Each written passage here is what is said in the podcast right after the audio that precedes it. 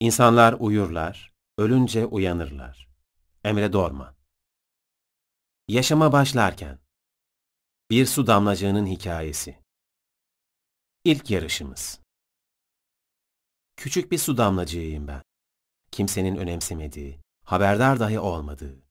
Oysa ne potansiyeller barındırıyorum içimde.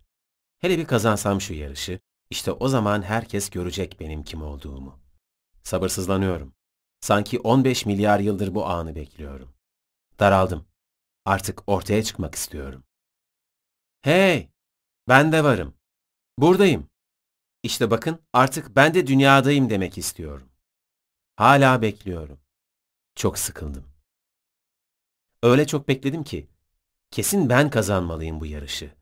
Milyonlarca rakibimi geçerek birinci olmalıyım. Ben bunu hak ediyorum. İlk evimiz.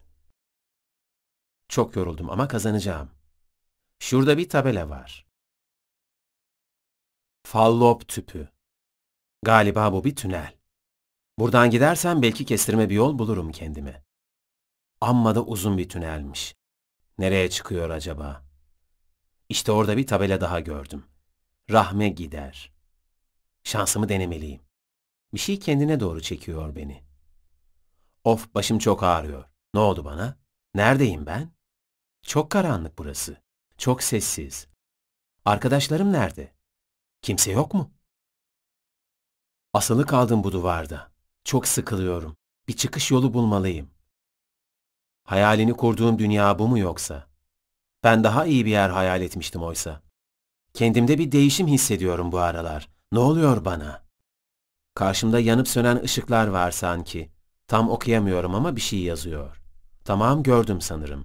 Preembriyonik aşamaya hoş geldiniz yazıyor. İki hafta boyunca sizi biz ağırlayacağız. Bu sırada hücreleriniz çoğalacak, rahat ve huzurlu iki hafta geçirmenizi dileriz. Of ne zaman biter bu iki hafta? Onca milyar yıl bekledim ama o süre bile şu iki hafta kadar uzun gelmemişti bana. Embriyonik aşamaya hoş geldiniz. Hücre tabakalarından temel organların ortaya çıkmaya başlayacağı bu aşamada 6 hafta boyunca birlikte olacağız. 6 hafta mı? İnanamıyorum. Bu ne ya? 2 hafta zor dayandım zaten. Şimdi 6 hafta nasıl beklerim? Galiba hiç bitmeyecek bu süre. Fetal aşama devresindesiniz. Bu aşamanızın sizin için oldukça zevkli geçeceğine inanıyoruz. Rahat bir şekilde arkanıza yaslanıp gelişmeleri gözlemleyebilirsiniz. Bu aşamada yüzünüz, elleriniz ve ayaklarınız oluşmaya başlayacak, dış görünüşünüzün belirginleştiğini hissedeceksiniz. Yaklaşık 32 hafta kadar misafirimizsiniz.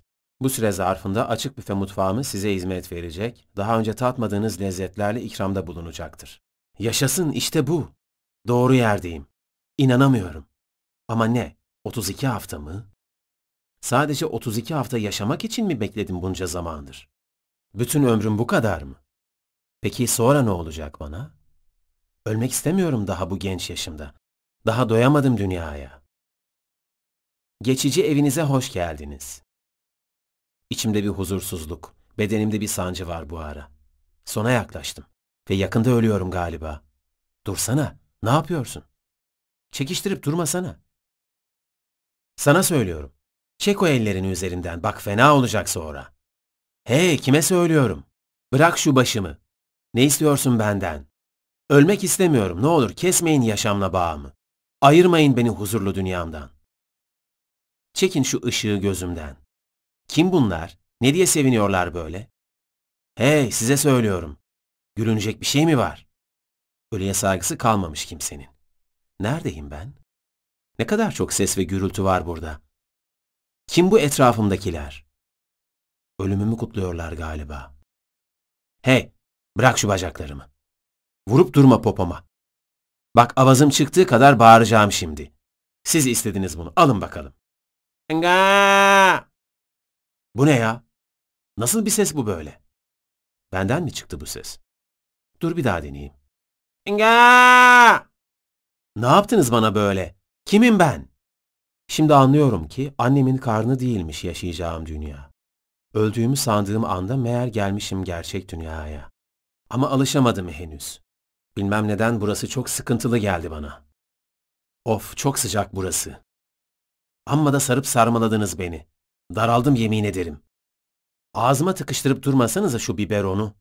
Ben sanki beslenmesini bilmiyorum. Siz mi beslediniz beni 40 haftadır? Şu annem olmalı. Gözleri çok sıcak bakıyor. Şu da kardeşim herhalde. Beni boğacak gibi duruyor. Nasıl bir yer burası? Lütfen bana söyler misiniz? Neden beni yerinden ettiniz? Şimdi okullu olduk. Bugün okula başlıyorum.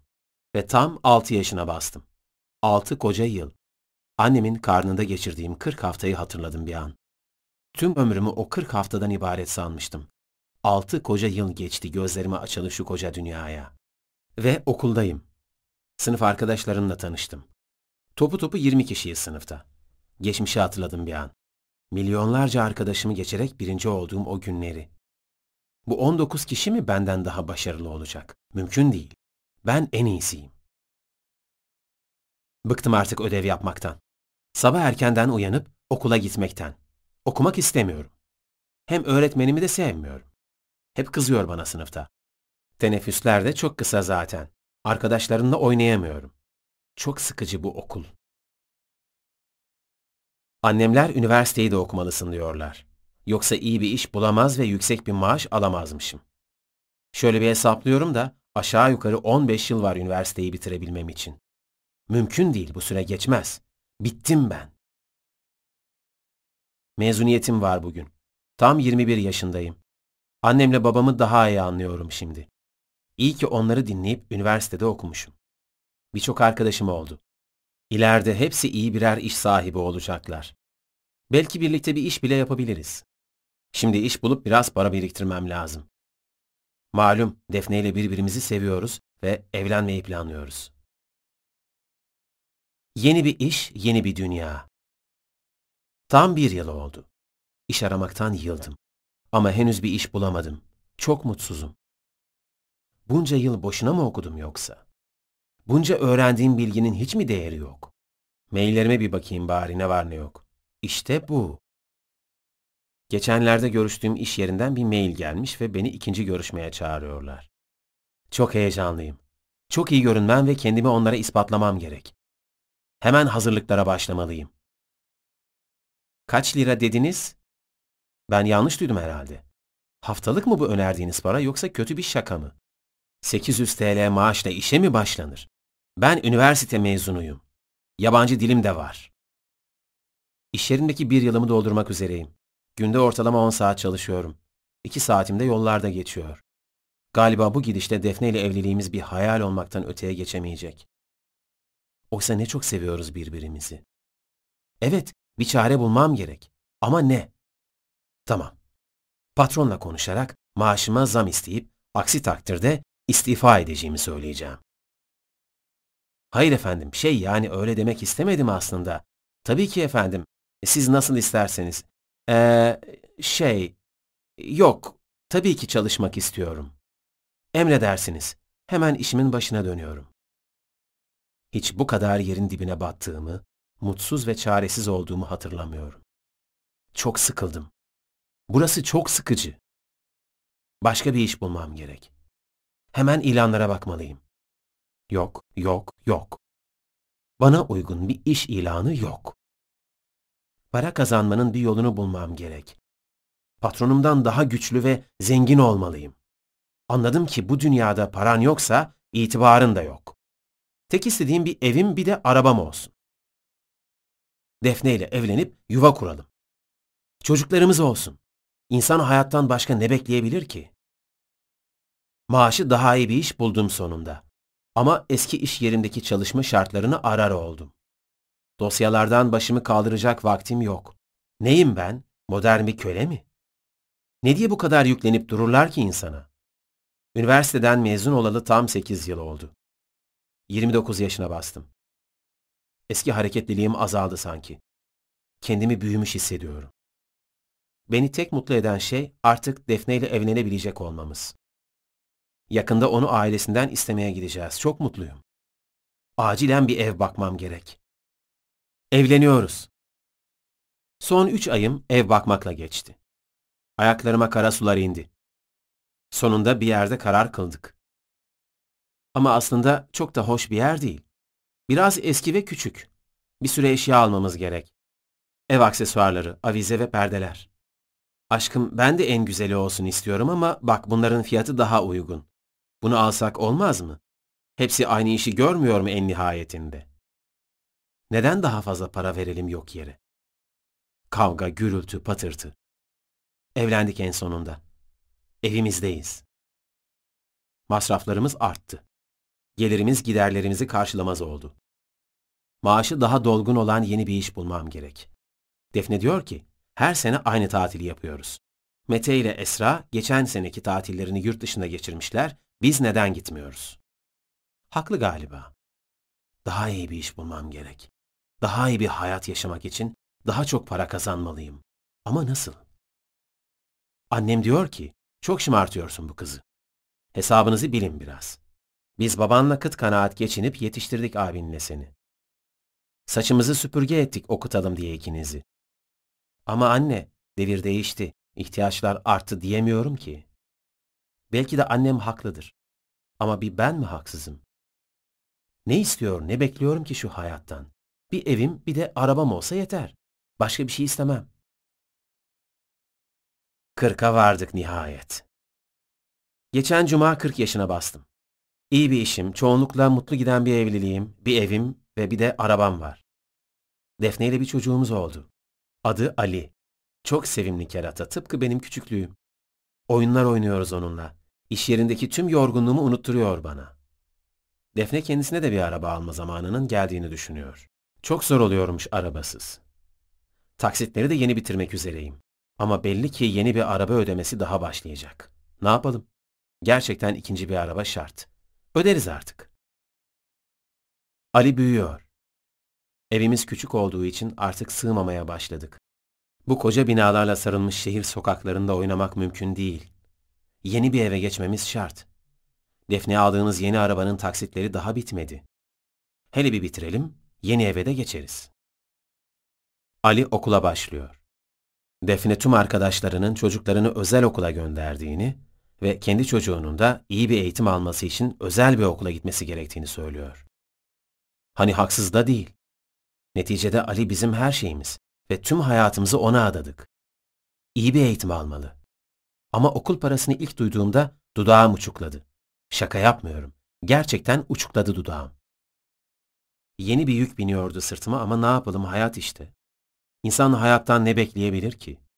Çoluk çocuğu rahat etsin, mutlu olsun yeter. Koşuşturmaca içinde geçen hayatın sonunda. Merdiveni elliye dayadım sayılır. Hayatın yorgunluğu omuzlarımın sızısında gizli. Sanki yıllar daha mı çabuk geçiyor ne? Tutamaz olduğum zamanı. Ellerimin arasından kayıp gidiyor. Yeni evimize taşındık. Ali okuluna devam ediyor. Bugün ilk defa kalbim tekledi ve doktora gittim. Çok yormuş hayat sizi. Artık dinlenmelisiniz dedi doktor. Ama yeni evin taksitleri var. Dinlenme lüksüm yok henüz. Emekli olunca dinleniriz artık. Küçükken sanki dertlerim de küçüktü. Büyüdüm de ne oldu demek geliyor içimden. Hayatımda hep bir şeylerin eksikliğini hissettim durdum. Ama ne olduğunu bir türlü bulamadım. Herhalde yanlış yerde aradım mutluluğu. Eski günlerim geldi bir anda aklıma. Çok eski. Popoma ilk şaplağı yemeden önceki günlerim. Ekmek elden, su gölden geçinip gidiyordum ne güzel. Yediğim önümde, yemediğim arkamda. Derdim de tasam da yoktu. Çok sıkıcıymış bu hayat. Bir düşündüm de galiba hayatımda en rahat ettiğim yer o karanlık, küçücük odaymış. Sıcak, huzurlu ve rahat. Şöyle bir hesap yaptım kendi kendime. 60 yaşındayım şu an. Günde 8 saat uyuyarak ömrümün 20 yılını uykuda, ortalama 8 saat çalışarak bir 20 yılımı da işte geçirmişim. Yeme, içme, gezme, yol, trafik, televizyon, internet, eğlence derken kalan 20 yılı da tüketmişim. Bir an durup şunu sordum kendime. Ben gerçekten yaşadım mı? Ya da böyle bir hayat yaşamak için mi var oldum? Ya da neden bu soruyu tüketilmiş bir ömrün sonunda sordum kendime? Hakikaten kısa bir masal gibiymiş insan hayatı. Bir varmış, bir yokmuş. Ve son. Neredeyim ben? Burası neresi? Neden bu kadar karanlık? Hiç ışık yok mu? Herkes nerede? Bu tahtalar da neyin nesi? Kim attı üzerime bu toprağı? Ne oldu bana? Çok karanlık. Çok sessiz burası. Ailem nerede? Dostlarım? Kimse yok mu? İnsanların büyük çoğunluğu benzer şekilde tıpkı bir yaprak misali savrulur durur yaşam içinde. Öyle sıkı bağlanır ki hayata, bir gün öleceğini unuttuğu gibi ölüm sonrasıyla ilgili de kayda değer bir hazırlık yapmaz kendine. Oysa ki ömür, anne karnıyla toprak altındaki iki karanlık arasında yakılan bir kibrit alevi gibidir. Alev almasıyla sönmesi an meselesidir. Belki bu dünyadaki yaşantımız için yeryüzündeki insan sayısı kadar farklı hikaye oluşturmak mümkün olabilir. Ancak başrolde kim olursa olsun, yaşama bir su damlacığı olarak başlaması da, yaşamının son bulmasıyla toprağın altına konması da değişmeyecektir. Yani aynı başlangıç, aynı son, farklı hikayeler. Peki sizi farklı kılan ne? Siz nasıl bir hikayeniz olsun ve bu hikayenizin sonu nasıl bitsin istiyorsunuz? Ölümle yüzleşmeden önce yüzleşin kendinizle. Merhametli ve şefkatli Allah'ın adıyla. Yemin olsun ki biz insanı topraktan oluşan bir özden yarattık. Sonra onu çok dayanıklı bir karargahta bir damlacık yaptık. Sonra o damlacığı bir embriyo halinde yarattık. Sonra o embriyoyu bir et parçası halinde yarattık. Sonra o et parçasını bir kemik halinde yarattık ve nihayet o kemiğe de bir et giydirdik. Sonra onu bir başka yaratılışta yeniden kurduk. Yaratıcıların en güzeli Allah'ın kudret ve sanatı ne yücedir. Sonra siz bütün bunların ardından mutlaka öleceksiniz. Sonra siz kıyamet gününde yeniden diriltileceksiniz. Müminun Suresi 12 ila 16. ayetler. De yarattık ve nihayet o kemiğe de bir et giydirdik. Sonra onu bir başka yaratılışta yeniden kurduk. Yaratıcıların en güzeli Allah'ın kudret ve sanatı ne yücedir. Sonra siz bütün bunların ardından mutlaka öleceksiniz. Sonra siz kıyamet gününde yeniden diriltileceksiniz.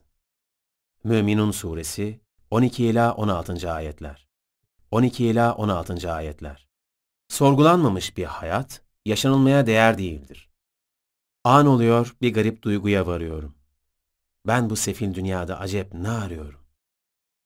Necip Fazıl Kısakürek Amaçsız yaşayamaz insan. Boş ve faydasız şeyler dahi olsa, az çok bir takım hedefler koyar kendine yaşamı içinde. Hep bir şeylere ulaşmaya, bir şeyleri elde etmeye çalışır durur. Hep bir arayışta, bir şeylerin peşinde bulur kendini.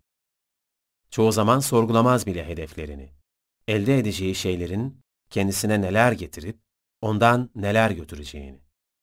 Çevresel faktörlerin etkisinde kalır.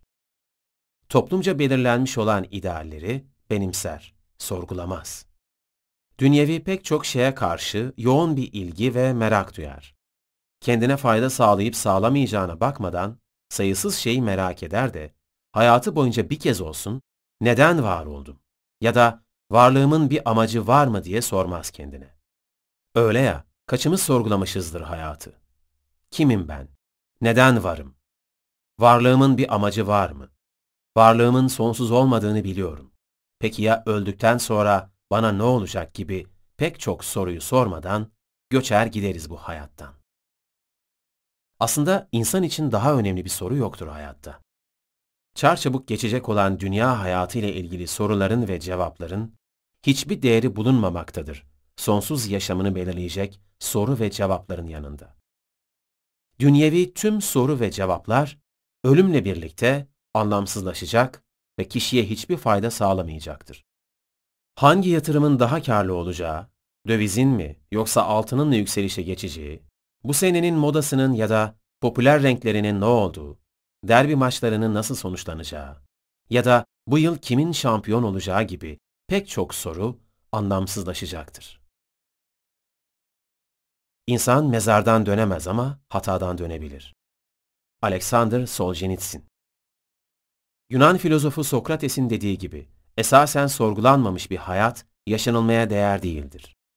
Ona göre insanlar, başka insanların da bulunduğu ve toplum değerlerinin hakim olduğu bir dünyaya sorgulamadan dahil olmuşlardır.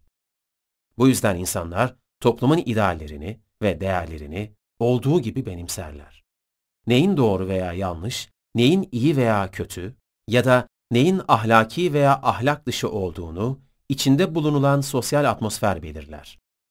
İnsanlar çevrelerinin beklentilerine uygun yaşamaya çalışırlar. Pek çok kişi mesleğini dahi toplum tarafından yüceltilen ya da önemsenen alternatifler arasından seçer. Yine Sokrates'e göre insanlar sadece maddi şeylerin peşinde koşarlar. Zenginlik arar, haz ya da şan şeref elde etmeye çabalar, varlıklarının bir de ruhsal boyutu olduğunu unuturlar. Kişisel hedeflerinin gerçekten değerli olup olmadığını sorgulamadan, herkes gibi bedeni arzularına sürüklenirler. Bu yüzden esasen hayatları kendi ellerinde ya da kontrollerinde değildir. Seçimleri dış etkenler tarafından belirlenir. Bu durumun kişiyi mutsuzluğa götürmesi kaçınılmazdır. Oysa insanı insan yapan şey, ruhuna ve manevi doğasına özen göstermesidir. Aksi takdirde manevi doğasına aykırı davrandığı için mutsuz ve eksik olacaktır. Sokrates'in yaklaşımında da görüldüğü gibi, insanların büyük çoğunluğu her dönemde benzer hevesler peşinde koşmakta, bedeni arzu ve isteklerini manevi duygularının önüne koymaktadır. Peki asıl hedefi bu dünya hayatındaki mutluluğu elde etmek olan insanların ne kadarı gerçek manada mutlu olabilmektedirler? Ya da mutluluğu sadece maddi şeylere bağlayan insanlar, bu şeylere sahip olduklarında tam anlamıyla tatmin olup, sahip olduklarını yeterli görebilmişler midir? Yoksa hep daha fazlasını isteyip, hedeflerini bir seviye daha yükselterek, varoluş amaçlarını sorgulamadan yaşamaya devam mı etmişlerdir? Faydasız bir hayat, erken bir ölümdür. Göte Hayatı anlamlı kılan şey, insanın hem dünyası hem de ahireti için faydalı işler yapması ve yaşama değer katmasıdır. Hepimiz insan olarak doğarız ama çok azımız erdemli bir insan olarak yaşayıp anlamlı bir hayat sürerek ölürüz. Bir çiçek bile gerek rengi gerekse kokusuyla etrafına güzellik saçar. Oysa çoğu insan yaşamı nefes almak, yemek, içmek ve eğlenmekten ibaret gördüğünden sıradan bir çiçek kadar bile fayda sağlamadan göçüp gider bu dünyadan. Ölmek değildir ömrümüzün en feci işi. Müşkili budur ki ölmeden evvel ölür kişi. Yahya Kemal Boş yere tüketilmiş bir ömrün daha da sürmesini isteyen biri, amaçsız yaşamaya devam etmeyi istemektedir. Bu şekilde bir yaşamsa yaşanılmaya değer değildir. Hayatınız bir işe yaramayıp boşu boşuna geçtiyse, onu yitirmekten ne korkuyorsunuz? Daha yaşayıp da ne yapacaksınız? Montaigne, kili budur ki, ölmeden evvel ölür kişi. Yahya Kemal Boş yere tüketilmiş bir ömrün daha da sürmesini isteyen biri, amaçsız yaşamaya devam etmeyi istemektedir. Bu şekilde bir yaşamsa yaşanılmaya değer değildir. Hayatınız bir işe yaramayıp boşu boşuna geçtiyse, onu yitirmekten ne korkuyorsunuz? Daha yaşayıp da ne yapacaksınız? Montaigne Montaigne Lütfen bana ölümü hatırlatmayın. Hayatı anlamayanlar ölümü hatırlamayı arzu etmezler. Çünkü bu hatırlama onlara yaşadıkları hayatın akli vicdana uygun düşmediğini gösterir. Tolstoy Etrafımızdaki pek çok insanın Allah'ın varlığını kabul ettiği, ancak yaşantısına bakıldığında adeta Allah yokmuş gibi davrandığı görülür. Yaşantısıyla ilgili aldığı kararların neredeyse hiçbirinde Allah'ın ondan nasıl bir hayat yaşamasını istediğiyle ilgili bir ölçü ve değer yoktur. Ne zaman dini konular açılsa ve dolayısıyla konuşma ölüm gerçeğine gelse, insanların bir kısmı sanki hiç ölmeyecekmiş gibi umursamaz davranırken, diğer bir kısmı ise konunun değişmesini ister. Hatta canım biraz da güzel şeylerden konuşalım der ve bırakın ölümü, ölüm hakkında konuşmayı bile kötü olarak görür. Oysa ölüm, üzerine konuşulmasa da, düşünülmese de kaçılamayacak bir gerçektir. Bazı kişiler kıyamet günü diriltilen insanların kim uyandırdı bizi uykumuzdan? Yasin suresi 52. ayet.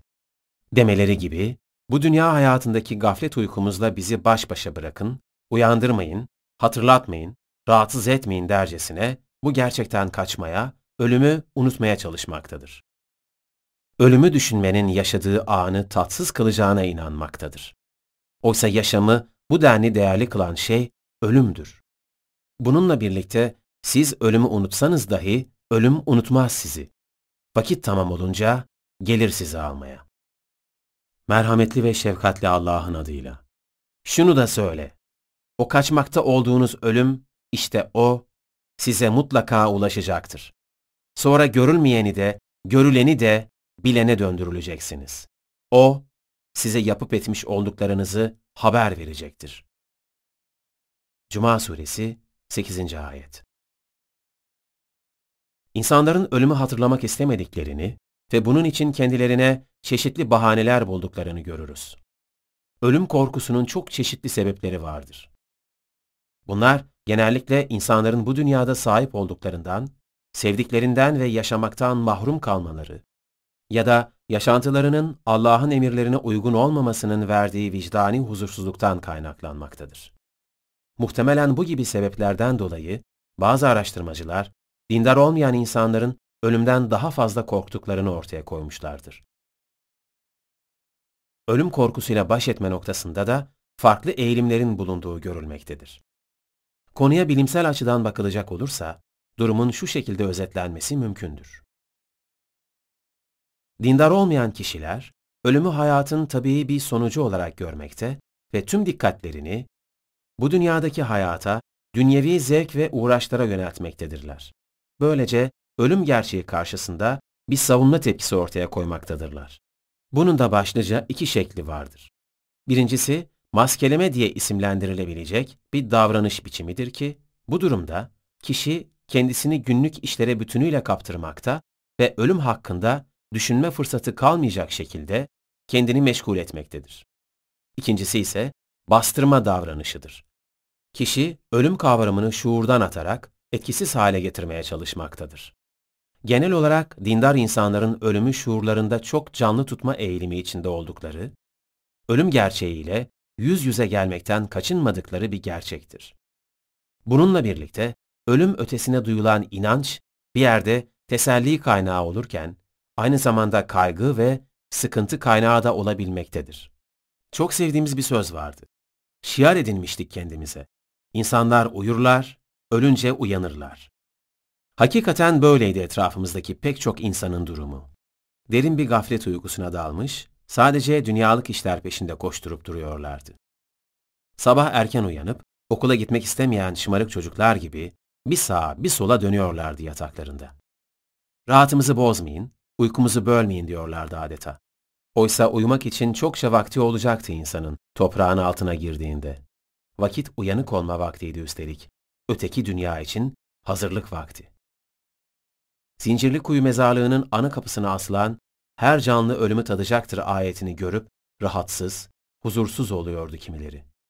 Her gün geçtikleri yolun üzerinde bu şekilde bir uyarıyı görmek istemiyorlardı. Oysa huzursuz olunacaksa şayet, şimdi bu dünyadayken huzursuz olmak, sonsuz bir acı ve huzursuzluktan çok daha iyiydi. Minarede ölü var diye bir acı sala. Er kişi niyetine saf saf namaz. Ne ala. Böyledir de ölüme kimse inanmaz hala. Ne tabutu taşıyan ne de toprağa kazan. Necip Fazıl Kısakürek Romalı düşünür Seneca'nın ifadesiyle ölüm, üzerine düşünülmeye değmeyecek önemsiz konular gibi değildir ve esasen bir insana ölümü düşün demek, onu hürriyeti düşünmeye davet etmektir. Ölüm, iyi veya kötü kesilmiş bir saç kadar önemsiz değildir. Bir kötülük değildir ama kötü bir görünüşü vardır. Yaşamak arzusuyla çözülüp dağılmak korkusu her insanda yerleşmiştir. Ölümden korkumuzun sebeplerinden biri de bilgisizliktir. Bilinmeyen şey bizi ürkütmektedir. Ruhumuzu güçlendirmemiz ve onu ölüme yaklaşacak, ölüme korkmadan bakacak hale getirmemiz gerekir. Küçük çocuklar ve zihin yapıları zayıf olanlar ölümden korkmuyorlar. Akıl yürütmeden yoksun varlıkların sahip olduğu bu güveni akıl bize sağlamazsa ayıptır. Bir insana ölümü düşün demek, onu hürriyeti düşünmeye davet etmektir. Ölümü öğrenen insan köle olmayı unutur. Bu dünyadaki mutluluk ve başarıya dair özlü sözleri beğenip asarken duvarına, içi heyecan dolan biri, düşünmüyordu bir kez olsun aslında ölüm kadar gerçek ve kalıcı değildi bunların hiçbiri. Ölümün insanı ne şekilde, hangi haldeyken yakalayacağı da belirsizdi. Bir harama girerken örneğin ya da bir suç işlerken ölebilirdi. Ya da sadece kendi ölümüyle kalmayıp aşırı alkollü bir şekilde direksiyon başındayken bir başkasının ölümüne de sebep olabilirdi. Yakabilirdi başka canları da. Madem ölümün bizi ne zaman ve ne şekilde yakalayacağı belli değil, o halde herkes yaşantısına dikkat etmeli. Mutlaka öleceğimize göre herkes öldüğü sırada bir şeyler yapıyor olmalı. Tarla sürerken, kazma sallarken, ticaret yaparken, bir konsüle hizmet ederken, kabızlık ya da ishal sancıları çekerken ölebiliriz. O halde ölüm sizi bulduğu sırada ne yapıyor olmayı dilerdiniz? Kendi adıma ben insana yakışır, faydalı, insanların genel görüşlerine aykırı olmayan ve soylu bir davranışta bulunurken ölmeyi tercih ederdim. Fakat çok yüce şeyler yaparken beni bulmayacaksa, en azından yapmama izin verilmiş ve hiç kimsenin engel olamayacağı bir şey yapıyor olmayı dilerdim. Kendime çeki düzen vermek, görünüşleri kullanma yetimi geliştirmek, zihnimin huzuru için çabalamak, ilişkilerimi olmaları gerektiği gibi düzenlemek. Ölüm beni bu şeylerden biriyle uğraşırken yakalayacak olursa, ellerimi Tanrı'ya açıp, şunları söyleyebilmek benim için yeterli olurdu. Senin bana bağışlamış olduğun hükümranlığı kavrama ve ona itaat edebilme yetilerimi ihmal etmedim. Davranışlarımla senin onurunu çiğnemedim. Hislerimi ve genel ilkelerimi nasıl kullandığıma bak. Seni bir kere bile suçladığım oldu mu? Yaşadığım hiçbir olaydan şikayetçi oldum mu? Olan hiçbir şeyin olmamasını diledim mi? Bu ilişkilerimden bir tanesini bile çiğnemeyi aklımdan geçirdim mi? Sen bana hayat verdin ve bu hayat için sana teşekkür ediyorum. Verdiğin şeyleri kullandığım sürece hep hoşnut oldum. Şimdi onları geri al ve nereye istiyorsan oraya bırak. Çünkü hepsi sana aitti ve onları bana sen vermiştin. Ölürken bu düşüncelere sahip olmak yeterli değil midir? Hangi hayat bu düşüncelerle ölen bir insanın gözünde bu ölümden daha iyi olabilir? Hangi son daha mutlu olabilir? Epiktetos Bankaya borçlandığınızı ve bu yüzden evinize ipotek konulduğunu hayal edin. Banka yetkililerinden yapmanız gereken ödemelerle ilgili bildirimler alıyorsunuz. Sizse tüm bu tebligatları kulak ardı ediyor ve yırtıp atarak evinizin üzerindeki ipoteği düşünmeden yaşamaya devam ediyorsunuz. Ama bir gerçeği göz ardı ediyorsunuz. Siz düşünmeseniz de, önemsemeseniz de evinizin üzerindeki ipotek devam etmekte. Bankanın her an gelip sizi evden atması ya da evinizi satışa çıkarması mümkün. Ölümü düşünmeden yaşasanız da ölüm gerçeğinin hiçbir zaman değişmediği ve ömrünüze her an el konabileceği gibi. Unutmayın, bedeniniz de, ömrünüz de size ait değil. Hepsi gerçek sahibinin. Üzerinizde ipotek var. Merhametli ve şefkatli Allah'ın adıyla. Hiç kimse yarın ne kazanacağını bilmez. Hiç kimse hangi yerde öleceğini bilmez. Hiç şüphesiz Allah bilendir, haberdardır. Lokman Suresi 34. Ayet Bir gün öleceğinin farkında olmadan ve Allah'ın emirlerini dikkate almadan yaşayarak hiç ölmek istemeyen kişiler, ahirette azaba uğratıldıklarındaysa ölmek için bir yol arayacaklardır. Merhametli ve şefkatli Allah'ın adıyla. İş onların söyledikleri gibi değil. Onlar o kıyamet saatini yalanladılar. Ve biz kıyamet saatini yalanlayanlara alevli bir ateş hazırlamışızdır. O, onları uzak bir yerden gördüğünde, onlar onun kaynayan öfkesini ve uğultusunu işitirler. Elleri boynlarına bağlı olarak onun dar bir yerine atıldıklarında orada haykırırlar. Neredesin ey ölüm? Bugün bir ölüm çağırmayın. Birçok ölümü davet edin. De ki, bu mu daha iyi? yoksa korunanlara vaat edilen o sonsuzluk cenneti mi? O cennet, korunanların ödülü ve dönüş yeridir. Furkan Suresi 11 ila 15. ayetler. Bir gün öleceğinin farkında olanlarsa mezar yeri satın alıyorlar kendilerine. Öldükten sonra ortada kalmayalım, yerimiz belli olsun diye. Şüphesiz haklıydılar ama yine bu dünyada yatacağı yerin derdine düşüyor ve asıl gerçeği unutuyor çoğu kişi. Kendine yer hazırlıyor ama kendini o yere hazırlamıyor ne yazık ki. Merhametli ve şefkatli Allah'ın adıyla. Her canlı ölümü tadacaktır. Hak ettiğiniz karşılıklar size kıyamet günü eksiksiz bir biçimde verilecektir. Ateşten uzaklaştırılıp cennete sokulan kesinlikle kurtulmuş olacaktır. İğreti sefil hayat aldatıcı bir yararlanmadan başka şey değildir.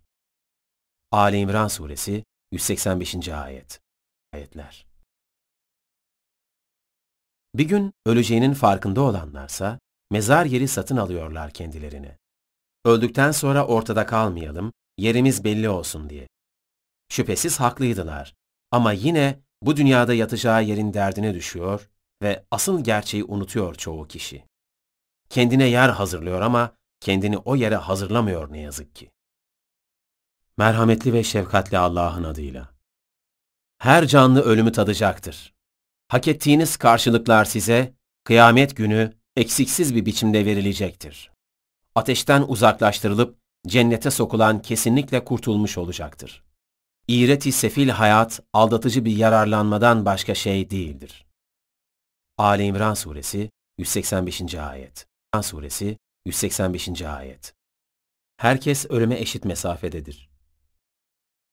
3-5 metre bez imiş her ölünün hissesi. Esas gaye imanla vermektir son nefesi.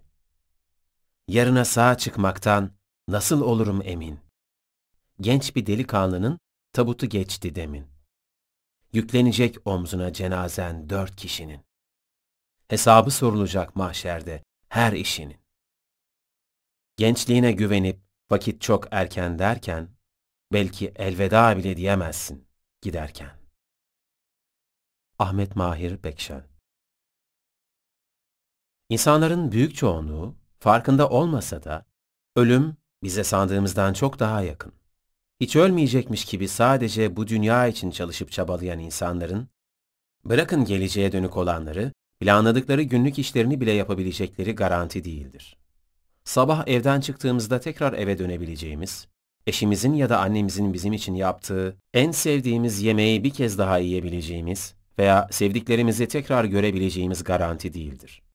Uygun fiyatlı olması için erkenden rezervasyon yaptırdığımız yaz tatilimize çıkabileceğimiz ya da bir an önce günlerin geçmesini bekleyerek özlem duyduğumuz bir şeye kavuşabilmemiz de.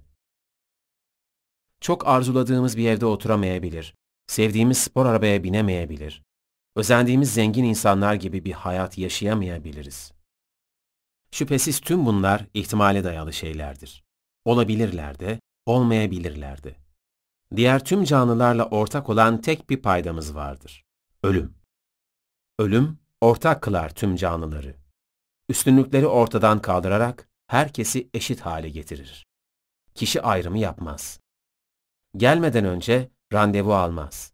Şarkılardaki gibi bir ihtimal daha değildir. Kesindir.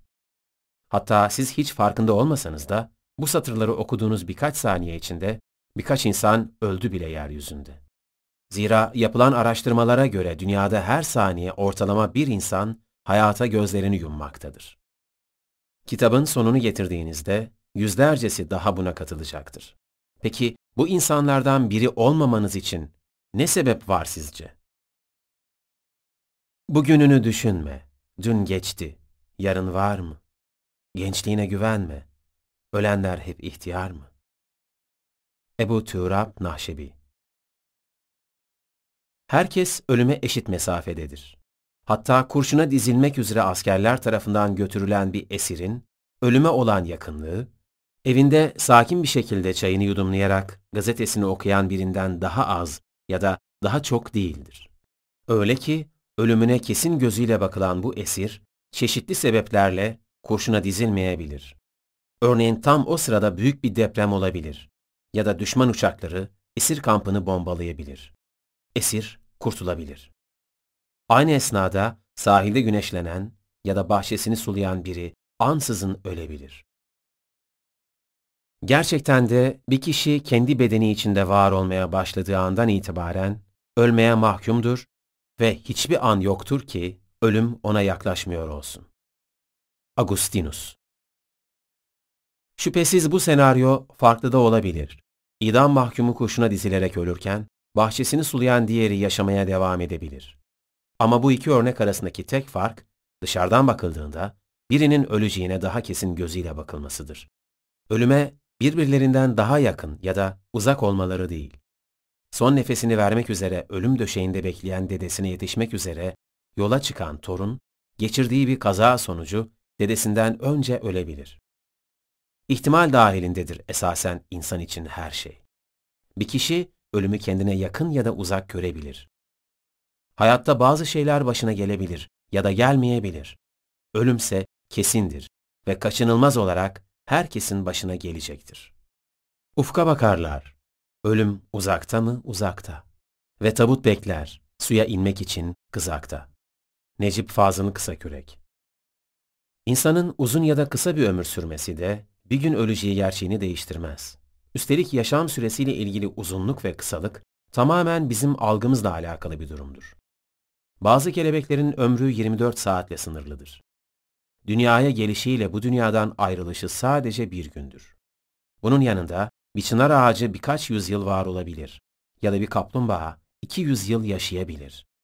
Yine sonsuzla mukayese edildiğinde insanın ömür süresinin bir değeri yoktur.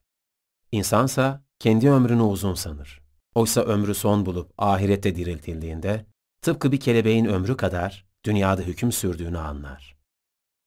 Aristoteles, Hipanis Irmağı'nın suları üstünde bir tek gün yaşayan küçük hayvanlar bulunduğunu söyler. Bu hayvanlardan sabahın saat 8'inde ölen genç, akşamın saat 5'inde ölen ihtiyar ölmüş sayılır. Bu kadarcık bir ömrün bahtlısını, bahtsızını hesaplamak hangimize gülünç gelmez. Ama sonsuzluğun yanında dağların, nehirlerin, yıldızların, ağaçların, hatta bazı hayvanların ömrü yanında bizim hayatımızın uzunu kısası da o kadar gülünçtür. Montaigne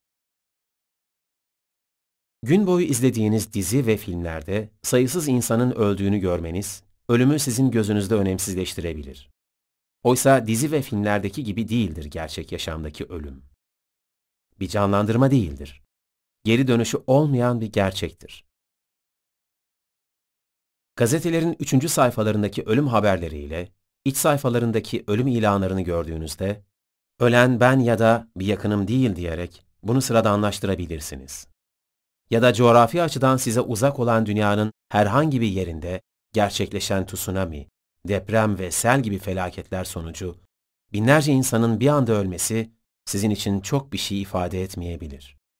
Veya sürekli bir çatışma ve savaş halindeki bölgelerde ölen insanlar sizin için sadece bir son dakika haberinden ibaret olabilir. Ancak tüm bu olaylar sonucu ölen insanlardan biri olmamanız, ölümün size uzak olduğu anlamına gelmez. İnsan varsa ölümde vardır. Alınan her bir nefesin yarısı yaşam, yarısı ölüm için alınır. Ölüm bize bu kadar yakındır. Bazı kişiler insan sürekli ölümü düşünerek yaşayamaz. Hayat çekilmez olur, bunalıma girer gibi sözler söyleyebilir. Bu, o kişinin ölüme nasıl baktığı ve yaşantısının ne şekilde olduğuyla alakalıdır. Şayet Allah'ın rızasını gözeterek yaşamışsa kul hayatını, her gün ölümü düşünmesi, yemek içmek gibi tabii bir şey gelecektir ona. Rahatsızlık duymayacaktır. Aksine yaşamın da ölümün de hayırlısını dileyecektir Rabbinden. Tebessüm edecektir ölüme, tıpkı yeni doğan bebeği kucağına verilen annenin tebessümü gibi. Yeni bir yaşam sayacaktır ölümü. Durum bu kadar açık ve gerçek olunca esasen ölüm kaçılacak değil, aksine sürekli hatırlanarak hazırlık yapılacak bir şeydir. Gazali'ye göre ölüm gelmesinde şüphe olmayan bir gerçekliktir ve gelecek olan her şey insana yakındır. Agustinus ise herkesin ölüme eşit mesafede olduğunu söyler. Kendisine ölümün pek yakın olduğu kimseye sadece onu düşünmek, sadece onu anmak, o maksatla hareket etmek, onun hesabıyla meşgul olmak, zihnini ona vermek, sadece onu beklemek, kendisini ölülerden saymak ve onlarla bir görmek yaraşır. Zira gelecek olan her şey yakındır. Uzak olansa gelici değildir. Gazali Muhakkak ki hiç kimse ölüme bir yıl önceye göre bir yıl sonra daha yakın değildir. Ya da yarın ölüme bugüne veya bugün düne yahut biraz sonra şimdiye ya da şimdi az önceye göre daha yakın değildir. Bunun nedeni şudur. Hayatımızın uzunluğu ne olursa olsun, bu ömrümüzün bütününden eksiltilecektir ve geriye kalan her gün biraz daha az bir vakit olacaktır. Dolayısıyla şimdiki hayatımız ölüm hedefine doğru koşulan bir yarış gibidir. Bu yarışta hiç kimse mola alamaz veya biraz bile yavaşlayamaz. Aksine herkes eşit bir hızla ölüme doğru hareket etmekte ve ilerleme hızında herhangi bir değişim söz konusu olamamaktadır. Agustinus Kimisi uzun bir ömür yaşamak için stresten uzak doğal bir ortamda hayatını sürdürebilir. Ömrünü uzun kılmak ve sağlıklı yaşamak için dikkatli beslenip sürekli spor yapabilir. Şüphesiz aklı başında herkesin sağlığına dikkat etmesi gerekir. Ama hayatını ne şekilde yaşarsa yaşasın, herkesin yolu kaçınılmaz olarak ölümle kesişir. Ama uzun ama kısa. Ölüm yakın kılar her süreyi insana. Siz hiç beklemediğiniz, hiç ummadığınız bir anda bir de bakarsınız ansızın çıkıverir karşınıza. Bu yüzden erken ya da geç değildir hiçbir ölüm. Olması gerektiği zamandadır sadece. Vakti dolup da bittiğinde kula verilen ömür, insanlar onu genç ya da ihtiyar görür. Ölüm bir şerbettir. Her insan onu içecektir. Kefen bir elbisedir. Her insan onu giyecektir. Tabut bir binektir. Her insan ona binecektir. Mezar bir kapıdır. Her insan o kapıdan girecektir. Anonim. Ama uzun ama kısa. Ölüm yakın kılar her süreyi insana. Siz hiç beklemediğiniz, hiç ummadığınız bir anda bir de bakarsınız ansızın çıkıverir karşınıza. Bu yüzden erken ya da geç değildir hiçbir ölüm. Olması gerektiği zamandadır sadece. Vakti dolup da bittiğinde kula verilen ömür, insanlar onu genç ya da ihtiyar görür. Ölüm bir şerbettir. Her insan onu içecektir. Kefen bir elbisedir. Her insan onu giyecektir. Tabut bir binektir. Her insan ona binecektir. Mezar bir kapıdır. Her insan o kapıdan girecektir. Anonim Mal sahibi, mülk sahibi, hani bunun ilk sahibi. Neylersin ölüm herkesin başında. Uyudun, uyanamadın olacak. Kim bilir nerede, nasıl, kaç yaşında. Bir namazlık saltanatın olacak. Taht misali o musalla taşında. Cahit Sıtkı Tarancı Şu an birilerinin sahip olduğu zenginlik ya da mala daha önce ne çok kişinin sahip olduğunu, ancak şu an hiçbirinden eser kalmadığını düşündünüz mü hiç? Dünya var olalı beri kaç medeniyet geldi geçti yeryüzünden. Ne çok şehir inşa edildi, ne ihtişamlı yapılar. Milattan önce inşa edilmiş dünyanın yedi harikası vardı hani. Keops piramidi, Babil'in asma bahçeleri, Artemis tapınağı, Zeus heykeli, Rodos heykeli, İskenderiye feneri, Halikarnas mozolesi. Keops piramidi dışında hangisi kaldı ayakta? Yok olup gitmedi mi her biri? Tıpkı zamanı geldiğinde şu anki yedi harikanın yok olacağı gibi. Krallar, imparatorlar, soylular, hanedanlar, hükmedilen topraklar. İskender, Makedonya'dan Hindistan'a kadar topraklara hükmediyordu bir zamanlar. Ya da İstanbul örneğin. Kaç uygarlığa beşiklik etti bunca zaman. Roma, Bizans, Osmanlı. Topkapı Sarayı'ndan yönetilirdi bir zamanlar dünya. Koca kralların dizi titrerdi belki geldiğinde saraya. Şimdi tüm dünyadan insanlar gelip müze niyetine geziyorlar. Nerede o hükümdarlık, o ihtişam? tüm dünyaya hükmedebilirsiniz. Ancak ölüme hükmedemedikten sonra hiçbir işe yaramaz mülk üzerindeki geçici hakimiyetiniz. Sahilde gezerken gördüğünüz ve bazen keşke biz de böyle evlerde yaşasak dediğiniz yalılarda daha önce ne çok aile, ne çok insan yaşadı kim bilir. Yerlerine yenileri geldi. Tıpkı şu an yaşayanlardan sonra yenilerinin geleceği gibi. Yunus'un dediği gibi, mal sahibi, mülk sahibi, hani bunun ilk sahibi, mal da yalan, mülk de yalan, var biraz da sen oyalan. Ölüm, insana, sahip olduğu canın dahi kendisine ait olmadığını öğretir. Canının bile gerçek sahibi olmayan birinin, maddi şeylerin sahibi olduğunu düşünmesi çok anlamsızdır. Sadece Allah'tır her şeyin gerçek hakimi. Mülk üzerinde irade ve kudret sahibi. Hem mal sahibi, hem mülk sahibi, hem ilk sahibi, hem tek varisi. İnsansa hem geçici bir heves, hem de sınırlı nefes sahibi.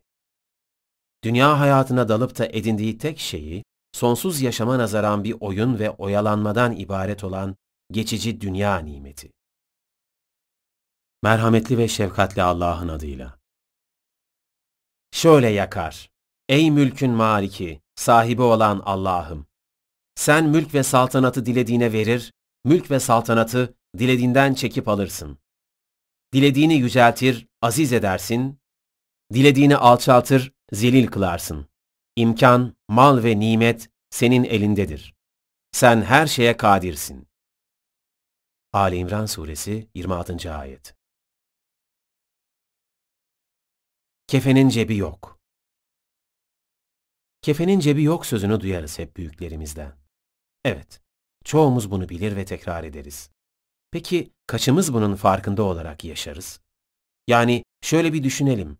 Geçici dünya hayatında öleceğini bilmesine rağmen hiç ölmeyecekmiş gibi hayat süren insan, kefenin cebi olmadığını bilmesine rağmen sanki beraberinde uçak dolusu bavul götürecekmiş gibi hırslanmakta, doyumsuzluğa, bencillik ve cimriliğe kapılmaktadır.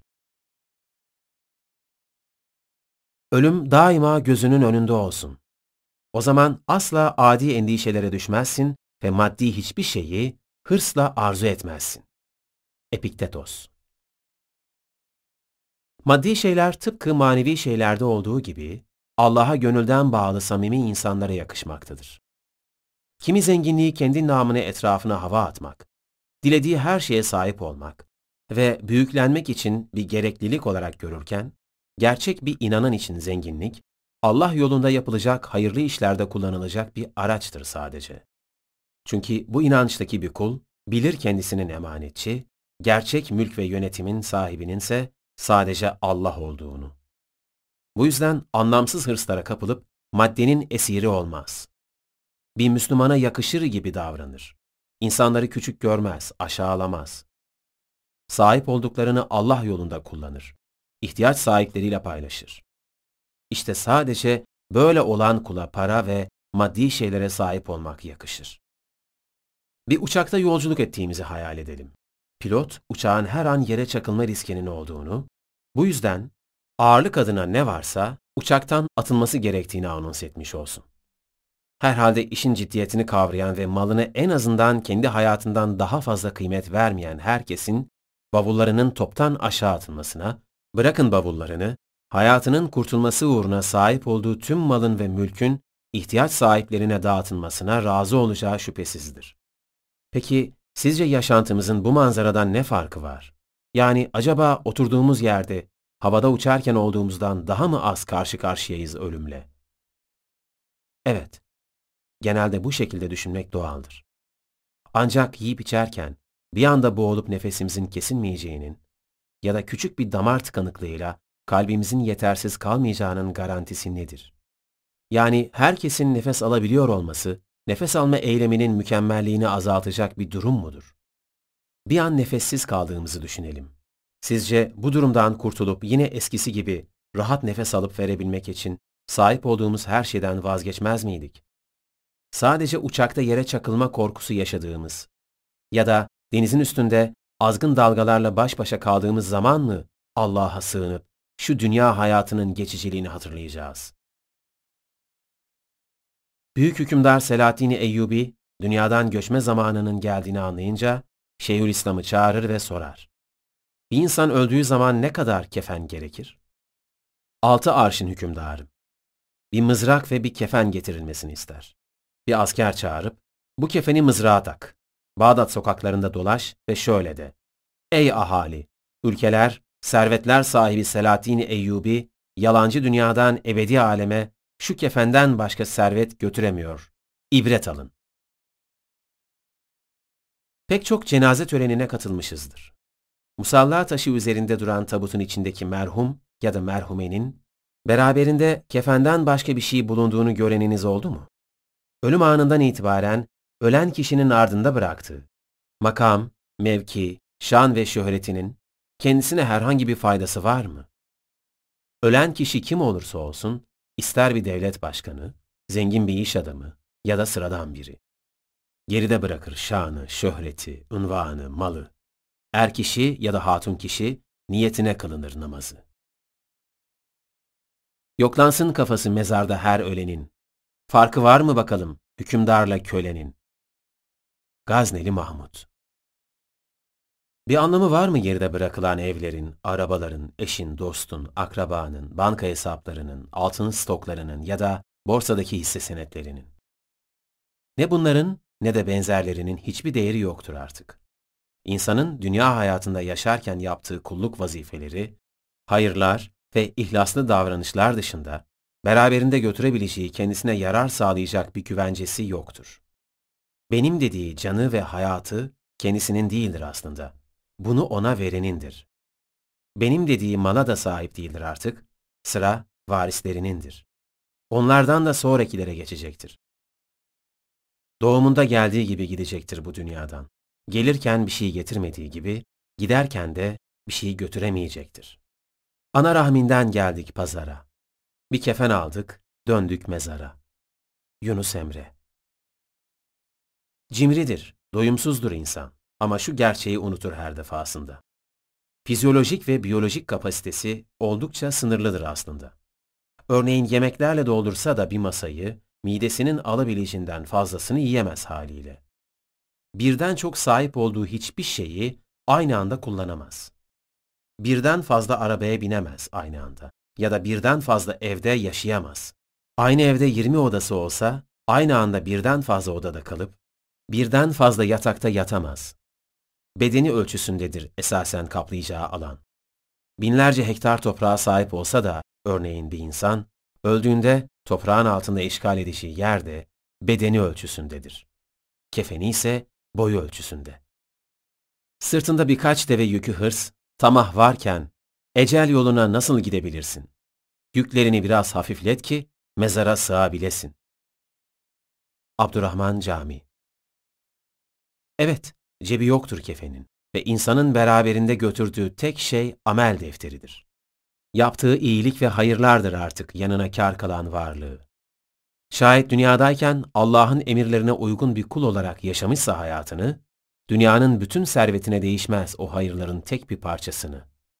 Pişmanlığı, dünyada yaşayamadığı zevkler değildir artık. Anlamıştır gerçekte neyin anlamlı ve kazanılmaya değer olduğunu. Gönülden arzu eder yaşarken daha fazla hayır yapmayı, amel defterini iyiliklerle doldurmayı, kötülüklerden uzak durmayı. Öldükten sonra tekrardan diriltilip dünya hayatında sahip olduğu nimet ve imkanlardan hesaba çekildiğinde geri dönüp de tüm malını, mülkünü hayırlı şeyler uğruna sarf etmeyi arzular, o utanç, korku ve pişmanlık sebebiyle. Merhametli ve şefkatli Allah'ın adıyla. Sizden birine ölüm gelip de, ey Rabbim, yakın bir süreye kadar beni geciktirsen de içtenliğimi belgelemek için bir şeyler vererek iyilik ve barış sevenlerden olsam demesinden önce size rızık olarak verdiklerimizden dağıtın. Allah süresi gelmiş olan bir canı geriye asla bırakmaz ve Allah yapıp etmekte olduklarınızı çok iyi haber almaktadır. Münafıkın suresi 10 ve 11. ayetler. Öldüğünde kefene sarılması çok da yabancı değildi aslında insana. Öldüğümüzde kefen giydiğimiz gibi Hemen hepimiz kundaklanıp sarılmıştık bir örtüye doğduğumuzda. Belki de geldiğimiz gibi gideceğimizi ve çok kalıcı olmadığımızı anlatıyordu bize bu manzara. Başlangıç ve son aynıydı aslında. Tek fark doğduğumuzda sıcacık ana kucağına koymuşlardı bizi, öldüğümüzde ise kara toprağın bağrına ve günahsız geldiğimiz dünyadan ayrılıyorduk, günahlarımızla. Ölüm bu. Ne hükümdar tanır, ne soytarı. Herkesi aynı iştahla yutar. Victor Hugo Dünyada malı mülküyle ya da ben falancanın oğluyum, şu benim amcam, bu dayım diye övünür çoğu insan. Falancanın oğlu yeğeni olmaktır insanı saygın kılan çoğu zaman. Hiç ben Allah'ın kuluyum, Allah benim Rabbim, ben ona dayanır ona güvenirim diyen biri gördünüz mü? Rabbimdir benim sahibim diyen. Dayısıyla değil de Rabbiyle övünen. Oysa ahirette kimin nesi olduğunuza göre değil, Allah'a ne oranda kulluk ettiğinize göre muamele göreceksiniz. Kim olursanız olun, kurtulamazsınız ecelin elinden. Dünya umruna meyleni verme. Sen de kurtulmazsın ecel elinden. Ben filanım diye göğsünü germe. Sen de kurtulmazsın ecel elinden. İskender de geldi alemi gezdi. Zalolu Rüstem'in tahtını bozdu. Yunus balığıyla deryayı yüzdü. O da kurtulmadı ecel elinden. Söyler derviş Yunus serveti saman. Tacı tahtı aldı gitti Süleyman. Lokmanlar derdine olmadı derman. O da kurtulmadı ecel elinden. Yunus Emre Ecel elinden. İskender de geldi alemi gezdi. Zalolu Rüstem'in tahtını bozdu. Yunus balığıyla deryayı yüzdü. O da kurtulmadı ecel elinden. Söyler derviş Yunus serveti saman. Tacı tahtı aldı gitti Süleyman. Lokmanlar derdine olmadı derman. O da kurtulmadı ecel elinden. Yunus Emre Başka sevdalar, başka rüyalar. Ölmek, yaratılışınızın şartıdır. Ölüm, sizin mayanızdır. Ondan kaçmak, kendi kendinizden kaçmaktır. Sizin bu tadını çıkardığınız varlıkta hayat kadar ölümün de yeri vardır. Dünyaya geldiğiniz gün bir yandan yaşamaya, bir yandan ölmeye başlarsınız. Montaigne Yaşamımızı sorgulamıyor, ölüm gerçeğini düşünmeden yaşıyoruz. Peki nasıl oluyor da bu şekilde umursamaz ve rahat bir yaşam sürebiliyoruz? Yani insan bu dünyadaki yaşamıyla ilgili her türlü detayı, örneğin nasıl bir evde oturacağını, mobilyasını, aksesuarlarını, duvar rengini, mutfak banyo dolabını, fayansını, perde ve avizelerini dikkatle, özenle seçip, kendine dert edinip en iyisi olsun isterken, hangi elbisenin hangi ayakkabıyla ya da hangi rengin hangi renkle uyum sağlayacağını düşünürken, tüm bunların yanında asıl özen gösterilmesi gereken gerçekleri nasıl oluyor da düşünmeden yaşayabiliyor? Bu kadar önemli midir küçücük ayrıntılar? Yoksa Platon'un dediği gibi küçük şeylere gereğinden fazla önem verenler, ellerinden büyük işler gelmeyenler midir? Bu kadar ucuz mudur insan hayatı? Değmeyecek geçici şeyler uğruna harcanacak kadar.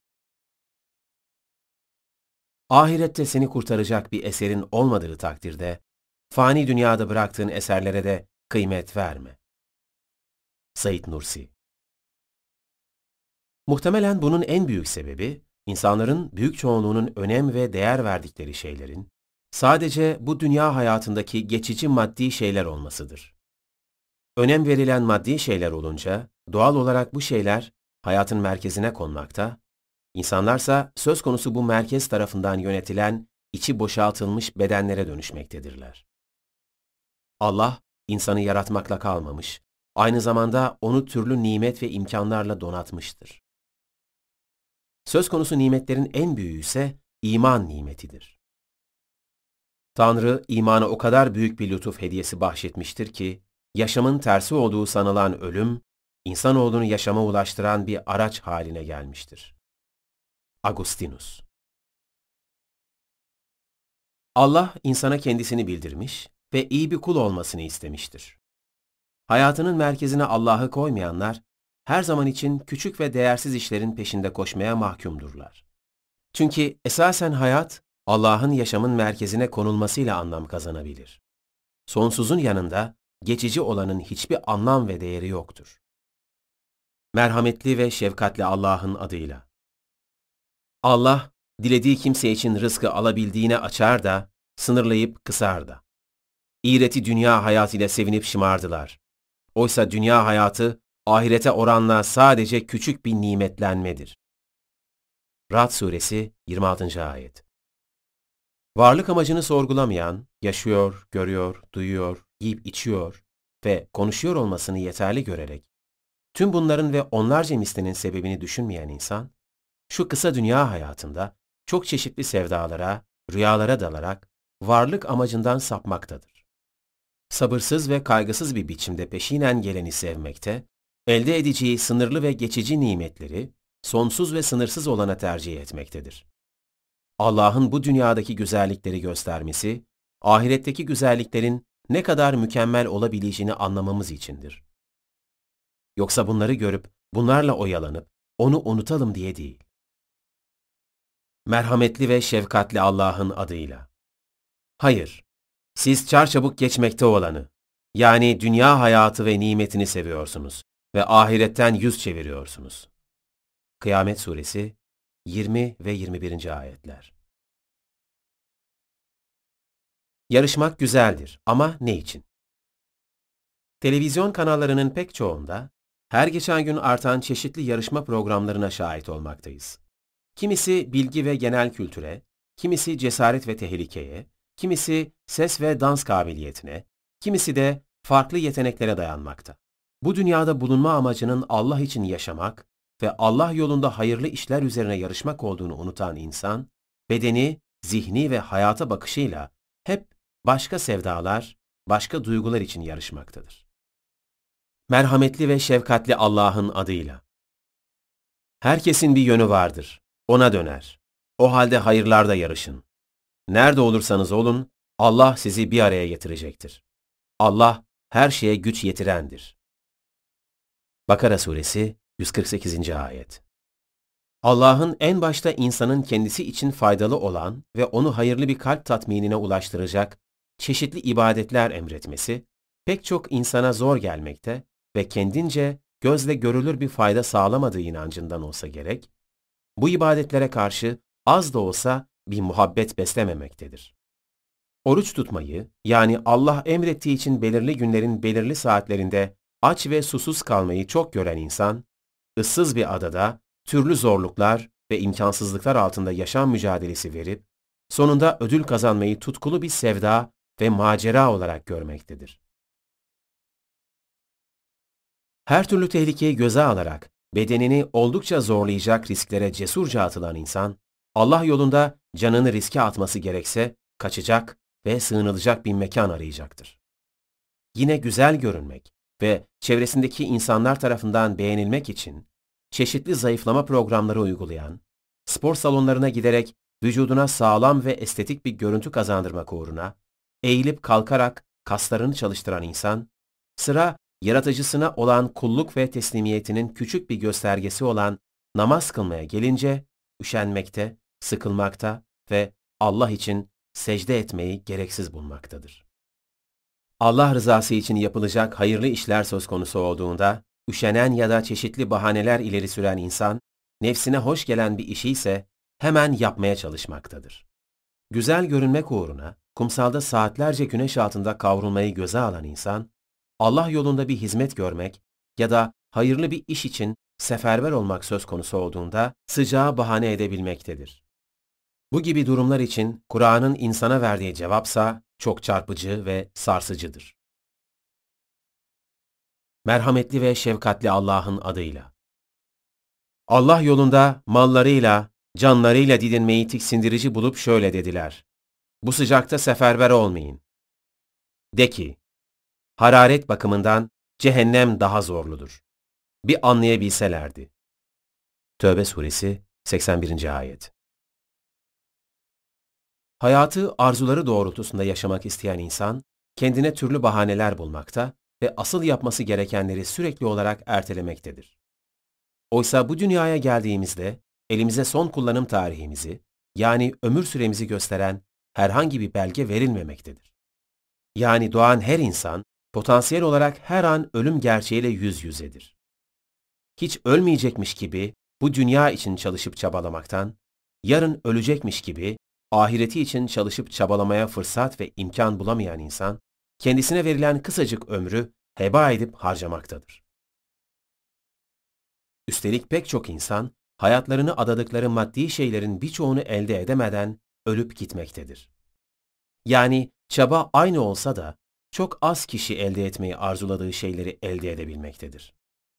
Hırslanıp kendini kaptırsa da dünyevi manada da karşılığını alamamaktadır dünya emeklerinin. Şu geçeni durdursam, çekip de. Soru versem, haberin var mı öleceğinden? Necip Fazıl Kısakürek Hayatı maddeden ve sadece dolu dolu yaşamaktan ibaret görerek, varlığını ve sonunda kendisine ne olacağını bir kez olsun sorgulamadan, bu dünyadan göçüp gitmiş sayısız insan yaşamıştır. Yaşamın amacı ne olabilir ki? Gezmek, eğlenmek, bolca tüketim, alışveriş, hırslar, tutkular, kariyer, makam, mevki, şan, şöhret. Sürekli olarak bunlar pompalanmakta insanlara. Kitle iletişim araçlarıyla hissettirmeden enjekte edilmekte bu maddeci ve tüketim tutkunu zihniyet. Peşinden koşulan ve hayatın asıl hedefi yapılan makam, mevki, şan ve şöhrete daha önce ne kadar çok insanın sahip olduğunu ama şu anda hiçbirinin hayatta olmadığını hiç düşündünüz mü? Bir ülkede başbakanlık ya da bakanlık yapmış, çok büyük şirketlerde yöneticiliklerde bulunmuş ya da pek çok filmde oynayarak dünya çapında yıldız olmuş kişileri bir düşünün. Gerek devlet kurumlarının, gerekse özel sektörün internet sayfalarında tarihçelerinin yanında kurucularımız, başkanlarımız ya da yöneticilerimiz gibi başlıklar bulunur. Girip inceleyin herhangi bir kurumu. Yıllarca bu makam ve mevkileri doldurmuş insanların hepsi zamanı geldiğinde görevlerini başkalarına devretmişlerdir. Tıpkı şimdikilerin de zamanı geldiğinde devredecekleri gibi. 40 yıl önce insanların hayranlık duyarak yeni çıkan filmini izlemek üzere sinema önlerinde sıra bekledikleri nice aktörler şimdi ya huzur evlerinde ya da toprağın altındadırlar. Tıpkı şimdikilerin de zamanları geldiğinde olacakları gibi. İnsan için kaçınılmaz olan tek gerçektir ölüm. Bütün dünya bir oyun sahnesidir. Kadın erkek bütün insanlarda sadece oyuncular. Her birinin giriş ve çıkış zamanları vardır. William Shakespeare Hala onun öldüğüne inanamıyorum. O ölmüş olamaz. Ölüm sana yakışmadı. Son şakasını yaptı ve öldü. Gibi sözler söyleyerek ölümü şaşılacak bir şey sanır kimi insan. Çok cenazeye şahit olmuşsunuzdur. Hiç vefat etti, keşke yaşarken ahireti için daha fazla şey yapsaydı ve şu günahlardan kaçınsaydı diyeni duydunuz mu? Mutlaka bu yaklaşımda olanlar da vardır. Ancak büyük çoğunluğun ortak görüşü, vefat eden kişi kaç yaşında olursa olsun, hatta çok yaşlı dahi olsa, zamansız gittiği, hayata doyamadığı, görmek istediği yerlerin bir kısmını göremediği, kariyerinde yeterince yükselemediği, torununun sünnetine yetişemediği gibi söylemlerden öteye gitmemekte. Yani yine bu dünya, yine bu dünya. Oysa ahirette dünya hayatında yaptığı hatalar karşısına getirilen ve Allah'ın ayetlerini inkar eden insan, yaşadığı hayattan pişmanlık duyarak derin bir ah çeker ve dünyadayken insan olarak yaşamak yerine keşke toprak olsaydım der. Nebe Suresi 40. Ayet Dünyaya geldiğin zaman sen ağlarken çevrendekiler gülüyordu. Öyle bir hayat yaşa ki öldüğünde çevrendekiler ağlarken sen gülümseyerek ahirete gidesin. Necmettin-i Kübra sana getirilen ve Allah'ın ayetlerini inkar eden insan yaşadığı hayattan pişmanlık duyarak derin bir ah çeker ve dünyadayken insan olarak yaşamak yerine keşke toprak olsaydım der. Nebe Suresi 40. Ayet Dünyaya geldiğin zaman sen ağlarken çevrendekiler gülüyordu. Öyle bir hayat yaşa ki öldüğünde çevrendekiler ağlarken sen gülümseyerek ahirete gidesin. Necmettin Kübra Kübra Ölmeden önce yapılması gereken 101 şey. Yaşamdan önce ölüme hazırlanmalıyız. Seneca Bu aralar oldukça moda oldu ölmeden önce gezilmesi, görülmesi, yaşanması gereken mekanlar, mutlaka izlenmesi gereken filmler, içine dalınması gereken maceralar. Tüm dünyada çok satanlar listesine giriyor bu gibi çalışmalar. Çok şükür insanlar kısa süreli de olsa bazen kaçınılmaz olan bir gerçeğin farkına varıyorlar. Ölüm. Ancak ölümden sonrası için tedbir almak yerine insan bu dünyaya bir kere geliyor. Olabildiğince zevklenip eğlenmeye çalışmalı gibi açık bir gafletin tuzağına düşüyorlar. Hayatın içinde belki birer renk olabilecek bir takım iş ve uğraşlar adeta hayatın amacı haline getirilmiş vaziyette. Yani insan oturup az da olsa düşünüp şunu bir sormalı kendine. Acaba gerçekten ölmeden önce yapmam gereken şeyler neler? Görülmesi gereken 101 yer mi? Yoksa izlenmesi gereken bin bir film mi? Acaba bu yerler görülmese ya da bu filmler izlenmese insanın kaybı ne olur? Ya da bu dünyadan sonra gittiği yerde gezdiklerinden mi yoksa izlediklerinden mi sorguya çekilecek insan? Ya kendisine gezip görülmesi gerekli yerlerden endişe ederken, bunun yanında ahiretteki durumun için hiç endişe ettin mi diye sorulacak olursa, cevabı ne olacak? Helal dairesi içinde insanın dünyevi bir takım güzelliklerden istifade etmesine, gezip görmesine, inceleme yapmasına, Allah'ın sanatına ve yaratışındaki üstünlüklere şahit olmasına denilebilecek bir söz yok. Ancak bunu asıl amacından saptırarak, ölmeden önce mutlaka yapılması gereken şeyler olarak görmek, insanları gaflete düşürmektedir. Bu çalışmaları yapan araştırmacılar son derece iyi niyetli kişiler olabilirler. Zaten eleştirimiz, insanların niyetlerine değil, bu gibi anlayışların oluşmasınadır. Allah için ya da ahiretim için yapmam gereken bir şey var mı diye kendine sormayan sayısız insan, ölmeden önce yapması gereken yüzlerce, binlerce şeyi merak edip sormaktadır. Bu da ona hayatın amacını unutturmaktadır. Şu anımıza, şu yaşımıza gelene kadar kendimiz için arzuladığımız şeylerle, Allah ve ahiretimiz için arzuladığımız şeyleri düşünüp, bunların küçük bir muhasebe ve mukayesesini yaparsak, ortaya içler acısı bir tablo çıkacaktır. Alacağı bir sonraki nefesini dahi yaratıcısına borçlu olan insan, onun huzuruna borç hanesi kabarık bir şekilde geldiğinde, yaşantısının hesabını verirken, dünyadaki serveti de, gezip gördüğü yerler de ona bir fayda sağlamaz. İnsana fayda sağlayacak tek şey, yaptığı hayırlar ve yerine getirdiği kulluk vazifeleridir. Yavaş hızlıdan, büyük küçükten, zayıf güçlüden, uyanıklık uyumaktan, yaşam da ölümden meydana gelmiştir. Sokrates Uzak bir ülkeye seyahate gittiğimizi ve aktarmalı bir uçağa bindiğimizi hayal edelim. Aktarma yapacağımız havaalanına indiğimizde, burada beklediğimiz süre içinde bavullarımızı açmaz, burada kalma planları yapmayız. Çünkü biliriz ki asıl uçağımızın bizi götüreceği yer burası değildir. İşte dünya hayatı da asıl varacağımız hayata giderken bekleme yaptığımız havaalanı gibidir. Tek farkı uçağımız bizim bilmediğimiz ama tam da kalkması gereken saatte kalkar. Arıza ya da gecikme yapmaz. Durum bu kadar açıkken nasıl olur da insan kendisi için bir bekleme salonu olan ve kısa bir süre sonra ayrılacağını bildiği bir dünyaya bu kadar sıkı sıkıya bağlanır, anlamak zordur. Geç olmadan acilen ölmeden önce yapmam gereken gerçek şeyler nelerdir diye sormamız gerek kendimize. Dünyalık her türlü işimizi ve zevkimizi hemen elde etmek isteyip bunun için çabalarken ahiretimize yönelik hayırlı işleri ertelememeliyiz. Zira tıpkı dünyevi işlerimiz gibi ahiretimize yönelik işlerimizi de yerine getirebileceğimiz garanti değildir. Ansızın ölümle yüzleşerek buna fırsat bulamayabiliriz. Bu yüzden her işimizde önceliği ahiretimize yönelik işlere vermeliyiz. Büyük randevu.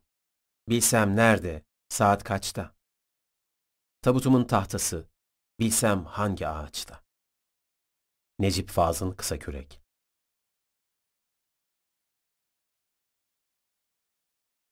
Ateş seni çağırıyor. Dünyadayken insan seyahate gideceği yere göre hazırlık yapar. Oranın hava sıcaklığı gibi iklimsel şartlarına ve genel imkanlarına bakar ve ona göre gereksinim duyacağı şeyleri yanına alır. Yine kürekleri olmayan bir kayıkla denize açılmaz. Sağanak yağış olduğunu gördüğünüzde şemsiyesiz dışarı çıkmazsınız. Çünkü bunlara ihtiyaç duyacağınızı bilirsiniz. Ama aynı kişiler öldükten sonra ahirette gitmek istedikleri yere göre hazırlık yapmazlar. Oysa insan ahirete gitmek istediği yere göre hazırlığını yapmalı. Ateşe dayanabileceği kadar günah işlemelidir. Evet, ateş bizi çağırıyor. Şeytansa bu çağrıya uymamız için elinden geleni yapıyor.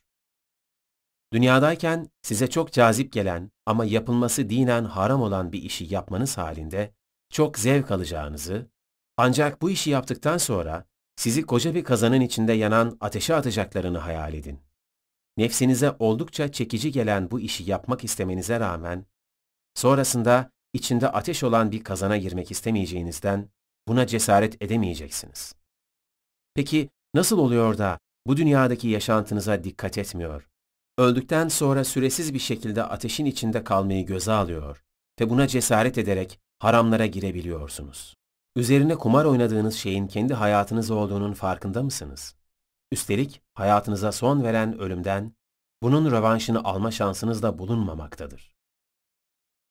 Meşhur Rus yazar Tolstoy, Doğu kültüründe bilinen bir hikayeyle örnek vererek bu kadar açık olan ölüm gerçeği karşısında insanların dünya nimetlerinin derdine düşüp onlarla oyalanma gafletini çok anlamlı bir şekilde ifadelendirir. Çölde seyahat eden bir seyyah, yırtıcı bir hayvanın şerrinden kurtulmak için kendini yakınında bulunan bir kuyuya atar. Kuyunun içine düşerken can havliyle bir dala yapışır. Yukarıdaki yırtıcı hayvanın dehşetinden korkarak aşağı inmek ister, ancak kuyunun dibinde bir ejderha ağzını açmış, avını beklemektedir. Yapacağı bir şey olmadığı için var gücüyle çalılara yapışmaktadır. Ancak bir de ne görsün? Beyaz ve siyah iki fare bu çalıları kemirmektedir. Bu acayip hal içindeyken her nasılsa çalıların üzerine bulaşmış bal damlalarını yalayıp birkaç dakikalık da olsa zevk almaya çalışmakta, o korkunç hali görmezden gelmektedir. Allah'ın bizlere peşinen vermiş olduğu nimet ve imkanlar karşısında başımızı secdeden kaldırmasak, ellerimizi duadan indirmesek dahi, Allah'a olan minnettarlığımızın, ihtiyaç ve borcumuzun bitmeyeceğini görmeli, rahmet deryasından damla isteyene avuç avuç sunulacağını bilmeli, ileride değil, hemen şu anda kararımızı vermeliyiz. Ben, kendime nasıl bir hayat hazırlıyorum ve seçimlerim ahiretimi nasıl etkiler? Ölmeden önce görmem gereken 101 yeri, izlemem gereken bin bir filmi anladım. Peki, ahiretim için yapmam gerekenler nelerdir? Bir an olsun soralım kendimize. Merhametli ve şefkatli Allah'ın adıyla. Nasiplendirildiğiniz şeyler şu iğreti hayatın yararından ve süsünden ibarettir. Allah'ın katındaki ise daha hayırlı ve daha süreklidir. Hala aklınızı işletmeyecek misiniz? Kasas Suresi 60. Ayet Kimi nasıl etkiler? Ölmeden önce görmem gereken 101 yeri, izlemem gereken bin bir filmi anladım. Peki ahiretim için yapmam gerekenler nelerdir? Bir an olsun soralım kendimize. Merhametli ve şefkatli Allah'ın adıyla. Nasiplendirildiğiniz şeyler şu iğreti hayatın yararından ve süsünden ibarettir. Allah'ın katındaki ise daha hayırlı ve daha süreklidir. Hala aklınızı işletmeyecek misiniz? Kasas Suresi 60. Ayet Tüketti bizi tüketim zihniyeti. Mezardakilerin pişman olduğu şeyler için dünyadakiler birbirini yiyor. Gazali Günümüz insanının farkında olmadığı en ciddi hastalıklardan biri aşırı tüketimdir. Daha fazla tüketmenin ve bunun için daha fazla şeye sahip olmanın insanı mutlu edeceği sanılır.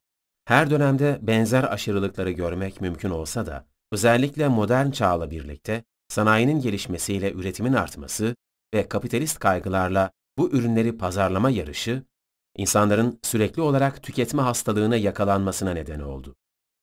Üretimin artışıyla birlikte ihtiyaçlar da arttı. Ya da bu ürünlere gerçekten ihtiyaç duyduğumuz gibi temelsiz gerekçelerle insanlık olarak kandırıldık. Hayatımıza giren her yeni şey sanki o güne kadar varmış ve biz onsuz yapamıyormuşuz gibi vazgeçilmezlerimizden oluverdi bir anda. Kısa bir zaman önce lüks olarak algılanan pek çok şey gün geçtikçe zaruri bir gereksinime dönüştü zihnimizde. Olmasa da olurlarımız daha çoktu eskiden. Şimdilerde azaldılar. Biz tükettikçe daha fazla ürettiler. İletişim araçları vasıtasıyla hayatımızın her alanına soktukları reklam ve sloganları zihnimize kazıdılar adeta. Reklam için dünyada yılda 500 milyar dolar harcandı. Süslü ambalajlarla gözlerimiz boyandı. Uzun kuyruklar oluşturduk bazen. Ya bir market önünde ya da bir elektronik mağazanın indirim gününde. Güneş doğmadan sıraya girdik. İtip kalktık birbirimizi, ilk alışverişi yapabilmek için. Doldurduk alışveriş arabamızı gerekli gereksiz her şeyle. Bu fırsat bir daha ele geçmeyebilirdi zira. Doldurduk dünyamızı maddeyle. Bir yandan içimizi boşalttığımız gerçeğini göz ardı edercesine. Önemli olan hayatta en çok şeye sahip olmak değil, en az şeye ihtiyaç duymaktır. Platon Hiçbir şeyi uzun süre kullanamaz olduk. Ustalar vardı eskiden, tamirciler. Örneğin bir ayakkabı tamircisi.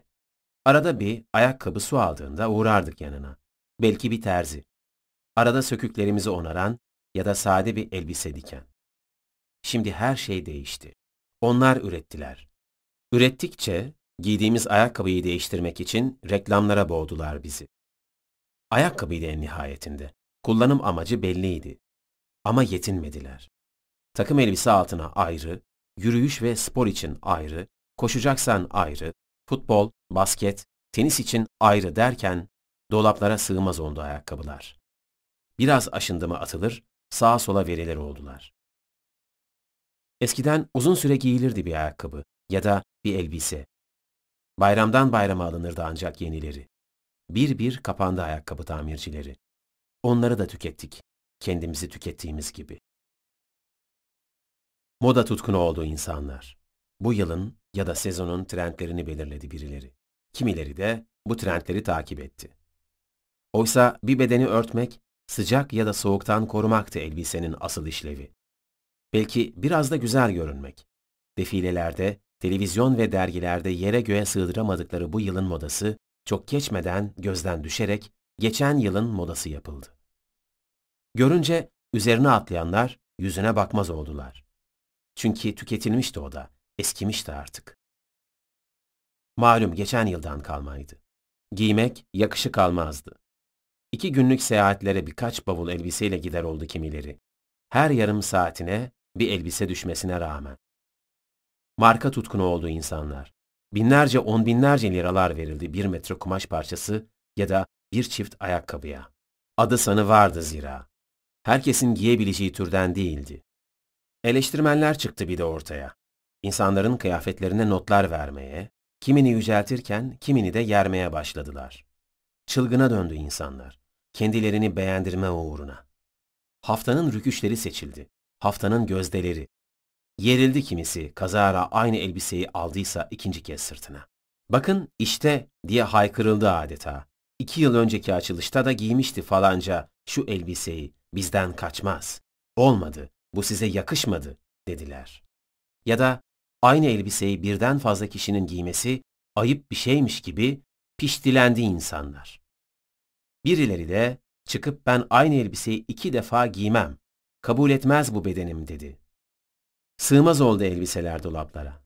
Gündelik elbise ayrı dedik, işte ayrı, görüşmede ayrı, davetlerde apayrı.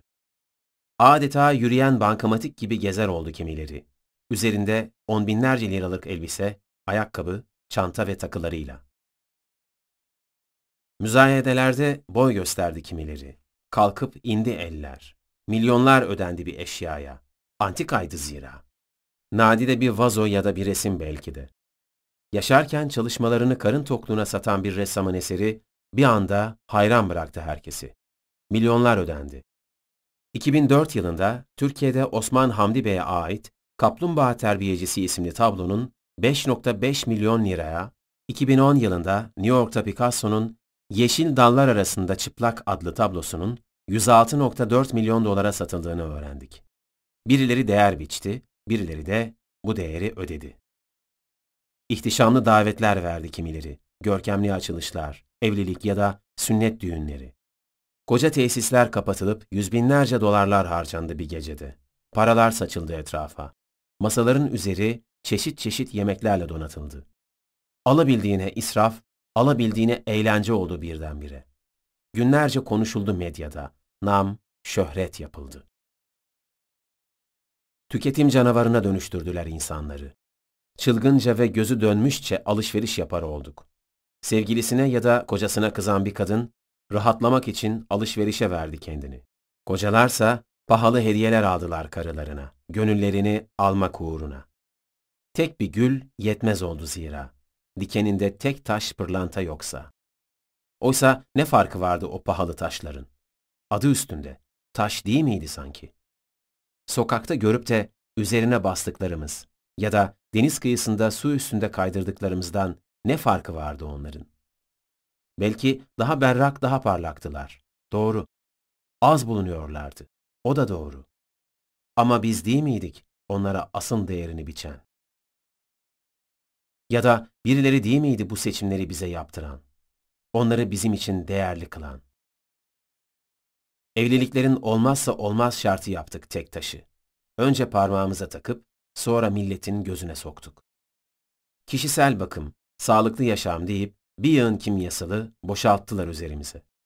Her geçen gün yeni bir buluş çıktı kozmetikte. Hep daha fazla geliştirildi formüller. Yeni kutulara girdiler. Krem vardı eskiden, o da yetmedi. El, yüz, vücut, parmak arası, topuk, gözaltı, kulak memesi derken onlarca krem türü çıktı karşımıza. Aldık. İtinayla her bir yerimize sürdük.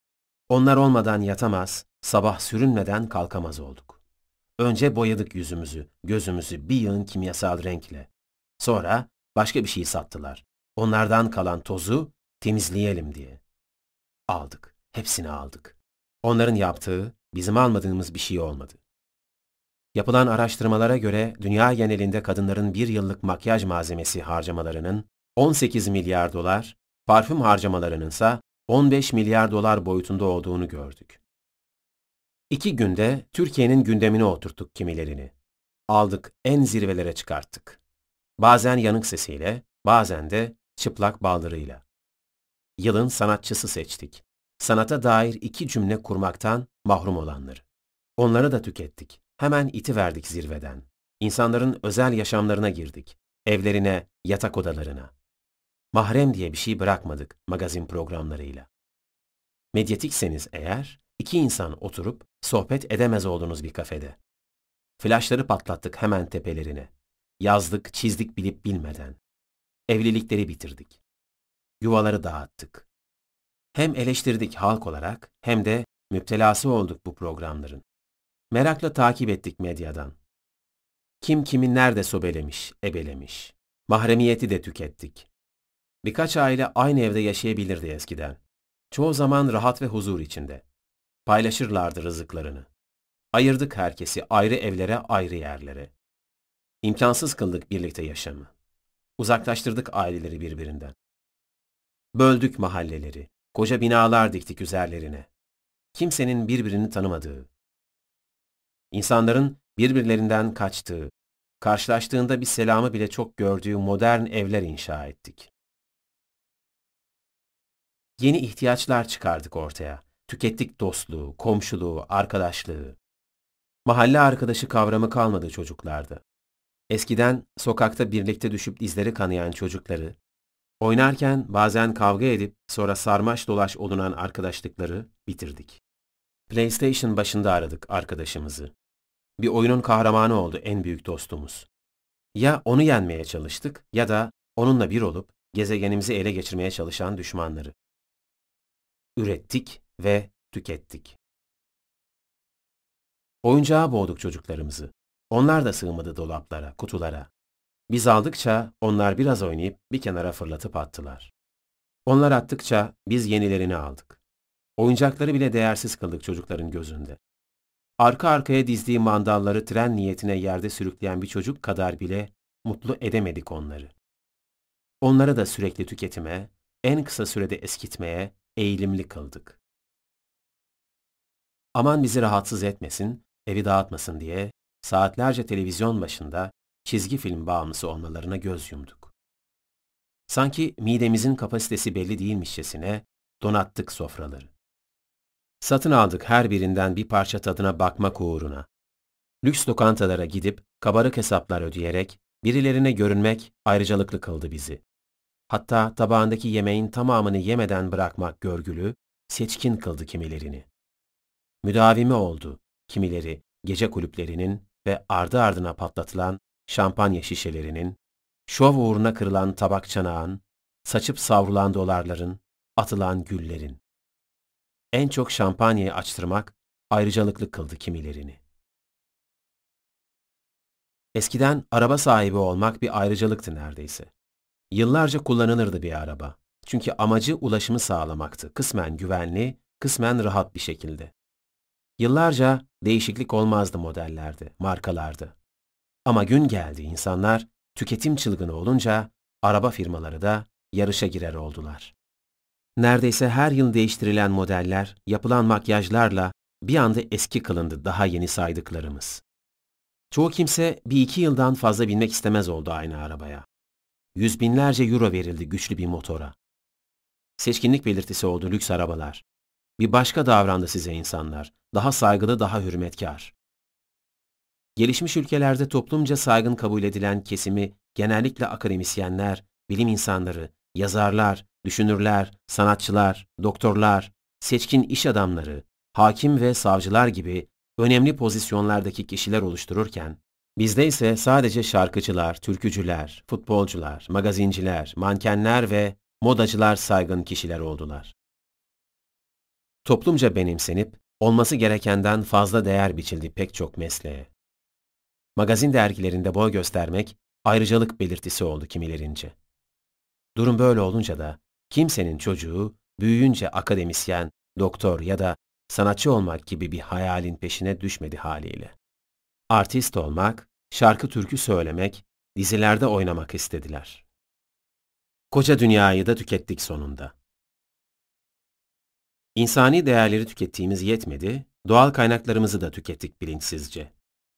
Dünya Doğal Hayat Fonu'nun doğal kaynaklar üzerine yaptığı araştırma raporuna göre günümüzdeki tüketim çılgınlığının dünyanın sonunu hazırladığını öğrendik. Dünyanın doğal kaynakları üzerine bir araştırma yapan bilim adamları, Batılılar başta olmak üzere bütün ülkelere tüketim çılgınlığına son vermeleri çağrısında bulunuyor ve insanları uyarıyorlardı. Araştırmalara göre ortalama bir Amerikalı, ortalama bir gelişmekte olan ülke vatandaşından 50 kat fazla çelik, 56 kat fazla enerji, 170 kat fazla kauçuk kağıt, 5 kat fazla tahıl tüketiyor. Kapitalizmin merkezindeki tüketiciler arasında da fark olduğunu görebiliyoruz.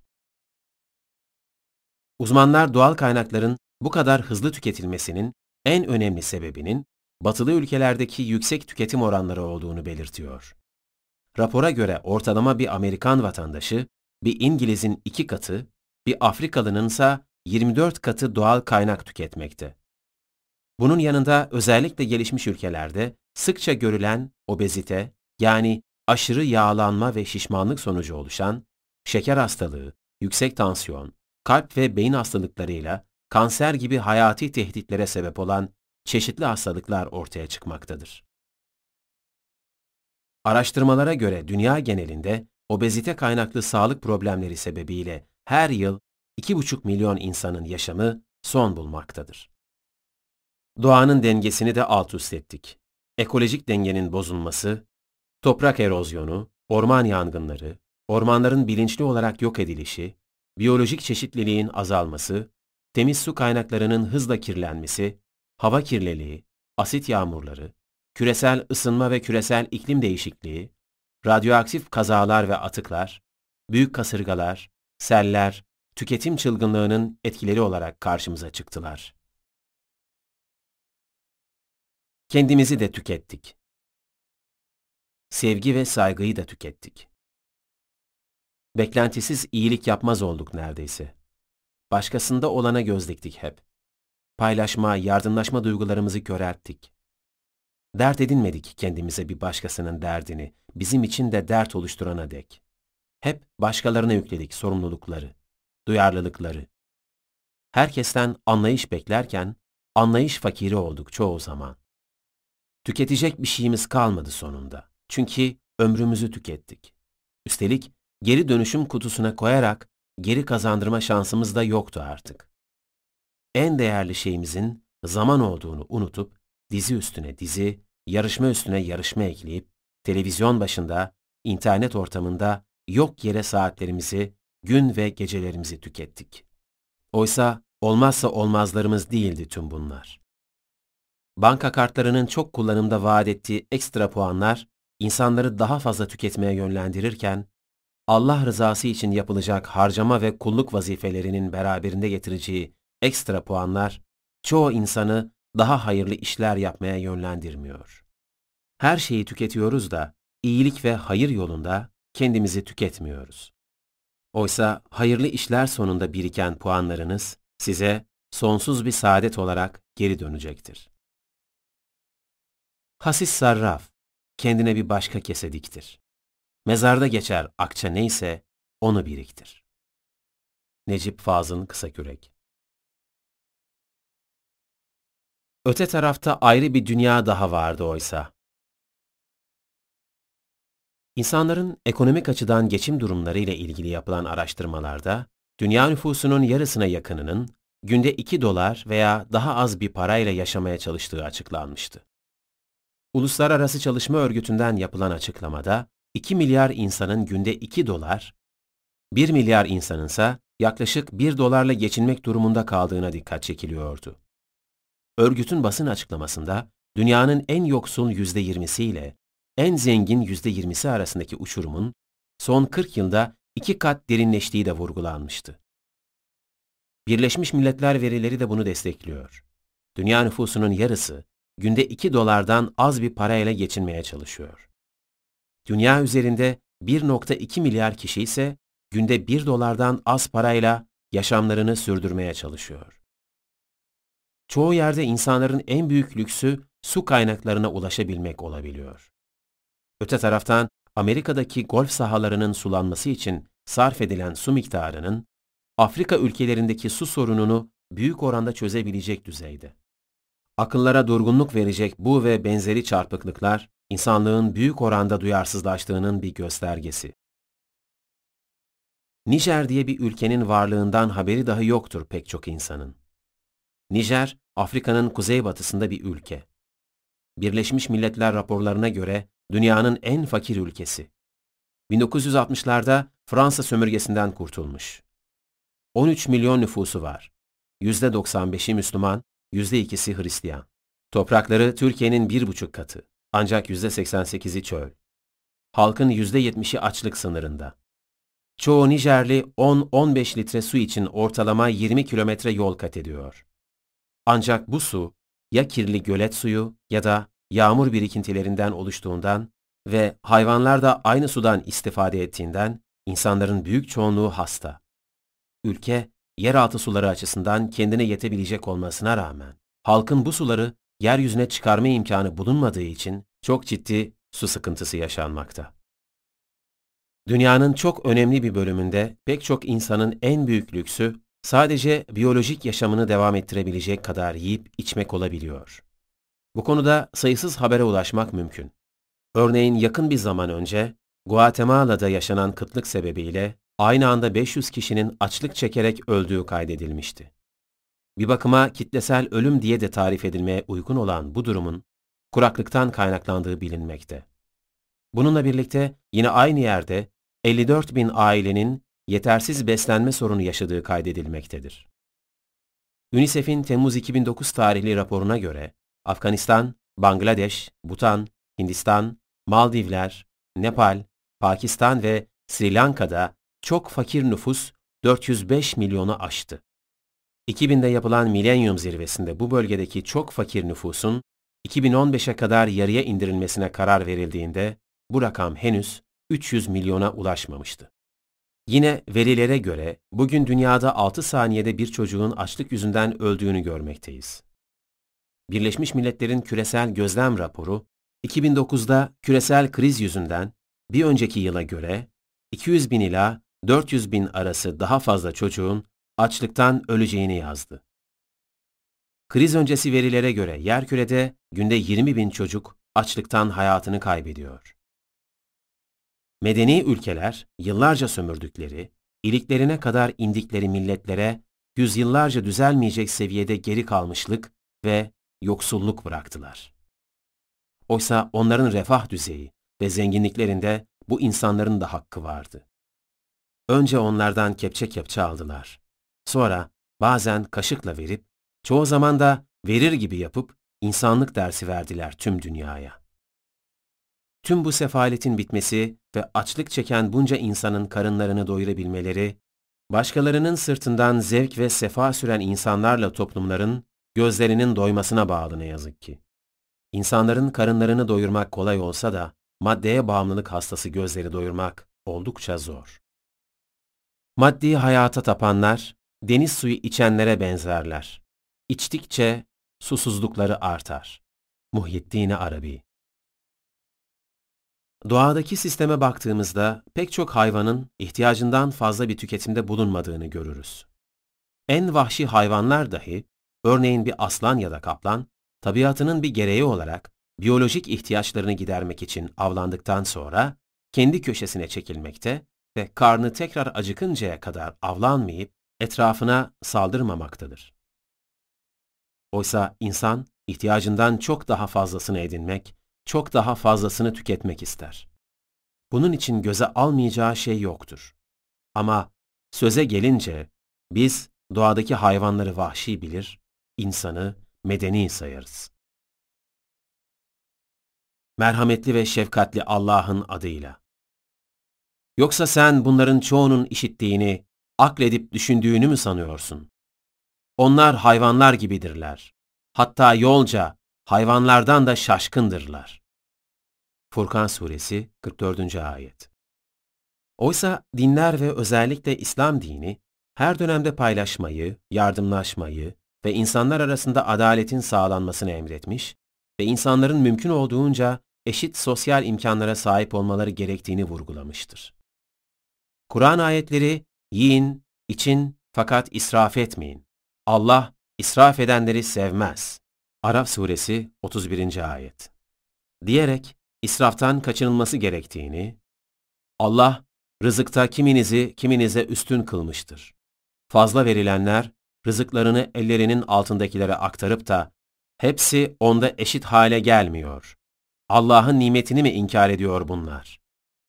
Nahl suresi 71. ayet. Diyerek de Allah'ın zenginleri zenginlikleri, fakirleri ise fakirlikleriyle imtihan ettiğini ve imkan sahibi olanların mallarını ihtiyaç sahipleriyle paylaşmaları gerektiğini söyler. Sahip olduğumuz hiçbir şeye kendiliğimizden sahip değiliz. Tıpkı sahibi olduğumuza inandığımız ellerimiz, ayaklarımız, gözlerimiz ve derilerimiz gibi. Sahip olduğumuz şeylerde ihtiyaç sahibi insanların da hakkı vardır. Allah dilese herkesi zengin ya da fakir kılabilirdi. Ama imtihanı içinde insanların maddi açıdan farklı nimetlerle nasiplendirmiştir. Bu dünya hayatında çok zengin olduğu için şanslı, çok fakir olduğu için de şanssız görülen kişilerin, Allah katında gerçek manada şanslı olup olmadıkları, Allah'ın onları yaratmış olduğu halin gereğini yerine getirip getirmemelerine göre belli olacaktır. İnsan olarak sorumluluk duymak, bilinçli ve örnek bir kul olmak gerekir. İnsanların içinde bulundukları zorluk ve imkansızlık haline karşı duyarsız ve umursamaz olan birinin, rüzgarına kapılıp ışıltısına aldandığı dünya hayatında sahip olduğu nimetlerin hesabını vermesi daha da zor olacaktır. Tek başıma ne yapabilirim ki? Elimden bir şey gelmez demek, doğru değildir. Zira dünyayı değiştirenler bireylerdir. İnsan olarak geçici dünya hayatına kapılıp boş uğraşlarla ömrümüzü tüketmek yerine insanlığın faydasına olan hayırlı işler için uğraşıp çabalamak gerek. İnsanlık ve manevi duyarlılık alev almış yanıyor.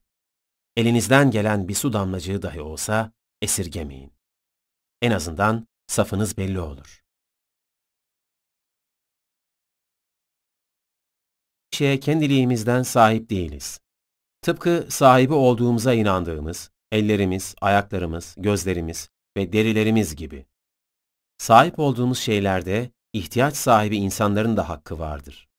Allah dilese herkesi zengin ya da fakir kılabilirdi. Ama imtihanı içinde insanların maddi açıdan farklı nimetlerle nasiplendirmiştir.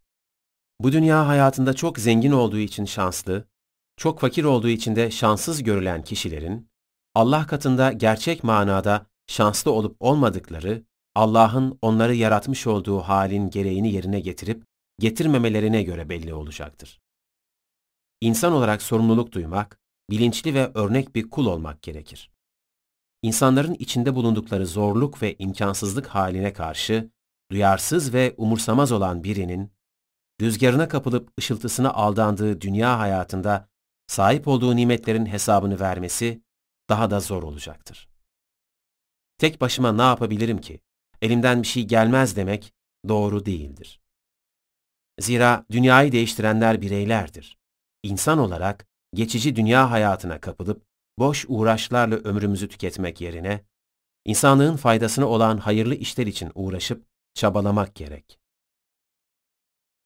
İnsanlık ve manevi duyarlılık alev almış yanıyor.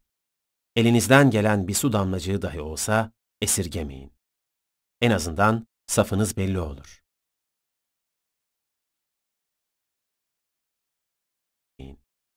En azından safınız belli olur. Olmazsa olmazlarımız ve sahip olduğumuz gerçek değerler. İnsanlar çocukluktan sıkılırlar ve büyümek için acele ederler. Ne var ki sonra çocukluklarını özlerler. Para kazanmak için sağlıklarını yitirirler. Sonra sağlıklarını geri almak için de para öderler. Yarınlarından endişe ederken bugünü unuturlar. Sonuçta ne bugünü ne de yarını yaşarlar. Hiç ölmeyecekmiş gibi yaşarlar. Ancak hiç yaşamamış gibi ölürler. Platon Yunanlı filozof Sokrates'e neden hiç üzülmediğini sormuşlar. O da, çünkü ben kaybedince üzüleceğim şeyler edinmiyorum diye cevap vermiş. İnsanoğlunun sahip olduğu gerçek değerler, maddi karşılıklarla ölçülemeyecek oranda mükemmellikler barındırır kendi içinde. Üstelik tüm bu değerler biz onları hak edecek bir şey yapmamamıza rağmen Allah tarafından bizlere hediye edilmiştir, dünyaya gelişimizle birlikte. İman, ahlak, sağlık, huzur, mutluluk. Bu kavramların hangisi satın alınabilir maddi bir değerle? Ya da maddi şeylerin hangisine gerçek anlamda sahip olabiliriz? Maddenin bize sağlamış olduğu geçici zevk ve mutluluklar ne oranda ve ne zamana kadar bizi tatmin edebilir? Allah'a iman etmek, sığınmak, dayanmak ve güvenmek kadar insana kendini iyi hissettirecek başka hangi duygu vardır? Ya bize peşinen vermiş olduğu sayısız nimet karşısında, ona olan teslimiyetimizi ifade edebilmek için yerine getirdiğimiz bir ibadetin sağladığı huzuru, başka hangi duygu yaratılan tüm güzelliklere Allah'ın sanatı gözüyle bakarak tüm bu güzelliklerden manevi bir haz ve mutluluk duymayı, hayatı anlamlı kılmayı ya da varlık amacımızın farkında olarak hayra ve barışa yönelik işler yapmayı sağlayabilir. Hangi duygu insana karşılık beklemeden yardım etmeyi, iyilik yapmayı ve en zor durumlarda bile aklı selim davranmayı gerektirebilir? Hangi duygu ölüme tebessüm ettirerek hoş geldin dedirtebilir, ölümü Allah'a kavuşma bilip düğün gecesi sayabilir? Maddi şeylere o kadar çok değer biçmişiz ki, önce onları elde etmek için heba oluyoruz.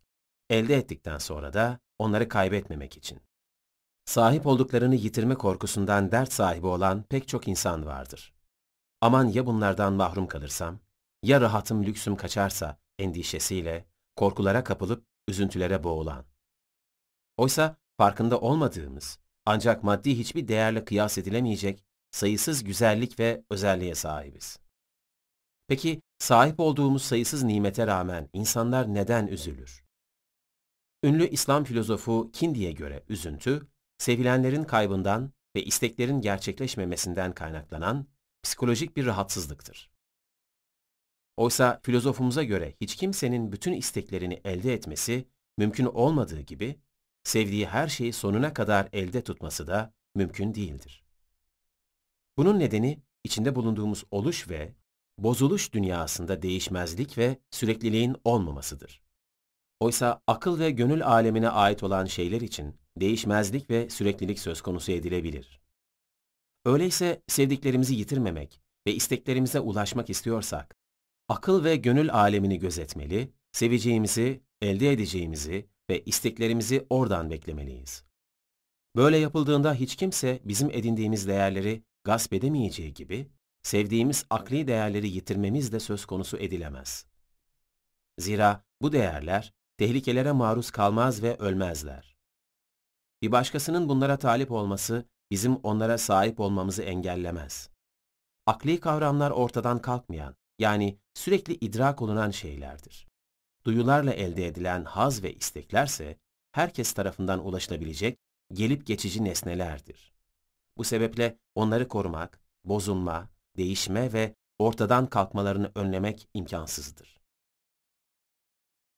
Bu yüzden gelip geçici şeyleri arzulayan, edindiği ve sevdiği şeylerin bu türden olmasını isteyen kimse mutsuz olur. Sahip olduğumuz iman, ahlak, iyilik ve erdem gibi değerlerimizi biz istemedikten sonra kim bizden alabilir? Ya da bir başkasının da bunlara sahip olması bizim onlardan mahrum kalmamızı gerektirir mi? Gerçek zenginlik insanın iç dünyasında sahip olduğu değerler değil midir? Başka hangi maddi şey insanı tam anlamıyla tatmin edip gerçek manada huzur ve mutluluk getirebilir? Sahip olduğumuz gerçek değerlerin ne kadar farkındayız? Hayatımızın merkezine koyduğumuz ve bizim için vazgeçilmez olduğunu sandığımız o kadar çok şey var ki. Nasıl oluyor da önemsiz ve küçücük şeyler gözlerimizde devleşirken olağanüstü sayısız oluşum ve mükemmellik küçülüp önemsizleşebiliyor. Örneğin bilgisayarda yazı yazarken bu işlevin nasıl gerçekleştiğini düşünelim. Düşünen aklımız, gören gözlerimiz, tuşlara dokunan ellerimiz, elimizin altındaki bu bilgisayar ve aynı anda bir sürü kasımızın hareket etmesi. Görüldüğü gibi çok basit bir yazı yazma işleminde bile birbirine bağlı sayısız mükemmellik bir araya gelmekte ve biz farkında olmadan harika bir uyum içinde bir bütünü meydana getirmektedirler. Sizce dünyanın yedi harikası nedir? Dünyanın yedi harikasının ne olduğu sorulsa, herhalde pek çok kişi tarafından benimsenen harikaları saymaya başlarız hemen. Mısır piramitleri, Çin Seddi, Tac Mahal. Belki hiçbirini hayatımız boyunca bir kez olsun yakından görmemişizdir. Ama çok da fark etmez aslında, görüp görmememiz. Zira herkesçe benimsenen harikalardır bunlar.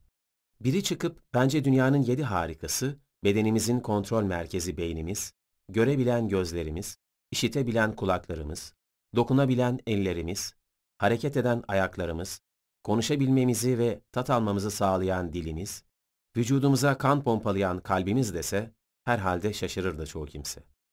Oysa dünyanın gerçek harikaları çoğu zaman önemsizleştirdiğimiz ama her biri birbirinden değerli mükemmelliklerimizdir. Vücudumuzdaki en hareketli kaslarımızın göz kaslarımız olduğunu ve bir günde ortalama 100 bin defa kasıldıklarını biliyor musunuz? İçinde bulunduğumuz ruh halini büyük oranda ifade edebilecek biçimde yüzümüzün ne kadar fazla şekil alabildiğini görüyoruz. Bu ifadeler için aynı anda kaç tane kasımızın hareket ettiğini düşündünüz mü hiç?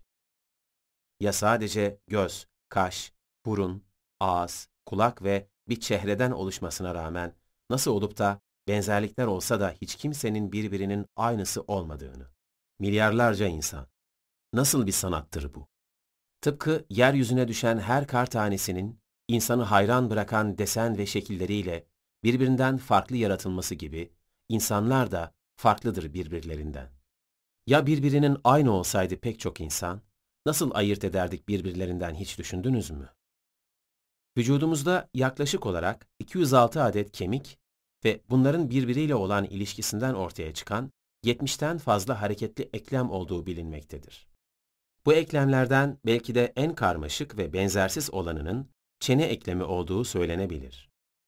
Yapısının mükemmelliğinin yanında uykumuzda dahi çalışmaya devam ederek neredeyse 24 saat boyunca işleyen bir mekanizma gibidir.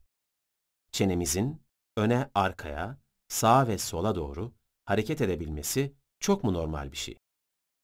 Yediğimiz şeyleri öğütmede bize ne kadar yardımcı olduğunun farkında mıyız? Ya da konuşurken kelimelerin doğru bir şekilde telaffuz edilmesindeki rolünün? Dil kaslarımızın sahip olduğu fonksiyonlar sayesinde konuşmuyor muyuz? Yiyecekleri çiğnememize ve yutmamıza yardımcı olmuyor mu dilimiz? Tat almıyor muyuz dilimiz sayesinde? Alt tarafı bir et parçası gibi görünse de kaslara ve tat alma hücrelerine sahip olması çok mu normal? Elimiz de bir et parçası gibi. Ama elimizle tuttuğumuz bir yiyeceği ağzımıza götürmeden tadını almamız mümkün değildir. Dilimizin ucu tatlı, ucunun hemen arkası tuzlu, yanları ekşi, arkası ise acı tatları hisseden algılayıcılara sahiptir. Bir et parçasının bu gibi bir hassasiyet ve özelliklere sahip olması çok mu normaldir? Ya da bu özellikleri kendiliğinden mi kazanmıştır? Tat almadan yemek yemenin ne kadar zevksiz bir şey olacağını hiç düşündünüz mü?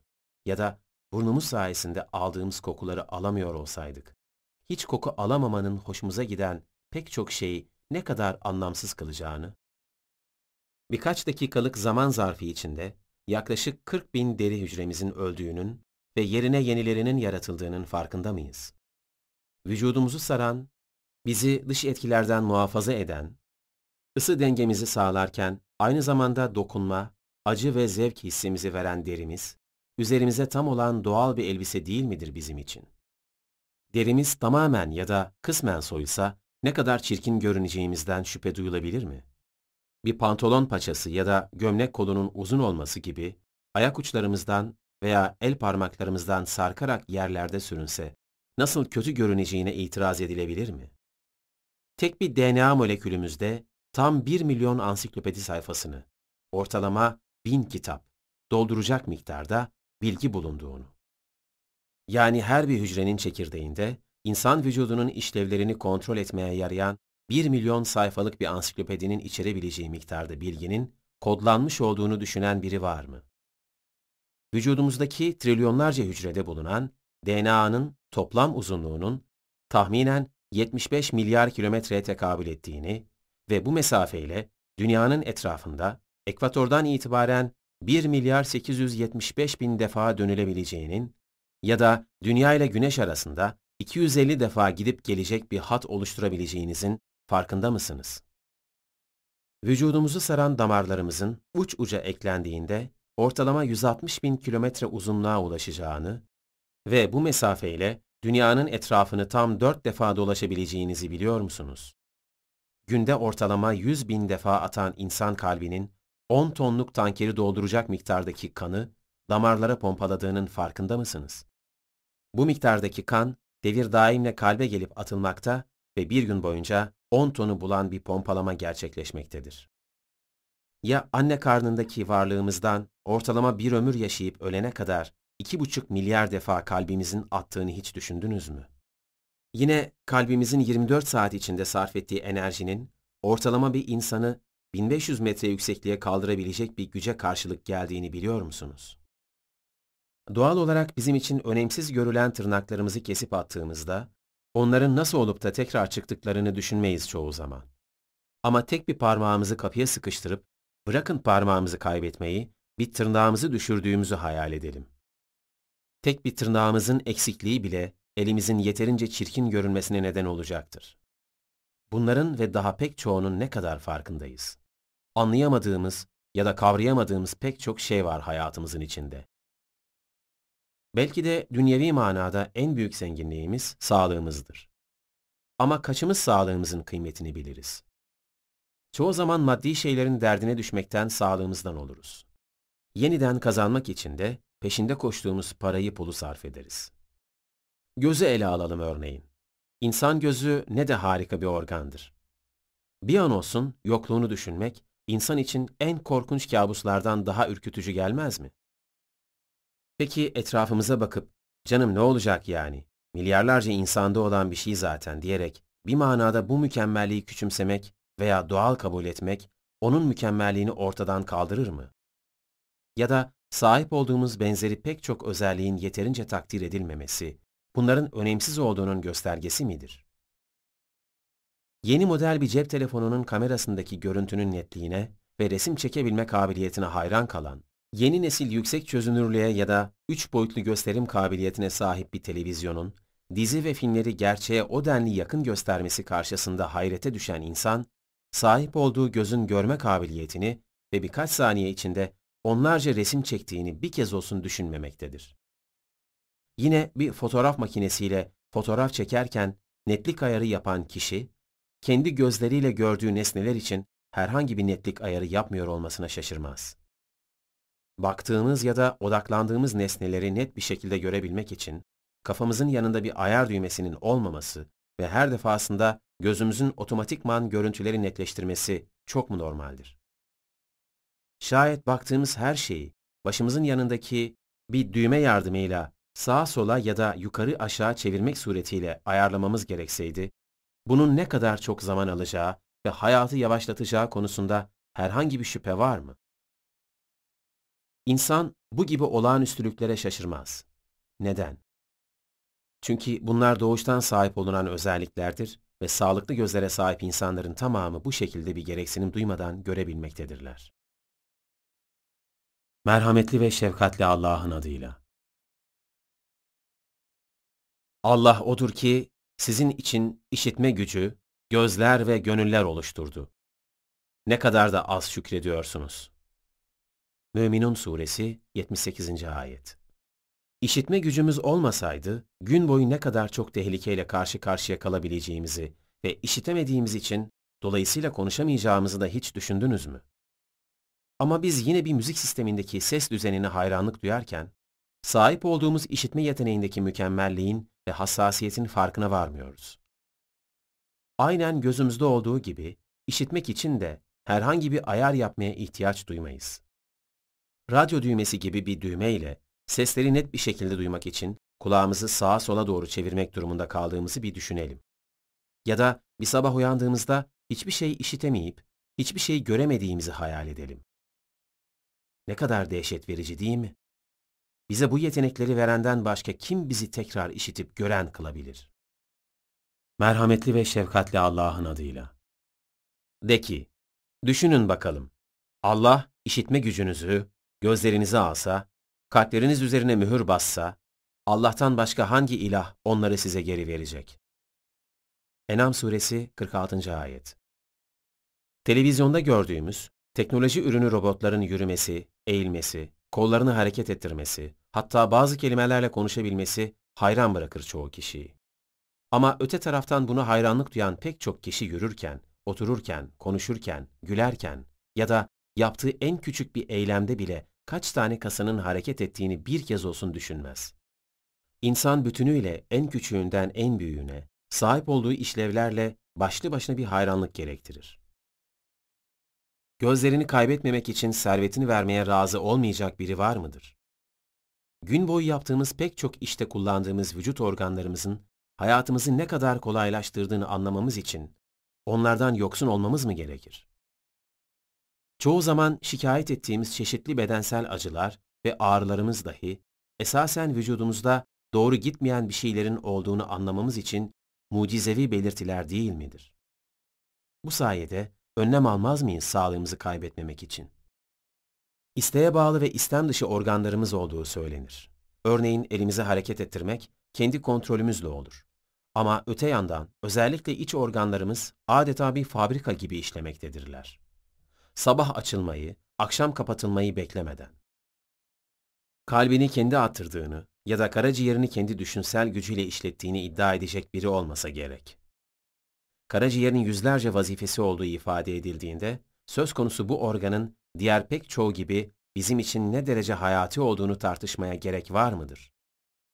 Hangimiz karaciğerimizi parayla satın aldık ya da kalbimizi? Soluduğumuz havayı bir düşünelim. Nefes almadan yaşayamaz canlılar. Havanın nefes almamıza ve dolayısıyla yaşamamıza uygun olmasını biz mi sağladık? Ya da nefes alırken herhangi bir para mı ödedik? Peki genellikle 1-2 dakika nefes almadan yaşayamayan insan, boğulmamak, yani tek bir nefes için tüm varlığını gözden çıkarmaz mı? Isınmak ve çeşitli ihtiyaçlarımızı karşılamak için kullandığımız doğal gazı düşünelim. Ya zaman zaman doğal gazın kesintiye uğraması gibi soluduğumuz hava da kesintiye uğrasa ve o an tüm canlılar yok olsa nasıl olurdu? Buna çare olabilecek maddi bir çözüm bilen var mı? Sahip olduğumuz ve uğruna bir ömrümüzü heba edebildiğimiz malımız, mülkümüz mü bizim için hayati, yoksa hiçbir bedel ödemeden sahip olabildiğimiz hava mı? Su olmadan yaşayabilir mi insan? Hayat adeta suya endeksli kılınmamış mıdır? Tüm canlı organizmalar suya bağımlı değil midir? Biz mi var ettik suyu? Ya da var olması için ne yaptık? Dünyadaki su bir anda yok olsa, hangi maddi değer onu geri getirmeye ya da yoktan var etmeye yetebilir? Merhametli ve şefkatli Allah'ın adıyla. Bir sabah suyunuz çekiliverse, kim getirecek fışkırıp akan bir su size? Mülk Suresi 30. Ayet Ama ne de olsa havada, suda bolca var işte dünyada. Bu yüzden çoğu insan için çok da fazla sorup sorgulamaya gerek yok bu gibi şeyleri. Oysa öte tarafta temiz su kaynaklarının yetersizliği sebebiyle milyonlarca insan ya hasta olmakta ya da yaşamını yitirmektedir. Birkaç on yıl önce özellikle kırsal kesimlerde evlerin içinde su tesisatı bulunmazdı. İnsanlar su ihtiyaçlarını ya bahçelerinde bulunan kuyudan ya da köy çeşmelerindeki uzun kuyrukların ardından temin ederlerdi. Yıkanmak için ateş yakılıp kazanlarda sular kaynatılır, sınırlı imkanlar altında banyo yapılırdı. Günümüzde pek çok evin içine su ulaşmış vaziyette. Kaçımız sabah kalkıp elimizi yüzümüzü yıkamak için musluğu açtığımızda ya da banyoya girdiğimizde akan su için şükrediyoruz. Her birimiz farkında olarak ya da olmayarak doğal bir kimlik taşımıyor muyuz üzerimizde? İnsanlar birbirlerine benzeyebilse de hangimizin parmak izi ya da el içi damar çizgileri birbiriyle aynı? Kimliğinin tespiti için parmak izi alınan insan bir kez olsun düşünmez mi? Nasıl oluyor da bunca insan yaşarken her birinin kendine ait bir parmak izi bulunuyor? Etrafımızda gözlemlediğimiz her şeyin kendine ait bir rengi bulunmakta.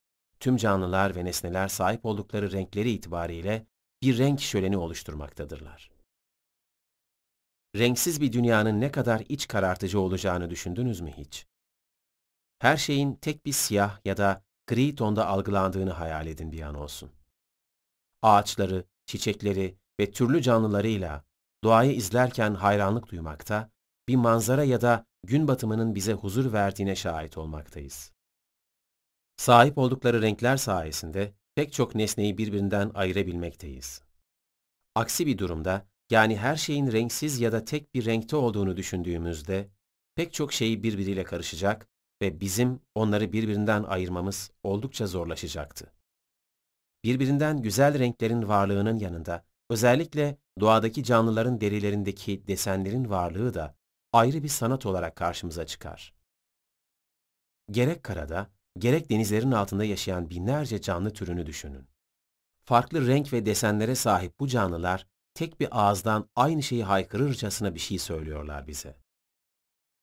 Bak ve yüce Allah'ın sanatındaki muhteşemliği gör. Denizlerin altındaki canlıları düşünelim. Örneğin birbirinden çok farklı boyut, renk ve desene sahip balıklar. Sahip oldukları desen ve renkler birbirleriyle o denli uyum içinde ki adeta podyumda sergilenen birbirinden şık elbiseleri taşıyan mankenler gibi en gözde modacıları hayran bırakacak bir şıklık ve ahenk sergiliyorlar.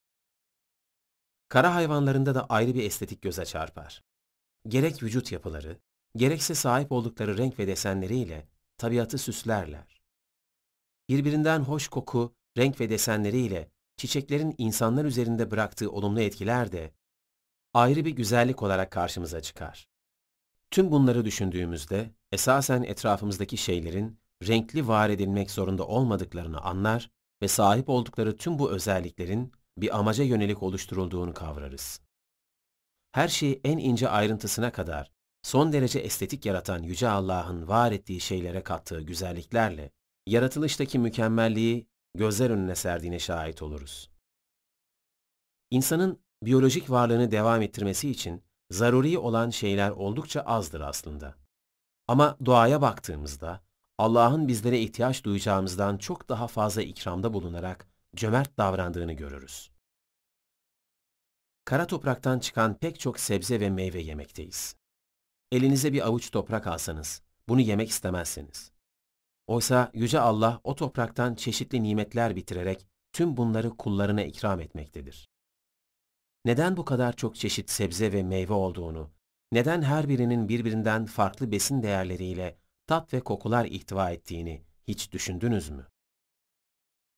Yani örneğin bir lahana ya da brokolinin olmaması yaşamımızı etkileyebilecek bir şey midir? Ya da bir elma veya armudun varlığı? Peki daha da ötesinde neden tat ve lezzet diye bir şeyin olduğunu hiç düşündünüz mü? Tüm bu meyve ve sebzeler yine var olup hiçbir tada sahip olmayabilirlerdi. Ama böyle olmamıştır. Bizim için türlü faydalar ihtiva eden bunca besini yerken, aynı zamanda her birinden ayrı tatlar ve zevkler almaktayız. Baharatların varlığı da ayrı bir güzellik olarak karşımıza çıkar.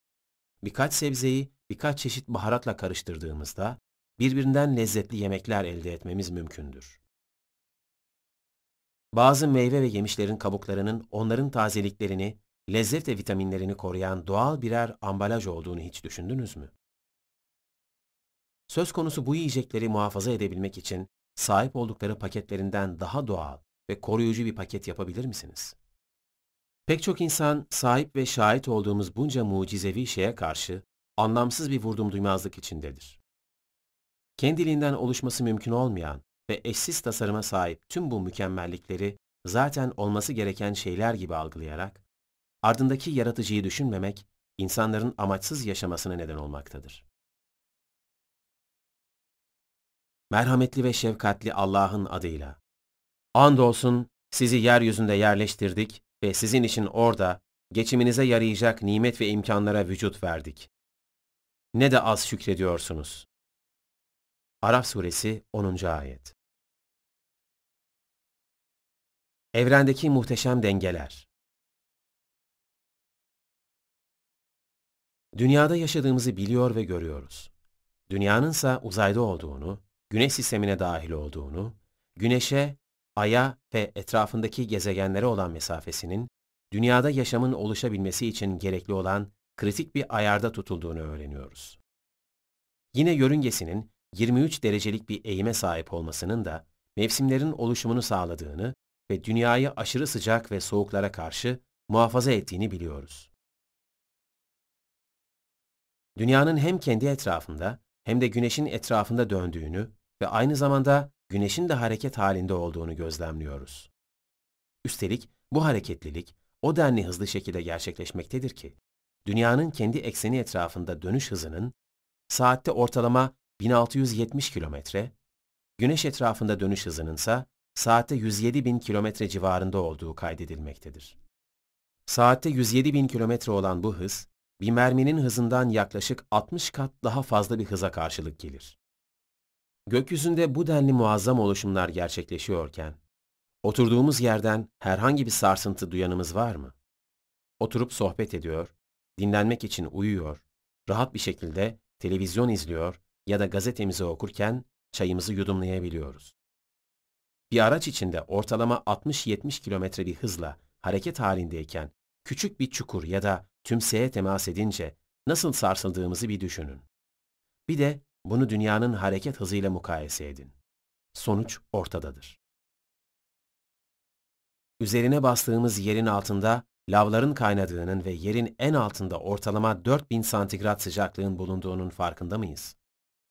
Dünyaya nazaran elma kabuğu kalınlığında olan yer katmanının üzerinde devam eden canlılık, bu olağanüstü sıcaklıktan etkilenmemekte ve bu sayede yaşamına devam edebilmektedir. Şayet üstün ve hikmet sahibi bir güç, içinde bulunduğumuz sistemleri yaşamımıza uygun kılmamış olsa, rüzgarın ya da su akıntısının etkisine kapılıp savrulan bir yapraktan farksız olurdu akibetimiz. Yüzlerce örnek verilebilir bu konuda. Hayatımızı kolaylaştıran şeyler saymakla bitmez. Yeter ki insan şükretmek ve sahip olduklarıyla yetinip kıymetini bilmek istesin.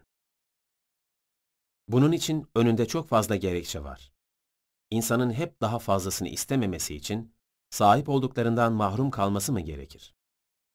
Yani bunlar bana yeter, biraz da başkalarında olsun diyebilecek erdemi gösteren kaç kişi tanıyorsunuz? Bir gün doğumu veya batımından ya da bir çiçeğin açışından mutluluk duyabilen ve sahip olduklarıyla yetinip şükredebilen ne kadar az insan kalmıştır Allah bilir. Çok azdır çünkü suni mutluluklar ve suni ihtiyaçlar edindik kendimize. Etrafımızdaki mükemmelliklerle ilgilenmeye ne vakit bulabildik ne de değer verdik onlara hak ettikleri biçimde.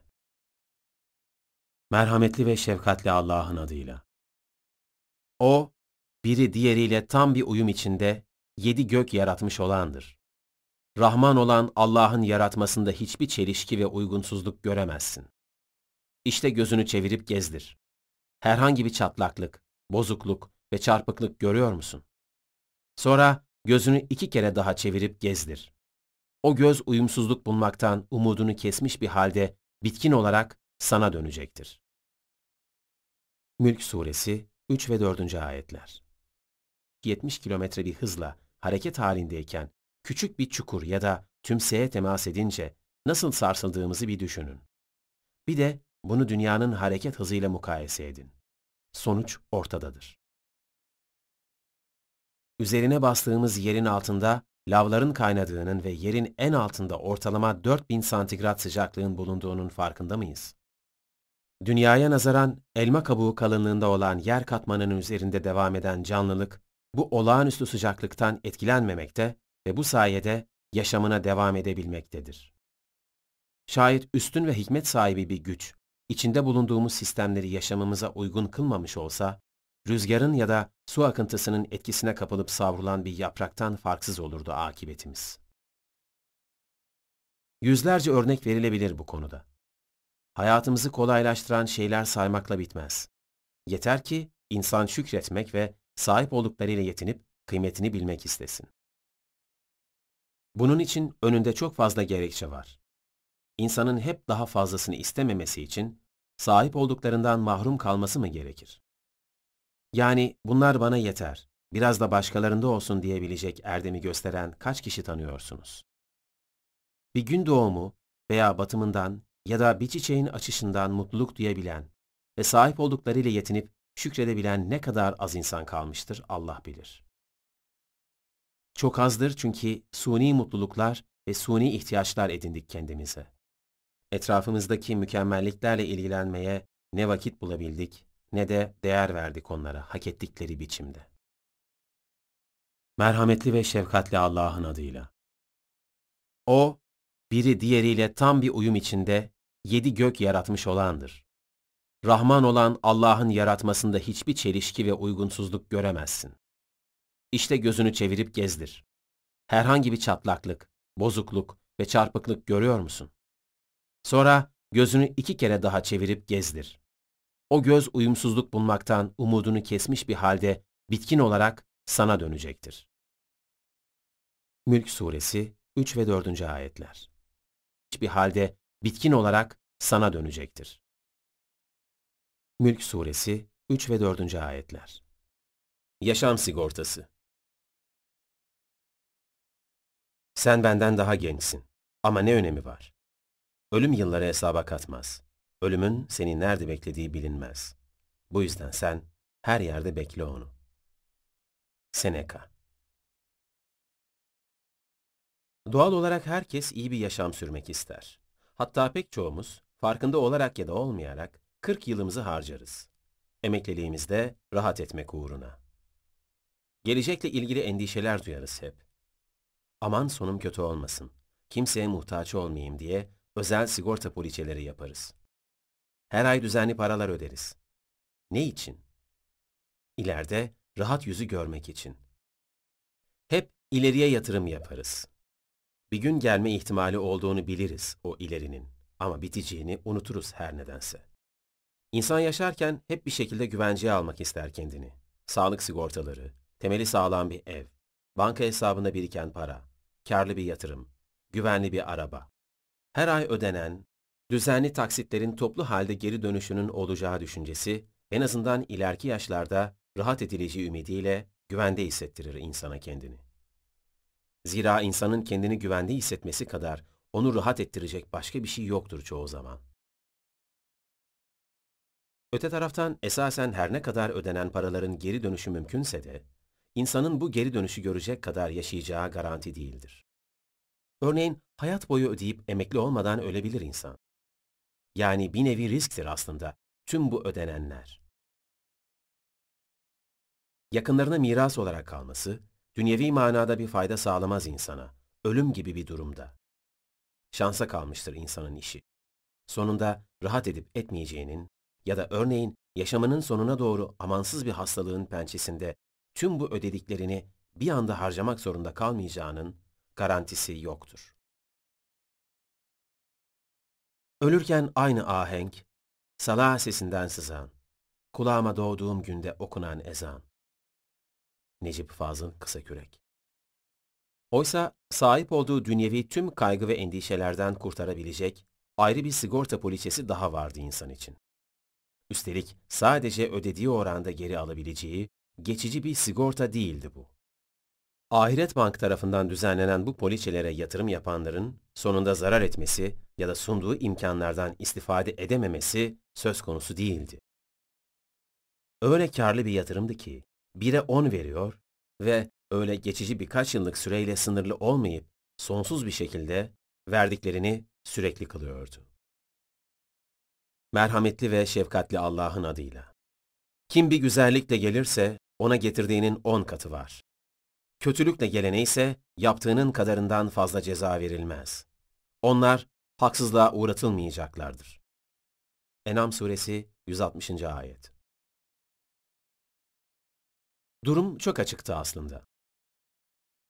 Her ne kadar Allah'ın emirlerine uymak ve iyiliklerde bulunmak insanlara bu dünyada da maddi manevi çeşitli faydalar sağlayabiliyorsa da, esas olan sonsuzluk yurdu, ahiret hayatındaki ebedi saadete yapılan yatırımdı. Birinde koca bir ömrü harcayıp son birkaç yıl rahat ederken, diğerinde sonsuzluğu yakalamak ve rahat etmek vardı. Aslında hesap çok açık ve bir o kadar da basitti. En karlı ve en güvenilir ticaret Allah'la yapılandı. Merhametli ve şefkatli Allah'ın adıyla. Ey iman sahipleri! Dikkatlerinizi sizi korkunç bir azaptan kurtaracak bir ticarete çekeyim mi? Allah'a ve O'nun Resulüne inanır, Allah yolunda mallarınız ve canlarınızda didinirsiniz. İşte bu sizin için en hayırlısıdır. Eğer bilirseniz. Saf Suresi 10 ve 11. ayetler. Peki böyle basit bir hesabın insanlar tarafından yapılamıyor olmasının sebebi ne olabilirdi? Şüphesiz insanın peşin gelen şeyleri sevmesi ve kendisini ilk defa var eden Yüce Allah'ı gereğince takdir edemediği için öldükten sonra onu yeniden yaratacağına dair de şüpheler duymasıydı. Aslında daha önce de ifade edildiği gibi, insan farkında olmasa da kendisine peşinen verilmiş sayısız nimete sahipti. Tüm bunlar hiçbir şey hak etmeden verilmişti ona ve verilmesinin sebebi de esasen sonsuz mutluluk ve yaşamı hak etmesiydi. Bir işe girdiğinizi ve patronunuzun size daha işe başlamadan birkaç aylık maaşınızı peşinen ödediğini düşünün.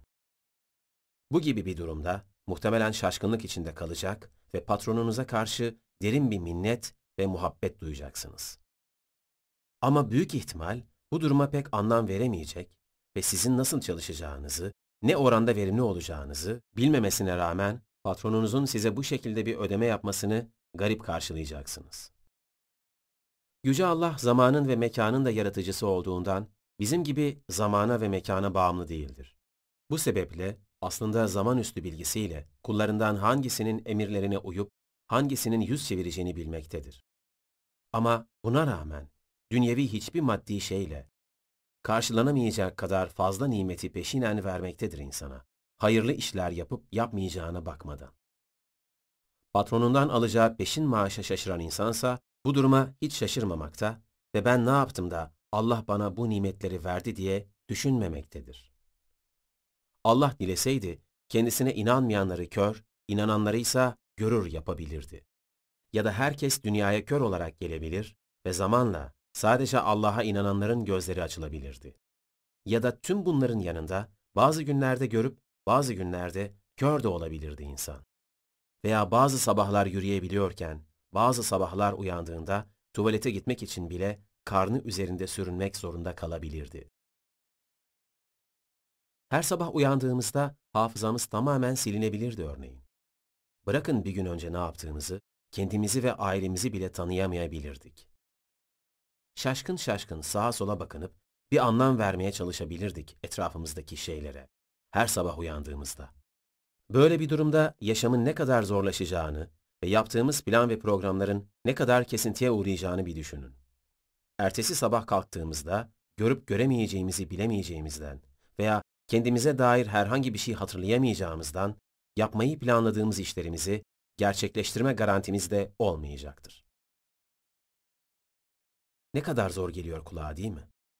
Aslında bir sabah uyandığımızda bir önceki gün olduğu gibi görebilmemiz, yürüyebilmemiz ya da bir şeyleri hatırlayabilmemiz için herhangi bir neden bulunmamaktadır. Ama böyle yapmamıştır Allah ve imtihanı gereği istisnalar olmakla birlikte insanların hemen tamamını görebilecek, yürüyebilecek, hatırlayacak yetenekte yaratmıştır. Böylelikle insanlara fırsat ve imkan vermiştir aslında. Gerçeği görüp, vermiş olduğu nimetlere şükretsinler ve inanan da, inkar eden de kendi rızasıyla inanıp, inkar edebilsin diye. Peşinen vermiş olduğu uzuvları hayırlı işlerinde kullanabilsin diye. Oysa insanların büyük çoğunluğu işitip konuşabilmesini, görüp hareket edebilmesini, düşünüp anlayabilmesini, yiyip içebilmesini ve yediklerini rahat bir şekilde dışarı atabilmesini Allah'ın nimetleri sayesinde yapabildiği gerçeğini görememekte ve tek bir nefes solumayı dahi hak etmeyecek şekilde yaşamını sürdürmektedir. Merhametli ve şefkatli Allah'ın adıyla. Kendisinden istediğiniz her şeyden size bir parça verdi. Allah'ın nimetini saymaya kalksanız sayıp bitiremezsiniz.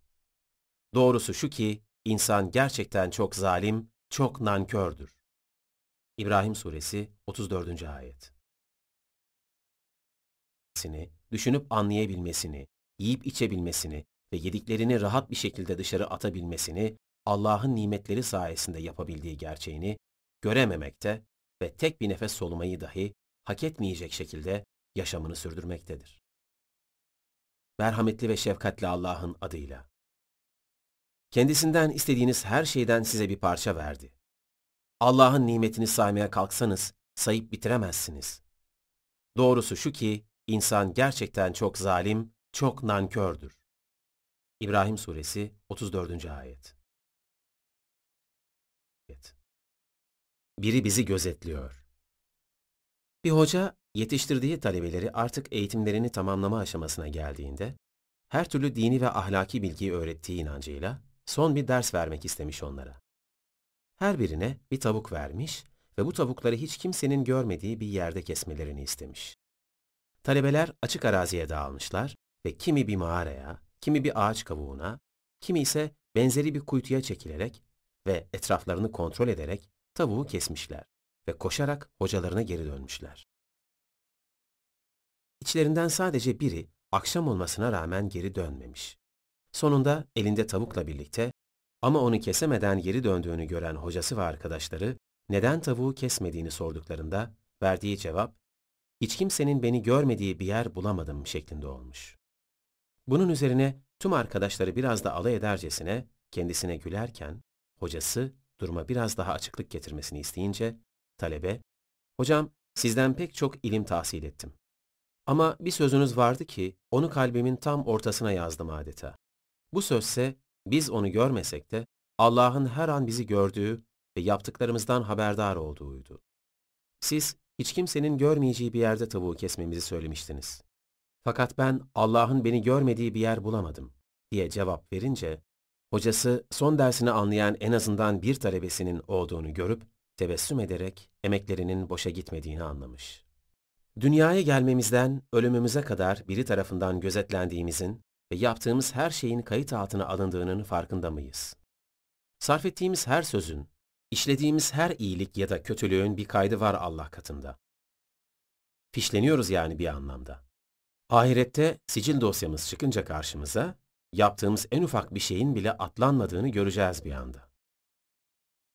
İnkarcı bir öğretmen cebine şeker doldurduktan sonra küçük öğrencilerine şöyle söylemiş. Eğer Allah varsa isteyin bakalım size şeker verebilecek mi? Ama ben var olduğum için isterseniz size şeker verebilirim. Hem de hemen şimdi.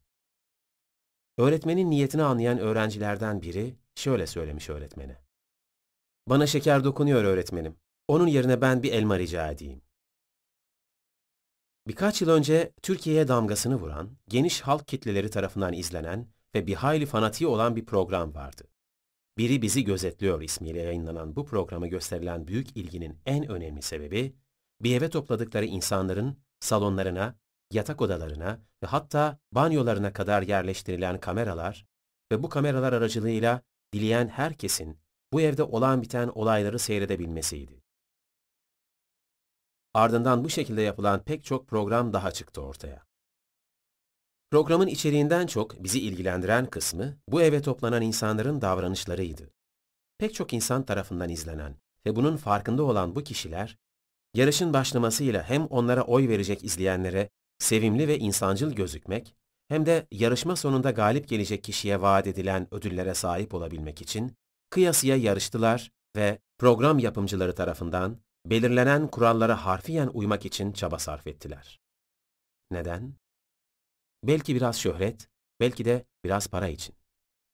Ancak az bir zaman sonra aynı evde yaşayan birbirinden farklı bu kişiler arasındaki kavga, çekişme ve iftiralar gazete ve televizyonlarda manşetlere taşındı. Peki kısa bir süre içinde değişen neydi? Neden başlangıçta çok olgun ve duyarlı intibalar bırakan bu insanlar bir anda değişikliğe uğradılar? Çünkü kısa bir zaman içinde tüm eve yerleştirilmiş kameraların varlığı ve halkın canlı olarak onları izlediği gerçeği unutularak dış dünyadaki gerçek hallerine geri döndü insanlar. Maskeler düştü. İşte insan gerçeği.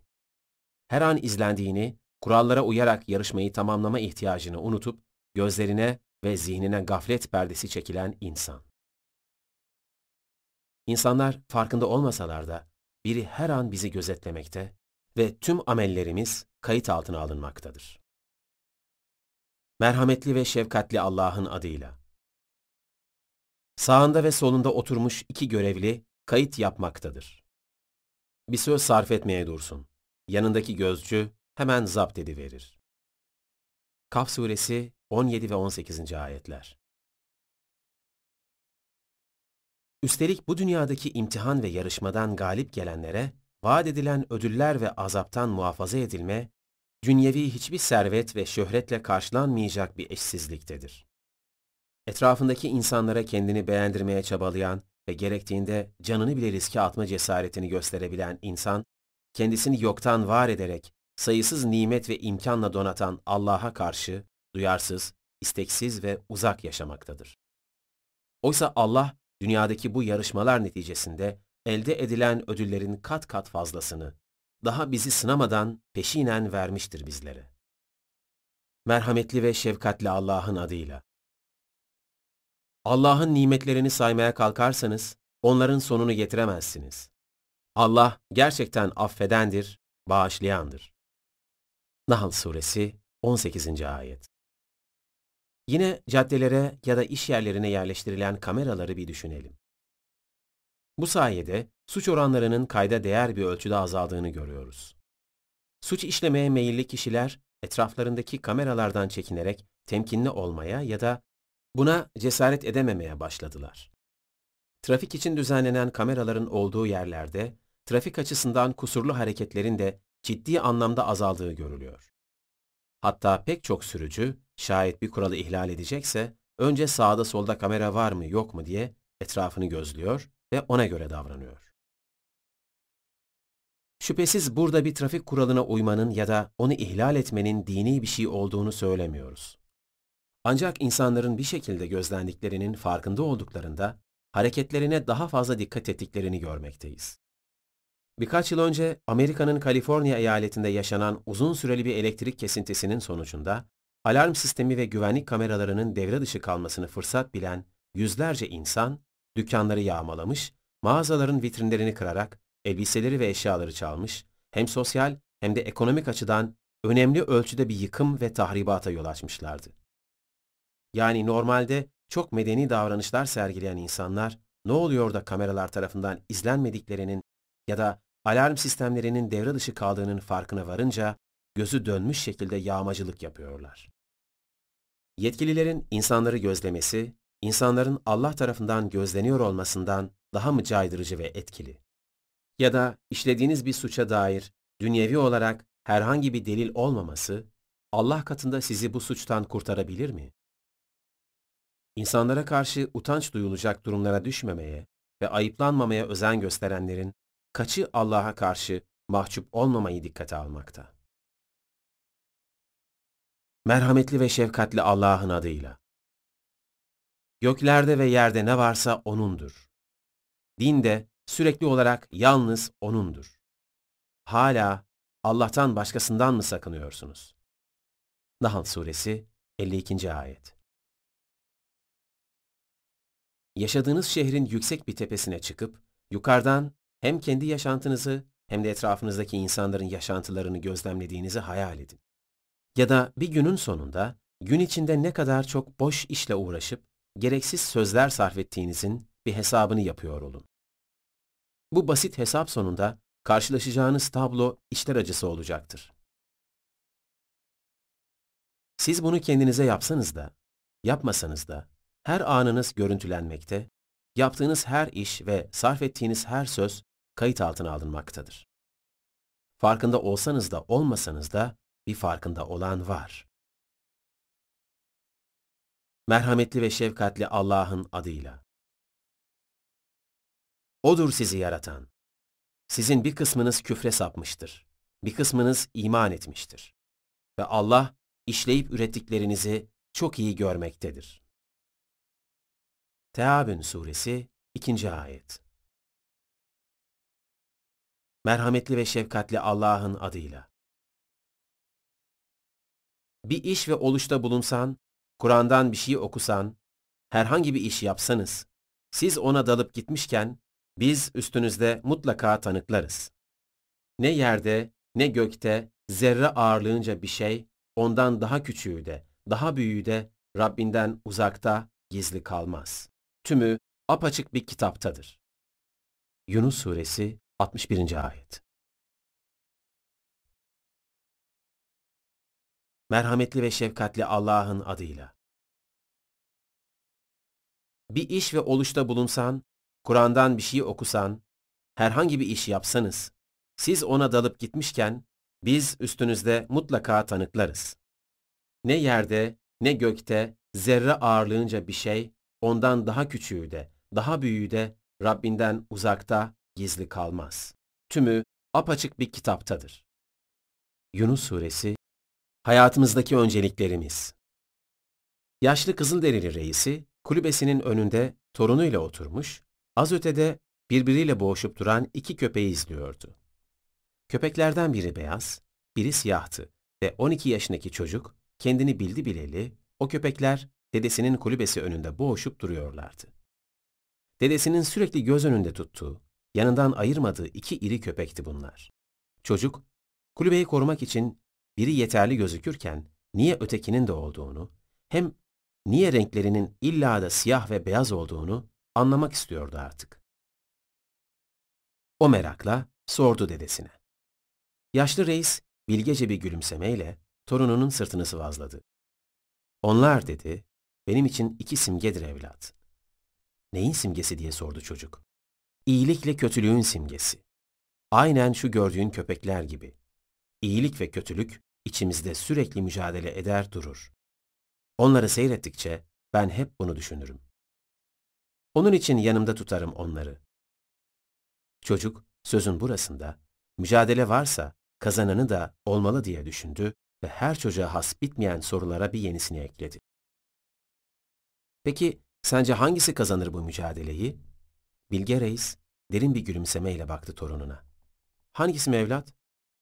Ben hangisini daha iyi beslersem. Aynen içimizdeki iyilik ve kötülüklerde olduğu gibi hangi yönümüzü daha iyi besleyip güçlendirirsek artık zamanla o bizim değil, biz onun esiri haline gelmekteyiz. Allah'ı hayatının merkezine koyarak emir ve yasaklarına en güzel şekilde uymaya çalışan insanlar bu yönlerini güçlü kılar ve hangi durumda olurlarsa olsunlar Allah'a ve emirlerine olan bağlılıklarından en ufak bir taviz dahi vermezler. Ama dünya tutkularını, gelip geçici zevk ve mutlulukları tercih edenler için durum farklıdır. Bu gibi kişilerin hayattaki önceliklerini, nefisleri ve arzuları belirler. Bu yönlerini güçlendirdikçe farkında olmadan manevi yönlerini zayıflatırlar. İnsanların genel özellik ve davranışlarını çoğu zaman hayatlarındaki öncelikler belirlemektedir. Neye değer veriyorsa insan, onun peşine takılmıştır hep. Sürüklenip durmuştur bir anlamda, amaç edindikleri uğrunda. Durum böyle olunca da, dünyanın bu denli değerli bir yer olarak görülmesi ve uğruna hayatların heba edilmesi de kendi içinde anlaşılabilir bir şeydir şüphesiz. Nefsinin esiri olur insan. Adeta ilah edinerek nefsini teslim olur tutkularına. Merhametli ve şefkatli Allah'ın adıyla. Kendi istek ve tutkularını, hevasını ilah edineni gördün mü? Furkan Suresi 43. Ayet Soralım bir an kendimize. Hayatımızdaki önceliklerimiz neler diye. Ailemiz, malımız, mülkümüz, zevk ve eğlencelerimiz, şerefimiz, namusumuz, itibarımız, şan ve şöhretimiz, sağlığımız, evimiz, arabamız ya da çok basit bir becerimiz. Anlamlı olup olmadığına bakmadan, hoşumuza giden bir şey için harcadığımız saatlerimiz, günlerimiz. Bir dizi örneğin, kimi zaman yeni bölümün gelmesi için günleri hiçe sayarak geçip gitmelerine razı olduğumuz. İzlerken televizyonun içine girecek kadar başında kilitlendiğimiz, kimi zaman ocakta bir yemeği yaktığımız, kimi zamansa tuvalete bile kalkamadığımız, tüm hafta boyunca kritiğini yaptığımız, bir sonraki bölümde neler olacağını tahmin etmeye çalıştığımız. Tuttuğumuz takımın maçları örneğin. İzlerken bazen zıvanadan, bazen de insanlıktan çıktığımız. En yakın arkadaşların bile çoğu zaman birbirine düştüğü bir maç. Uğruna stat önlerinde saatlerce beklemeyi, yağmur çamur demeden destek vermeyi, bazen de çıkışında sopa ya da şişe yemeği göze aldığımız takımımız. 90 dakikalık bir maçın saatler hatta günler süren yorum ve analizlerini takip etmemiz. Hayranı olduğumuz kişiler, bir pop şarkıcısı örneğin, bir sporcu ya da dizi oyuncusu. İzlerken ya da dinlerken çoğu zaman kendimizden geçtiğimiz, konser alanlarında sıkışıp itilip kakılmayı göze aldığımız, sahneden atacağı bir aksesuarını kapmak için vahşi bir pantere dönüşebildiğimiz, uğruna gözyaşları döktüğümüz, isimlerini kalbimize kazıdığımız, posterleriyle odalarımızı süslediğimiz, hakkında çıkan haberleri takip ettiğimiz, hayali aşklar kurduğumuz, bir kez yakından görebilmek ya da elini tutup yanağından öpebilmenin hayatımızda başka hiçbir şeyin yerine geçmeyeceği. Hep birileri gibi olmak isteriz. Ama çoğu zaman bu birileri önemsiz işler peşinde koşan ve genel itibariyle insanlığa çok da faydası olmayan kişilerdir. Hayranlık duyduğumuz insanları düşünelim. Kendi mesleklerini icra etmek dışında insanlığa ne fayda sağlamışlardır? Zaman zaman göstermelik ya da reklam amaçlı sorumluluk şovlarının kime ne faydası olmuş bugüne kadar? Tabii ki samimi olarak gönülden bu gibi faaliyetlerde bulunan güzide insanlar bunun dışındadırlar. Zaten genelde onların kimler olduğunu bilmek de oldukça zordur. Allah var demesine rağmen yokmuş gibi yaşayan insanlar için dünyevi basit bir şey mi? Yoksa Allah mı daha önemlidir? Saçının dökülmesini ya da yüzünde çıkan bir sivilceyi kendine dert edindiği kadar Allah'ın emirlerini yerine getirmeyi dert edinmeyen insan sayısı önemsenmeyecek kadar az mıdır? Kendine dert edindiği şeyler ayağına uygun numarasını bulamadığı pembe bir bot, başını ve en heyecanlı yerini kaçırdığı bir dizi, sevgilisine gönderdiği mesaja aldığı cevabın geç olması, Ya da 5 dakika sonra yenisi gelecek olmasına rağmen ucu ucuna kaçırdığı metro olan birinden böyle büyük şeyler beklememek mi gerekir? İnsanlar Müslümanız dediler diye onlardan Müslümanlıklarının gereklerini beklemek çok mu saçma bir şey? En ufak bir dünyevi menfaatiyle çelişen dini bir emrin terk edilmesi bu kadar kolay mı? Ya da bizim için büyük bir şeyle, örneğin hayatımızla. Bir fıkra geliyor aklıma. Müslüman olmayan bir adam, elinde büyük bir bıçakla camiye dalar ve sorar. Aranızda Müslüman olan var mı? Korkudan kimse bir şey diyemez. Birazdan yaşlı bir adam ayağa kalkar. Ben Müslümanım der. Bıçaklı adamla yaşlı adam camiden çıkarlar. Adam dışarıdaki koyunları gösterip, amca bunları kurban edip fakirlere dağıtmak istiyorum. Ama ben beceremem, yardım eder misin? Yaşlı adam epey bir hayvanı kestikten sonra, ben yoruldum, başka birini bul der. Adam bu sefer kanlı bıçakla yine camiye girer ve sorar. Aranızda başka Müslüman var mı? Az önceki yaşlı adamı doğradığını düşünen cemaat çok korkar ve herkes aynı anda imama bakar. İmam, ne bakıyorsunuz bana? İki rekat namaz kıldırdık diye hemen Müslüman mı olduk? Allah'a inanmakla Müslüman oluyorsa da insan, gereklerini yerine getirmedikçe imanı zayıf kalıyor esasen. Dünyevi her işe fırsat bulup zaman ayırırken, gerçek dünyasını ihmal ettiğinin farkına dahi varmadan göçüp gidiyor bu dünyadan. Çok küçük bir dünyevi menfaatiyle çeliştiğinde dinsel bir emri yok sayabiliyor bir hiç uğruna. Bir anlık zevk ve gaflet esir ediyor insanı tutkularına. Dünya hayatının dış yüzü lezzetli ve hoş bir şeker gibidir. Gerçekte ise içinde zehir ve aldatıcı bir sarhoşluk barındırır. Onun dış görünüşüne aldananlar şeker yiyorum sanır. Ama içine daldığında ölümcül bir zehir ve pisliğe bulaşır. Bir işe başvurduğunuzu düşünün. Üstelik bu işe kabul edilmeniz sizin için çok önemli olsun. Ama patronunuzun sizden garip bir isteği var. Her sabah işe gelmeden önce Çamlıca Tepesi'ne çıkarak size vereceği dijital fotoğraf makinesiyle saat tam 7.30'u gösterdiğinde İstanbul Boğazı'nın fotoğrafını çekmenizi ve düzenli olarak bu fotoğrafları kendisine getirmenizi istediğini farz edelim. Şayet her sabah düzenli olarak bu isteğini yerine getirirseniz, sizi işe alacağını ve tatmin edici bir maaş ödeyeceğini söylüyor.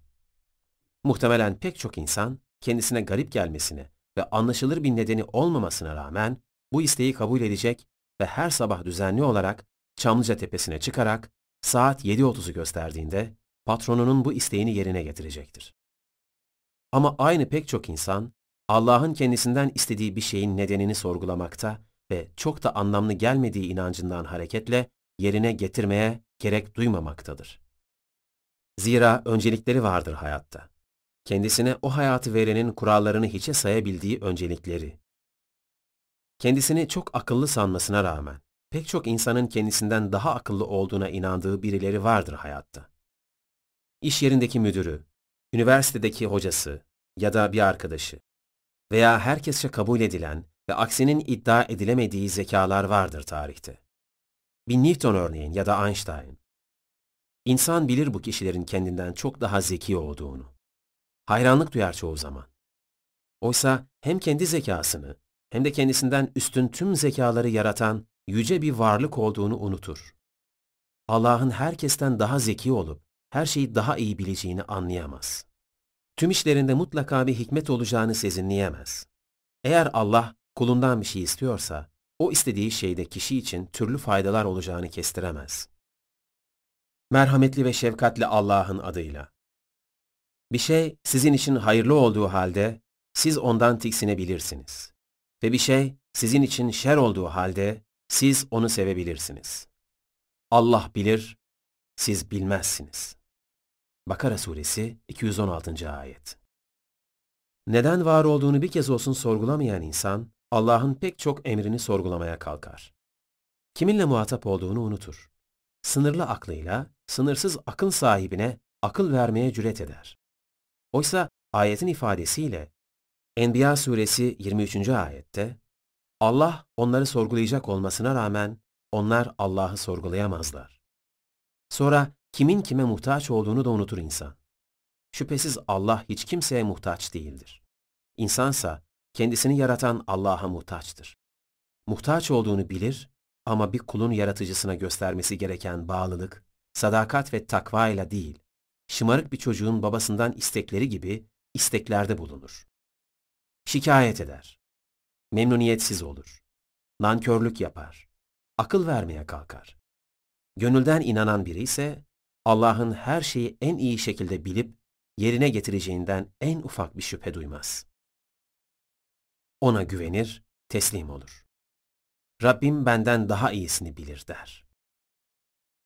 Mevla görelim neyler, hak şerleri hayreyler, zannetme ki gayreyler, Arif anı seyreyler, Mevla görelim neyler, neylerse güzel eyler.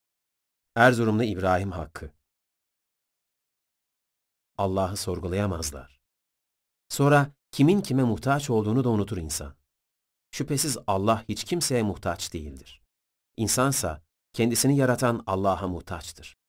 Muhtaç olduğunu bilir ama bir kulun yaratıcısına göstermesi gereken bağlılık, sadakat ve takva ile değil, şımarık bir çocuğun babasından istekleri gibi isteklerde bulunur.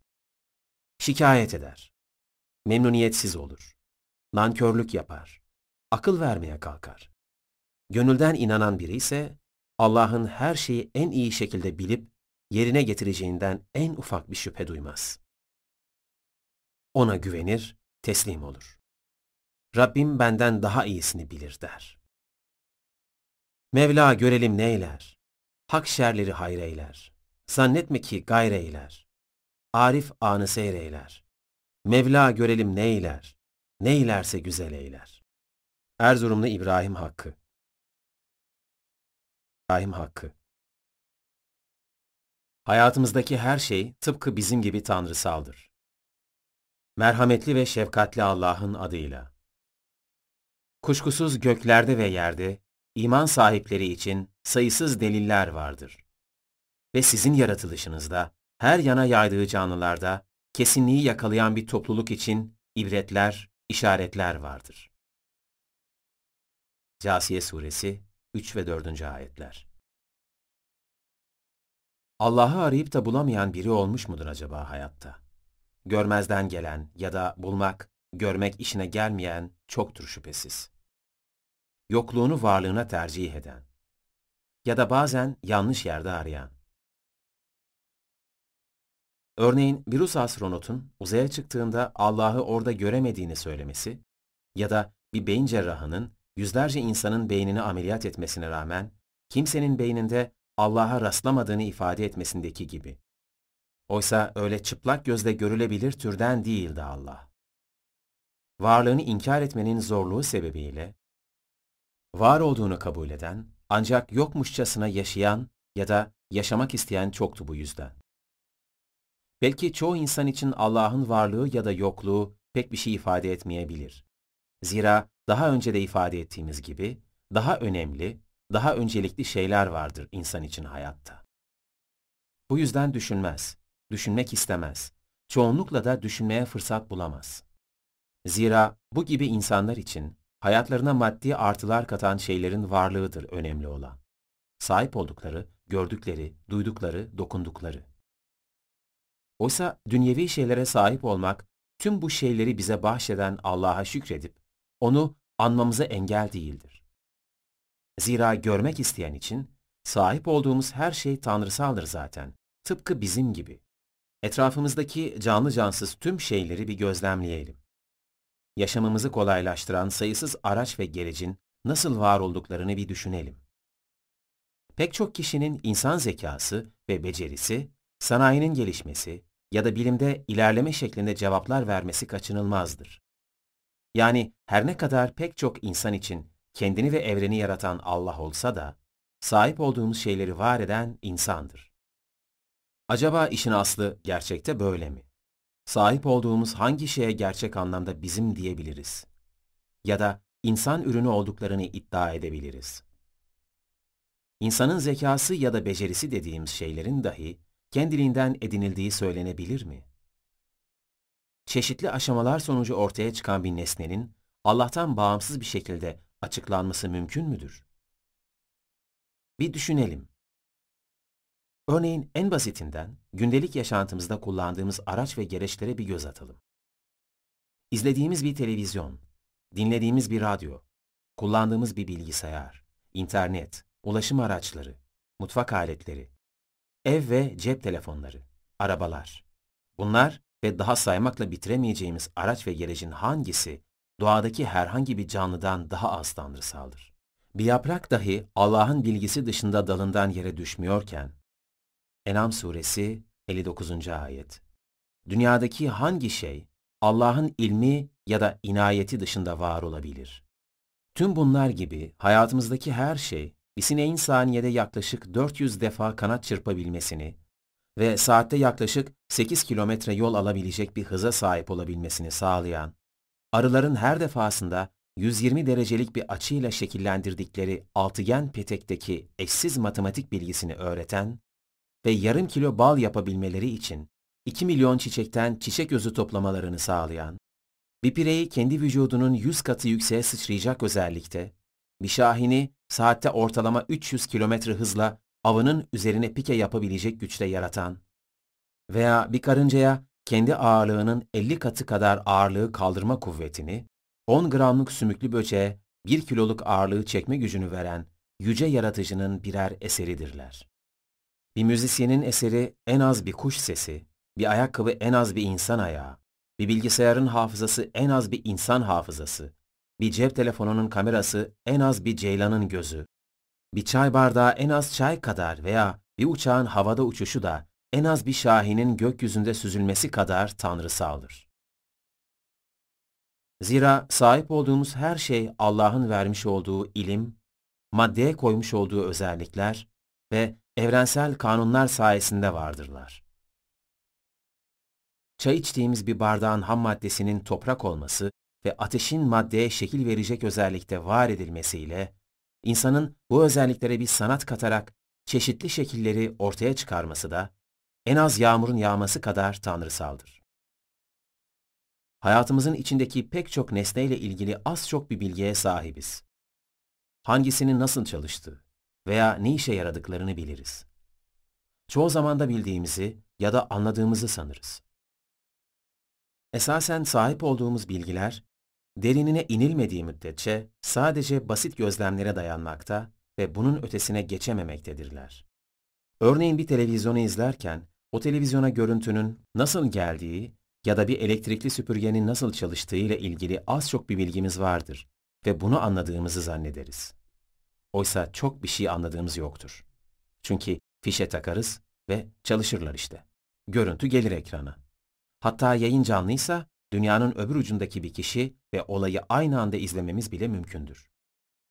Televizyonun kutusu mudur bu görüntüyü evimize getiren, camı mı, tüpü mü, kabloları mı, antenimiz mi ya da herhangi başka bir şey mi? Bununla ilgili bir sıralama ya da teknik açıdan bir açıklama yapmak mümkündür. Bir arabanın nasıl çalıştığını açıklayabilirsiniz. Anahtarı çevirince motorun ateşlendiğini ve benzin vasıtasıyla aracın hareket etmesini sağlayacak enerjinin tekerlekleri çevirdiğini söyleyebilirsiniz. Ancak ne anahtardır arabayı çalıştıran, ne motor, ne de benzin. Tüm bunların ve en ince ayrıntısına kadar detayların birbiriyle uyum içinde var olabilmesini sağlayan kudrettir. Benzinin ham maddesi toprağın altından çıkan kara bir su değil midir? Ya da bir aracın kasasını oluşturan metallerin içinde insan taşımaya müsait bir şekle sahip olabilmesi çok mu normal bir şeydir? Tüm bu nedenlerin bir araya gelerek bir görüntüyü karşımıza çıkarabilmesi ya da bir aracın hareket edip saatlerce yürüyerek ancak tamamlayabileceğimiz bir mesafeyi birkaç on dakikaya indirebilmesi için hiçbir neden yoktur aslında. Allah'ın söz konusu nesneleri böyle bir işlevi yerine getirebilmeleri için yaratmasının dışında. Merhametli ve şefkatli Allah'ın adıyla ve ağırlıklarınızı yüklenir, canlarınızın yarısını tüketmeden varamayacağınız beldelere kadar taşırlar. Hem binesiniz diye hem de bir süs olarak atları, katırları, eşekleri de yarattı. Ve bilemeyeceğiniz daha neler yaratır o.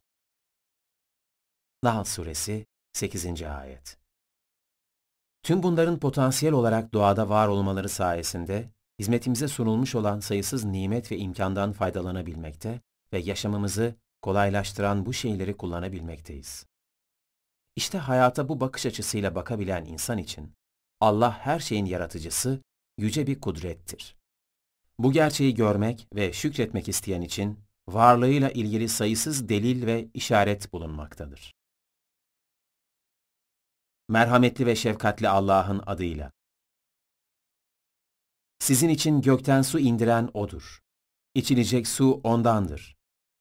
Hayvanlarınızı otlattığınız bitkiler de O'nunla oluşur. Allah, o suyla size ekin, zeytin, hurmalıklar, üzümler ve her türlü meyveyi bitirir. Elbette bunda düşünen bir topluluk için deliller vardır. O, geceyi, gündüzü, güneşi ve ayı sizin emrinize verdi. Yıldızlar da onun emriyle hizmetinize hazır kılınmıştır. Şüphesiz bunlarda aklını kullanabilen bir topluluk için deliller vardır. Yeryüzünde sizin için çeşitli renk ve biçimlerde şeyleri de üretip türetti. Hizmetinize tahsis etti. Şüphesiz bunda öğüt alıp düşünen bir toplum için pek çok deliller vardır. Denizi sizin emrinize veren O'dur. Ondan taze et yemekte ve takınacağınız süs eşyalarını ondan çıkarmaktasınız. Gemilerin orada suları yara yara akıp gittiğini görürsün. Bütün bunlar, onun lütuflarından nasip aramanız ve şükretmeniz içindir. Sizi sarsmaması için yeryüzünde sarsılmaz dağlar yarattı. Yolunuzu bulmanız için ırmaklar, yollar ve nice işaretler yarattı. İnsanlar yıldızlarla da yollarını bulabilirler. Şu halde yaratan, yaratamayan gibi olur mu? Artık düşünmez misiniz? Eğer Allah'ın nimetlerini saymaya kalkışacak olursanız, onları bir genelleme yaparak bile sayamazsınız. Gerçekten Allah çok bağışlayandır, çok esirgiyendir. Nahl Suresi 10 ila 18. ayetler.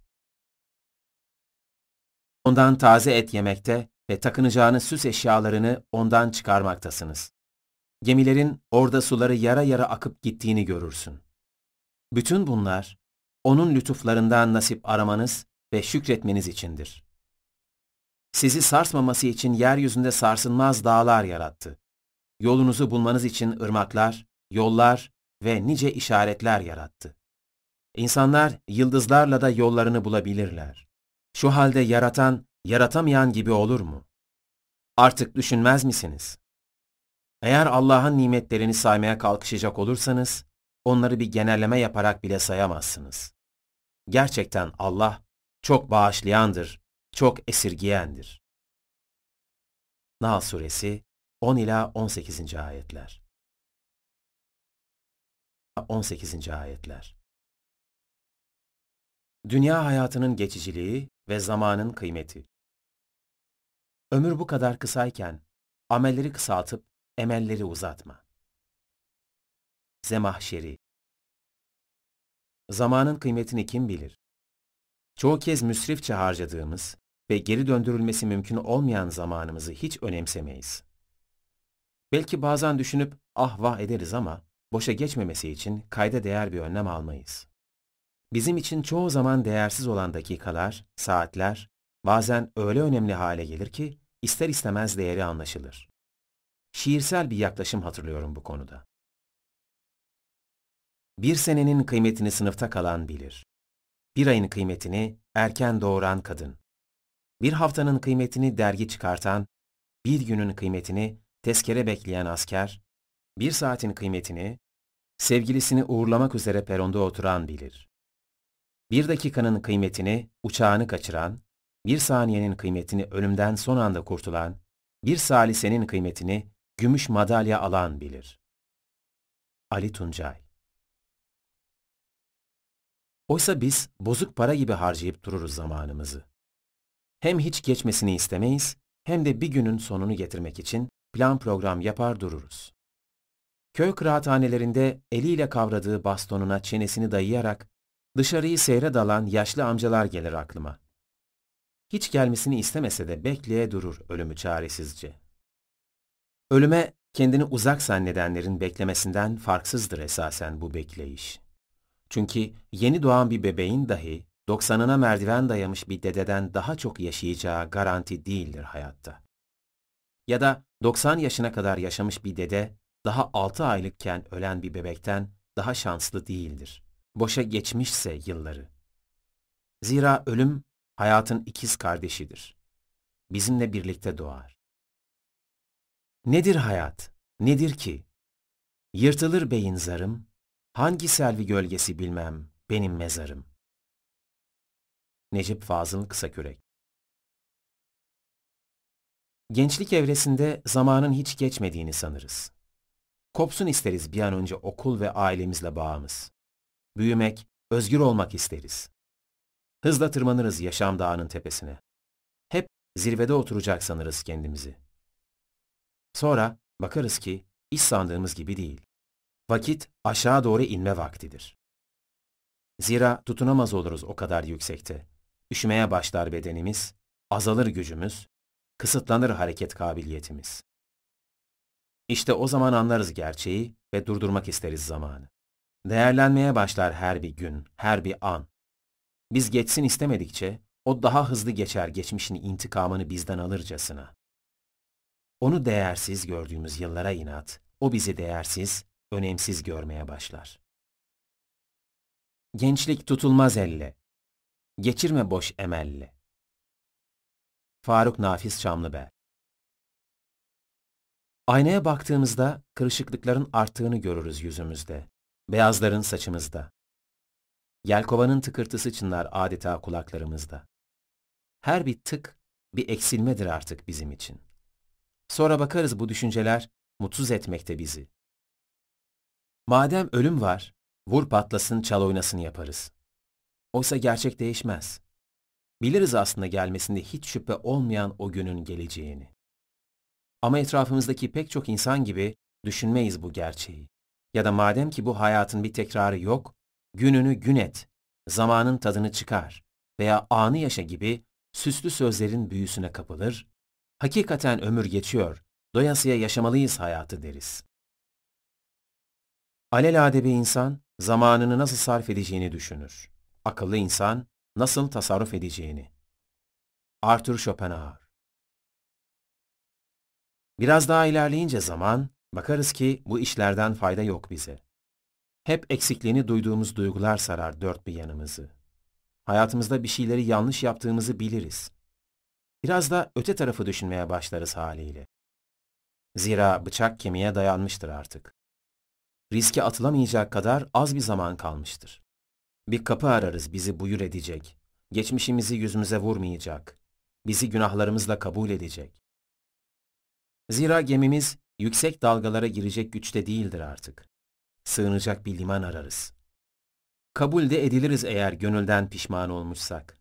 Ama yitirilen yıllar kayıp gitmiştir bir kere avuçlarımızdan. Ne yapsak geri getiremeyiz. Gençliğini eğlenmekle geçiren, ihtiyarlığını ağlamakla geçirir. Ali Fuat Başgil Yıllarca peşinden koştuğumuz geçici ve anlık zevklerimizden bize yapmış olmak kalır. Ne olduğunu bile anlayamadığımız. Övünür durur kimileri, geçmişlerindeki zevk, sefa ve eğlenceleriyle. Evet, pek çok şey yapmışızdır ama artık hepsinden geriye kuru bir cümle kalmıştır. Artık bir faydaları yoktur ne dünyamıza ne de ahiretimize. Merhametli ve şefkatli Allah'ın adıyla. Hayır, siz dünya hayatını tercih edip üstün tutuyorsunuz. Ahiretse daha hayırlı ve daha süreklidir. Ala suresi 16 ve 17. ayetler. Güzeldir aslında yaşlanmak. Ölümü hatırlatır insana.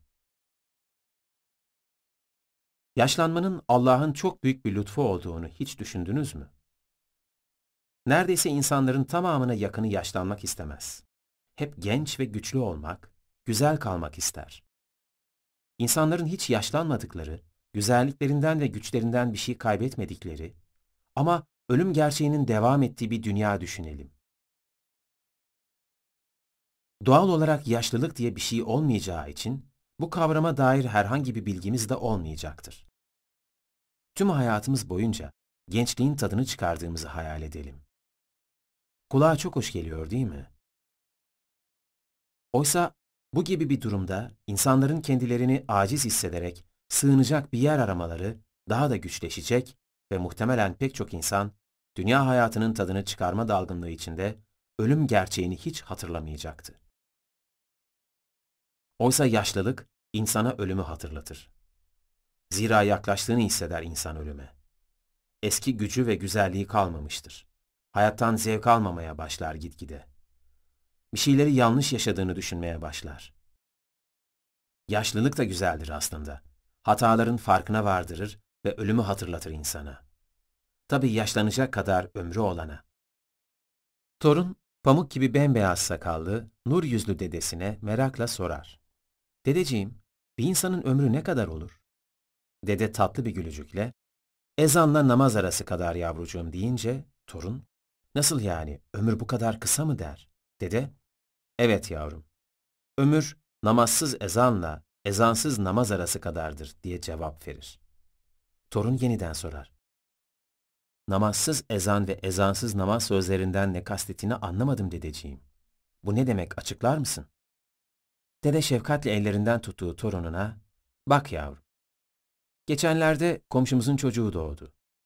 O çocuğun kulağına ezan okundu değil mi? İşte o ezanın namazı kılındı mı? Kılınmadı. O ezan namazsız ezandı. İnsan öldüğü zaman kılınan cenaze namazının da ezanı yoktur. O da ezansız namazdır. Aslında o namazın ezanı insan doğunca okunmuştu kulağına. Bak ey insan, doğdun ama öleceksin. Ömür çabuk biter. Hayatını iyi değerlendir. Boşa vakit harcama. İkazını yapıyordu o ezan. İşte yavrum, ömür ezanla namaz arası kadardır. Sakın boşa geçirme. Farkında olmasak da her gece ölürüz uykumuzda. İnsanın uykuya muhtaç olduğunu ya da bir gün bile uyumayan bir insanın hareket ve reflekslerinin kısıtlandığını, bir iki gün içinde ise fizyolojik olarak neredeyse iflas edecek vaziyete geldiğini biliyoruz. Çoğu insan için hiç şüphesiz sadece dinlenmek içindir uyumak. Günlük yorgunlukların ardından şarj olmak. Ama Allah isteseydi, insanı uykuya muhtaç yaratmayarak karıncalar gibi yaşatabilirdi. Bedensel ve zihinsel olarak dinlenmenin yanında esasında ölümü hatırlatır uyku insana. Yaşamının sonunda kıyamete kadar dalacağı derin uykuyu. Her uykusuyla bir ölüm hali tecrübe eder insan farkında olmasa da. Bu yüzden kimi filozoflar ölümün ikiz kardeşi saymışlardır uykuyu.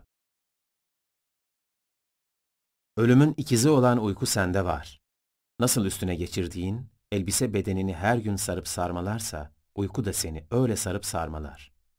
Cicero İnsan uykudayken rüyasında gördüğü bir takım şeylerin varlığına inanır. Uyandığındaysa rüyasında gördüklerinin aslı olmadığını anlar. Dünya hayatı da ahirete göre bir uyku hali sayılabilir. Öyleyse içinde bulunduğumuz hayat da bir rüyadan başka bir şey değildir. Muhtemel ki ölünce uyanacağız. Gazali Uykuyu hafif bir ölüm, ölümü de ağır bir uyku bil. Muhammed İkbal Uyurken biyolojik olarak yaşamaya devam etse de, insan uykudayken malını, sevdiklerini, tutkularını, hırs, acı ve mutluluklarını geride bırakır. Kendinden geçer ve dünya ile olan tüm irtibatı kesilir bir anda. Tekrar uyanıncaya kadar farkında değildir hiçbir şeyin. Uyumak üzere yastığa başını koyduğu her defasında bu uykunun son uykusu olabileceğini düşünmez bir defa. Ya da ne yaptığını, nasıl geçtiğini bilmez zamanın, 8 saat sonra kalktığında. Gelip biri ölümden uyandın dese garip gelir kendisine. Oysa Allah her gece öldürür bizi.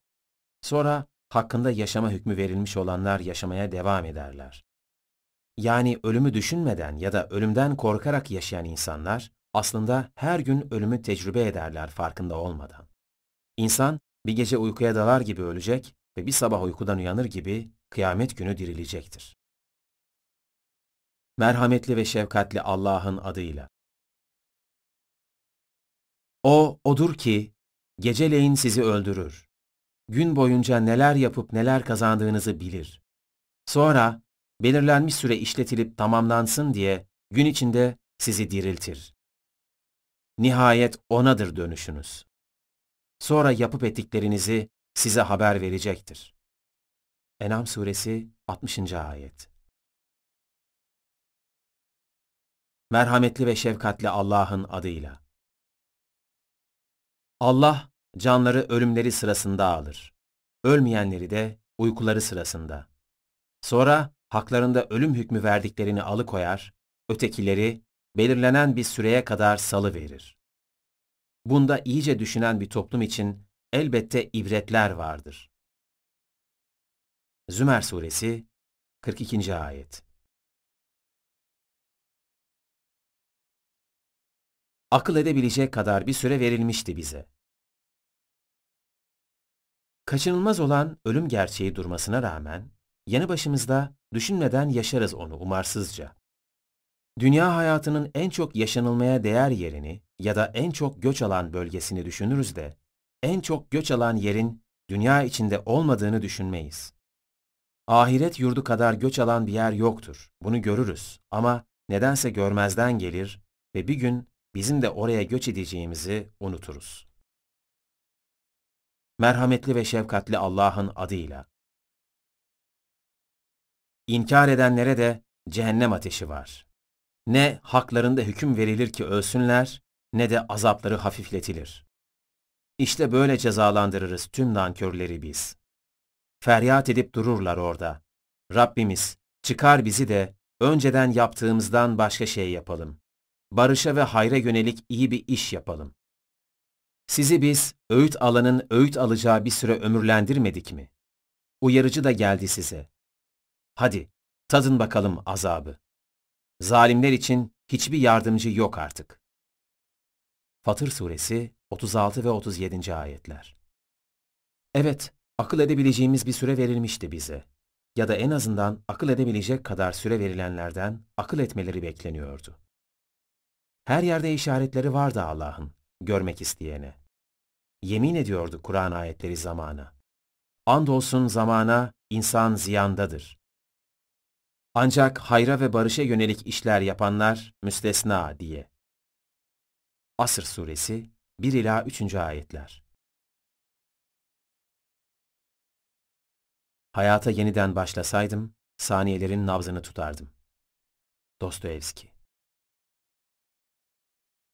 Bir şirketiniz olduğunu düşünün. Dönemsel ve yıllık faaliyetlerinizle ilgili hazırlanan raporda yıl içinde yaptığınız işlerle ilgili detaylı bir hesap dökümü yer alır. Bu sayede gelir ve giderinizi görür, hem dönemsel hem de yıllık olarak kar ve zararınızı hesap ederek yıl sonu hesabınızı kapatırsınız. Ölüm de tıpkı şirket faaliyetlerinizin bilançosu gibi yaşamınızın hesap kesimini temsil eder. Yaşam hesabınızı ne şekilde kapatmak istersiniz?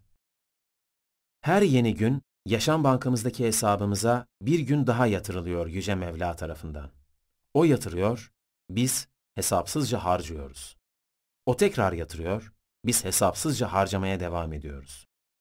Ama ömür tükenip de hesap cüzdanımız elimize verildiğinde sorulacak bize. Sana verilen ömrü ne şekilde harcadın? Hesap ver diye. Merhametli ve şefkatli Allah'ın adıyla. Yaklaştı insanlara hesapları. Ve onlar hala gaflet içinde yüz çevirip durmadalar. Enbiya suresi 1. ayet Bir rüya suresi kadardır ömür. Bir göz açıp kapama misali gelir geçer. Geldi geçti ömrüm, benim şol yel esip geçmiş gibi. Hele bana şöyle gele şol göz açıp yummuş gibi. Yunus Emre Öyle çabuk geçecek ki zaman, bir rüyaya dalmış da uyanmışız gibi gelecek adeta. Uzmanların saatlerce sürdüğü sanılan rüyalardaki olayların aslında birkaç saniyelik süre içinde gerçekleştiğini söylemeleri gibi. Uyandığınızda rüyanızda ne kadar çok şey gördüğünüzü düşünürsünüz. Aslında bu dünya hayatının kısalığının gördüğümüz bir rüya süresinden farkı yoktur. Gözümüzü açmamızla kapamamız birkaç saniye gibi gelecek bize. Nasıl geçtiğini anlayamayacağız yılların. Bütün günler ölüme gider. Son gün varır. Montaigne Bunun kanıtının ne olduğunu merak edenler, yaşayanlara sorabilirler. 90'ına merdiven dayamış pek çok kişinin bile, geçmiş yıllarına dair anlatacağı şeyler birkaç saat ya da bilemediniz bir günle sınırlı kalacaktır. Koca bir ömür birkaç saate sığar mı demeyin. Aynen böyledir. Ömrümüzü bir kum saatine benzetirsek eğer, kum taneciklerinin aşağı düşüşü gibi, yaşadığımız yeryüzü de ayaklarımızın altından eksilmekte. Vaktimiz dolduğunda, tıpkı kum saatinden dökülüp biten kum tanecikleri gibi, bir bakacağız eksilmiş, ayaklarımızın altından kayıp gitmiş bastığımız toprak ve bedenimiz yerin iki metre altına konacak. Hayat bir piyese benzer. Önemli olan uzunluğu değil, oynayış tarzıdır. Seneca Zira bir göz açıp kapama ya da nefes alıp verme misali geçer gider. Siz daha ne olduğunu anlayamadan bir de bakarsınız tükenip gitmiştir koca bir ömür. Dünyaya gözünüzü açmanızla tutuşturulmuş bir kibrit gibidir hayat. Çok değil birazdan bitip çerçöp olacak. Tutmasını bilemediyseniz eğer sonunda sizi yakacak. Merhametli ve şefkatli Allah'ın adıyla. Ölüm sarhoşluğu hak olarak geldi. İşte bu, senin kaçıp durduğun şeydir. Kaf Suresi 19. Ayet Merhametli ve şefkatli Allah'ın adıyla. Dünyanın sonuna ilişkin emirse, bir göz açıp yummak gibi, hatta ondan da yakındır. Allah her şeye kadirdir. Nahl Suresi 77. Ayet Merhametli ve şefkatli Allah'ın adıyla.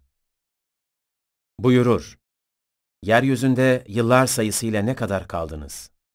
Derler. Bir gün yahut günün bir kısmı kadar. Sayanlara sor. Buyurdu. Sadece birazcık kaldınız. Keşke biliyor olsaydınız. Sizi boş yere yarattığımızı ve bize döndürülmeyeceğinizi mi sandınız? Müminun Suresi 112 ila 115. ayetler. Ahirette haksızlığa uğratılmaz hiç kimse. Kendisine verilenden daha fazlası istenmez. Adalet terazileri getirilir ortaya ve yapılan bir iyilik ya da kötülük, hardal tanesi ağırlığınca dahi olsa hesaba katılır. İnsanın unuttuğu şeyler önüne getirilir, karşısına çıkarılır. Merhametli ve şefkatli Allah'ın adıyla. Kıyamet günü için adalet terazilerini kuracağız, adaleti terazilere koyacağız. Hiç kimseye zerre kadar zulüm edilmeyecek. Hardal tanesi kadar bir şey olsa onu ortaya getiririz. Hesapçılar olarak biz yeteriz. Enbiya suresi 47. ayet. Oluş ve bozuluş halindedir bu dünya. Yaşadığımız dünyadaki her şey bir oluş ve bir bozuluşa tabidir. Mevsimlerin değiştiğine şahit oluruz. İlkbaharla birlikte açan çiçekler ve yeşeren ağaç dalları, sonbaharla birlikte bırakırlar kendilerini. O renk cümbüşünün yerini solgun bir resim alır. İlla ki mevsimlerin değişmesini beklemeye de gerek yoktur bu bozuluşu anlamak için. Dalından koparılan bir çiçek ya da meyvenin kısa bir zaman sonra o ihtişamlı görüntüsünü, renk ve kokusunu yitirdiğine şahit oluruz. Dalında aylarca kalabilen bir çiçek vazoya konduğunda solup çerçöp haline dönüşür birkaç gün içinde. Etrafımızdaki canlıların da sürekli olarak yok olduklarını görürüz. Çoğu birkaç gün, belki birkaç haftalık ömür yaşayan, milyarlarca börtü böcek yaratılmıştır yeryüzünde. Onların da zamanla yok olduklarını ve yerlerine yenilerinin yaratıldığını görürüz. Yani esasen ölüm gerçeğini hatırlamak ya da insanın acizliğini anlaması için illa bir insanın ya da bir yakınımızın ölmesine gerek yoktur. Kendisinin ölmesine de gerek yoktur. Öldüğünde acizliğini anlama imkanı da.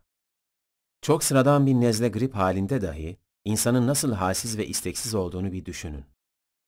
En sevdiği yemekler ona tat vermeyecek, en sevdiği diziyi izlemek için başını kaldırmaya hali olmayacak, huysuz ve aksi biri olacaktır.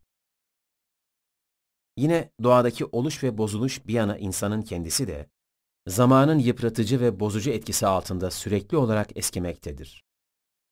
Hücreleri ölmekte, derisi buruşmakta, saçları dökülüp beyazlamaktadır.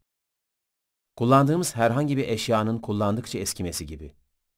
Çerçöp misalidir dünya hayatı, tıpkı bir bitki gibi. Merhametli ve şefkatli Allah'ın adıyla. Bilin ki şu iğreti dünya hayatı bir oyun ve eğlenceden, bir süsten, aranızda bir övünmeden, mallarda ve evlatlarda çoğalma yarışından başka şey değildir. Bir yağmur misali ki çıkardığı bitkiler çiftçilerin hoşuna gider. Ama biraz sonra o ot kurur, sapsarı kesildiğini görürsün. Nihayet bir ot ufantısı haline gelir. Ahirette şiddetli bir azap var. Allah'tan bir af ve hoşnutluk da var. Dünya hayatı bir aldanış, gurur aracından başka şey değildir. Hadid Suresi 20. Ayet Gelip geçici bir mola gibidir dünya hayatı. Dünya hayatının geçici nimetleriyle kendini oyalayan kişiler, farkında olmadan ebedi bir rahat ve huzurdan yüz çevirirler. Oysa bir yolculuk esnasında verilen kısa bir mola gibidir dünya hayatı. Ünlü filozof Kindi, insanların kararsız, kendini tüketen, hayalleri boşa çıkaran, sonu başlangıcını yalanlayan, kendisine güveneni hayal kırıklığına uğratan, ona kanını acınır hale düşüren bu fani alemden geçişlerini bir gemi seyahatinde verilen moladaki insan davranışlarıyla örneklendirir. Buna göre bir grup insan yaşadıkları yere gitmek üzere bir gemiye binerler.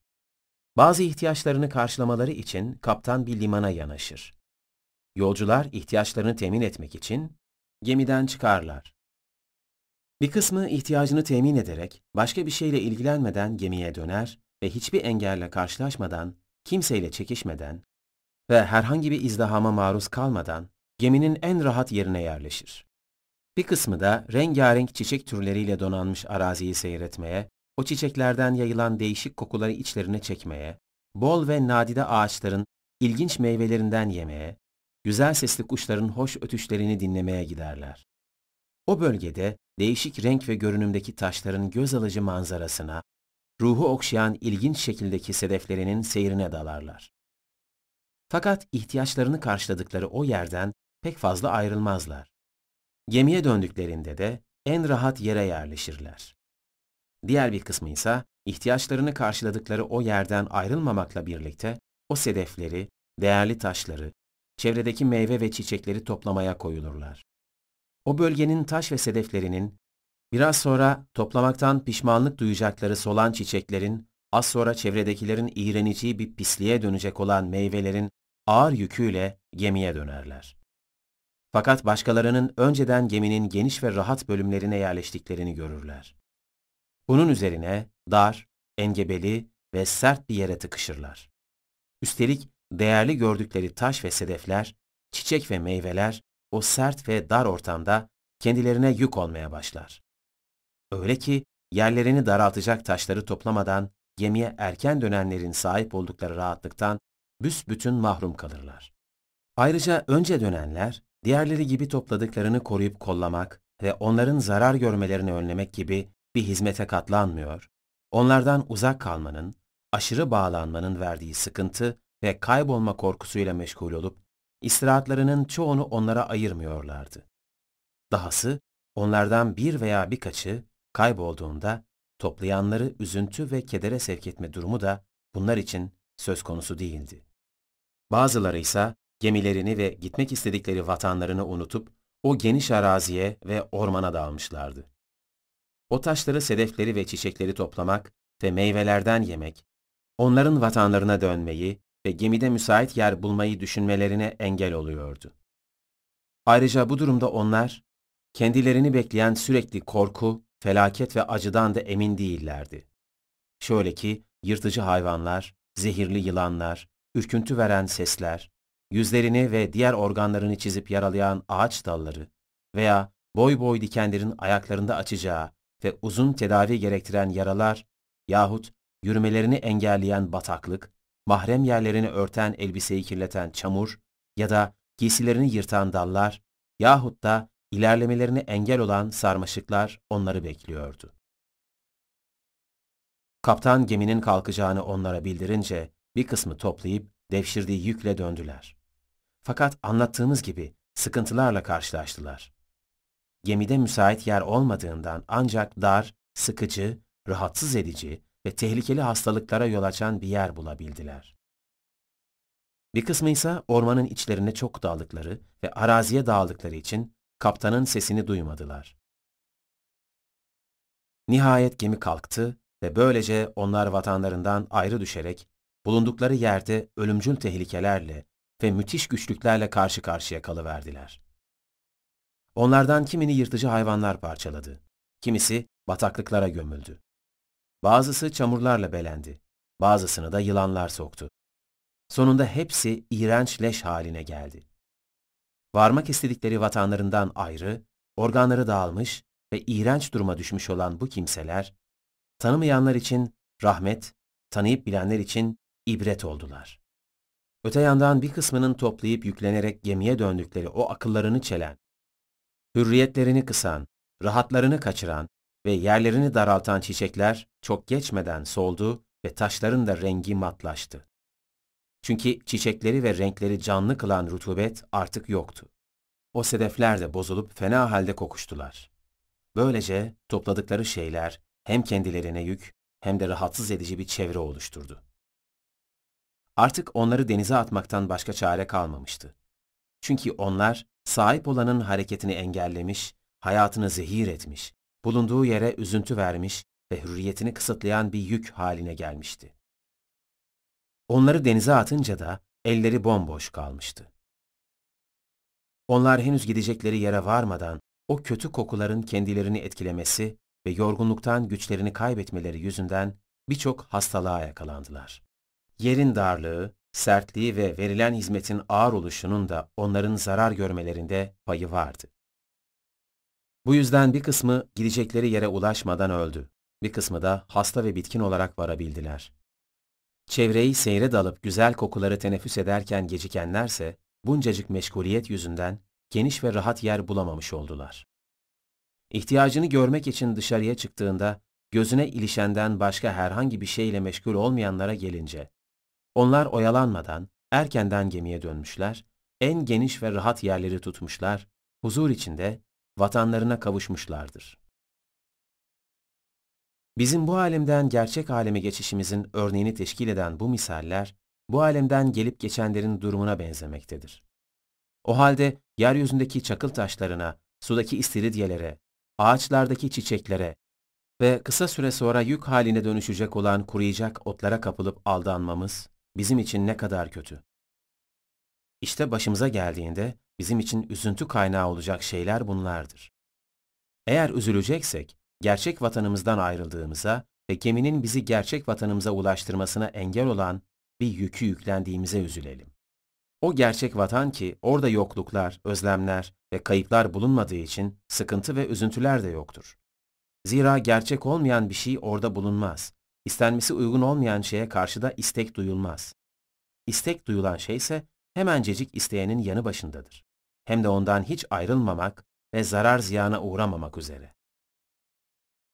Farkında değildir ama yaratılışça acizdir insan. Aklen çok şeye güç yetirebilme yeteneğinde yaratılsa da bedenen zayıftır insan. Biraz kemik, biraz et. Elma kabuğu gibi ince bir deriyle kaplıdır koca bedeni. Ufacık bir darbede hasar görüp incinebilir. Kesikler karşısında kan kaybından ölebilir. Güçlü ve sağlıklıyken kaya gibi sanır kendini. Kaslarını şişirip aynanın karşısına geçer ve ne güçlüyüm ben der. Filmlerdeki gibi mermileri ağzıyla yakalayıp okları eliyle tutamaz. Bir mermi çekirdeği ya da incecik bir demir parçası yeterlidir. Havasını söndürmeye. Çoğu zaman parmağına batan bir kıymıktır. Onu günlerce inletip duran. Ne fazla soğuğa gelebilir ne fazla sıcağa. 37 derecede olmalıdır zira vücut sıcaklığı. Öyle çok da değil hani. Ne 1-2 derece az ne de fazla. Minimal değişiklikler bile bir anda yatak döşek serebilir onu. Hayatının sonu olabilir. yıkanmaya, temizlenmeye muhtaçtır aynı zamanda. Temizlenmezse şayet, çürümüş bir leş gibi kokar mesela. Kaşınır durur maymunlar gibi. Allah'ın lütfudur esasen tüm bunlar. Acizliğini gösterir insana. Çelikten var edilseydi insan örneğin ya da bir demirden. Değil ufak bir mikrop kümesi, vahşi hayvanlar bile karşı koyamasaydı gücüne. Etkilenmeseydi hiçbir darbeden, çizikten. Masal kahramanları gibi olsaydı yani. Ölüsü bile yıllarca bozulmadan kalsaydı. Çiçek bile bitemeseydi üzerinde. Çok zor olurdu anlaması ne kadar aciz olduğunu. İnsan kainata hakim bir varlıktır diyen felsefe öğretmenine öğrencilerden biri şu şekilde karşılık vermiş. Tansiyonuna bile hakim olamayan insan kainata nasıl hakim olur?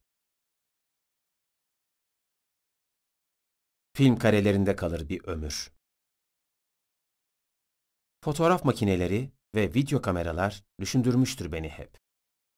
Bebeklikten itibaren yapılan çekimler yıllarca insan için bir hatıra olur. Çok büyük bir lütuftur aslında bu ve benzeri gereçler insan için. Tabii görmesini bilene. Çekilen binlerce resim karesi ve kayıt altına alınan anlar, insanların tüm yaşantılarının da aynen bir kamera kaydı gibi kayıt altına alındığını ve zamanı geldiğinde arşivden çıkartılıp insana izletileceğini hatırlatır bana. Ne büyük bir şey değil mi? Öte taraftan ayrı bir güzelliği daha vardır bu kayıt ve fotoğrafların. Yıllar geçince su misali arada bir duygulanır ve eski resimlere bakmak ister insan. Bebek tulumu içindeki resmine bakıp nasıl olup da bunca yılın geçtiğini anlayamaz. Gençlik dönemindeki resmine bakan bir kadının o endamlı ve zarif güzelliğinden, beli bükük, yüzü ve derisi buruşuk, saçları beyaz alevle tutuşmuş biri kalmıştır geriye. Ne gözleri görür eskisi kadar iyi, ne de kulakları işitir gençliğindeki gibi. Gençlik çok dayanmayan bir kumaştır. William Shakespeare Hele bir de alımlı ve güzel bir hanım için daha da zordur bu durum. Zira kimler koşmuştur gençliğinde peşinden? Ne canlar yakmıştır kim bilir. Derin bir ah çeker ve mırıldanır kendi kendine. Hey gidi hey, neydim ben bir zamanlar. Bir düşünürün sözleriyle, hangi güzel yüz ki toprak olmadı, hangi güzel göz ki toprak dolmadı. Bir ömrü ardında bırakınca insan, artık bir zamanlar olmuş, geçmişte kalmış ve bir fotoğraf karesinin içine sığmıştır o yıllar. Yoldan geçen bir genç, gözlerini hiç ayırmadan akarsuyun başında oturan yaşlı adama bu kadar dikkatli neye baktığını sorar. İhtiyar adam, gözlerini akan sudan ayırmadan şu cevabı verir. Hayatıma evladım, akıp giden hayatıma. Yıllarca gerçeği düşünmeden yaşamıştır hayatını. Dünyası için olanları hemen yapmış ya da yapmak istemiş, ahireti için yapması gerekenleri ise ertelemiştir hep. Günah olduğunu bilmesine rağmen hesapsızca saplanmıştır suça, çamura. Düşmüştür şeytanların tuzağına. Nasıl olsa ileride yaparız demiştir. İlerisiyle ilgili garantisi varmış gibi. Değerini bilmemiştir kaybettiği yılların. Oysa bırakın kaybettiği yılları, az öncesini bile geri getirmesi mümkün değildir artık. Sarf etse de tüm servetini, malını.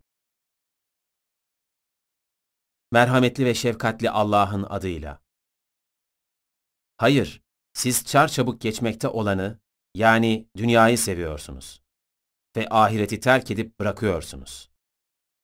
Kıyamet Suresi 20 ve 21. ayetler. Merhametli ve şefkatli Allah'ın adıyla. Bu dünya hayatı yalnızca bir oyun ve eğlence türünde tutkulu bir oyalanmadır. Ahiret yurduysa asıl hayat odur. Bir bilselerdi.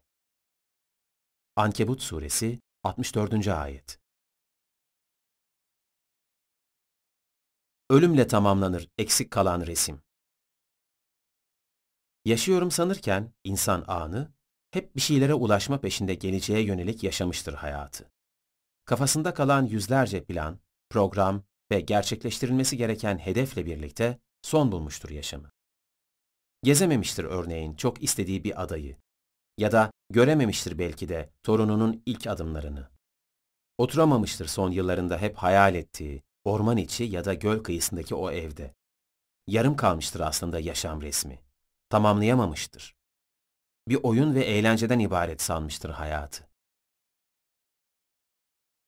Merhametli ve şefkatli Allah'ın adıyla. Biz gökleri, yeri ve ikisi arasında bulunanları bir oyun ve oyalanma konusu olsun diye yaratmadık. Duhan Suresi 38. Ayet Şairin dediği gibi, bu kadar yürekten çağırma beni. Bir gece ansızın gelebilirim demiş ve hiç beklenmeyen bir misafirin gelişi gibi yaşam kapınızı tıklatmıştır ölüm. Şaşırmanıza fırsat bile kalmadan girmiştir içeri.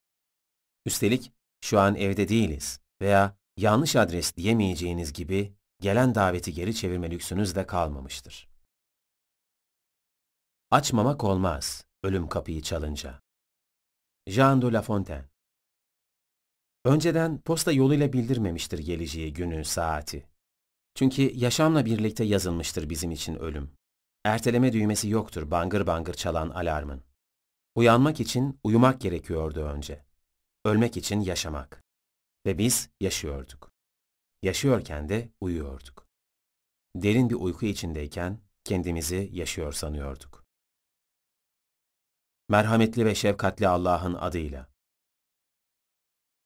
Ertelenmesine Allah'tan izin çıkmayacak gün gelmeden önce Rabbinizin çağrısına uyun.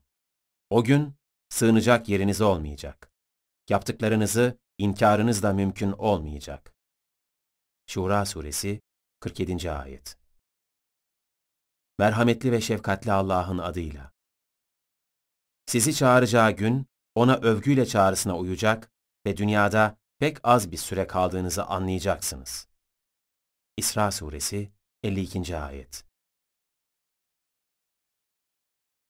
Size ayrılan sürenin sonuna gelirsiniz. Gerçeğin farkına vardığında biraz daha vakit ister insan Rabbinden. Ancak iş işten geçmiştir artık. Kendisine ayrılan sürenin sonuna gelen yarışmacı gibi tamamlamıştır zamanını. Anlamıştır ki kendisine verilen zaman kulluğunu ispat etmek, hayra ve barışa yönelik işler yapmak içindir. Aslında Allah çok önceden bildirmiştir insana kaçınılmaz sonu.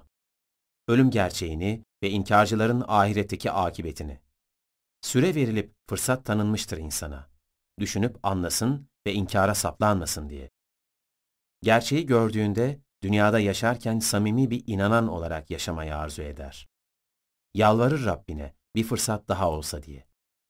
Ama iş işten geçmiştir artık. Zira çok önceden bildirilmiştir insana bu son. Hazırlık yapması söylenmiştir. Oysa aldırış etmeden bu gerçeğe koşup gitmiştir hep sahte hayaller peşinde. Merhametli ve şefkatli Allah'ın adıyla. Bizim bir kere daha dünyaya dönüşümüz mümkün olsaydı da iman edenlerden olabilseydik. Şuara Suresi 102. Ayet Merhametli ve şefkatli Allah'ın adıyla. Sonunda onlardan birine ölüm geldiğinde şöyle der. Rabbim, beni geri döndür ki, geride bıraktığın dünyada hayırlı amellerde bulunayım. Asla gerçekten bu yalnızca bir sözdür. Bunu da kendisi söylemektedir. Onların önlerinde diriltilip kaldırılacakları güne kadar bir engel vardır. Müminun Suresi 99 ve 100. Ayetler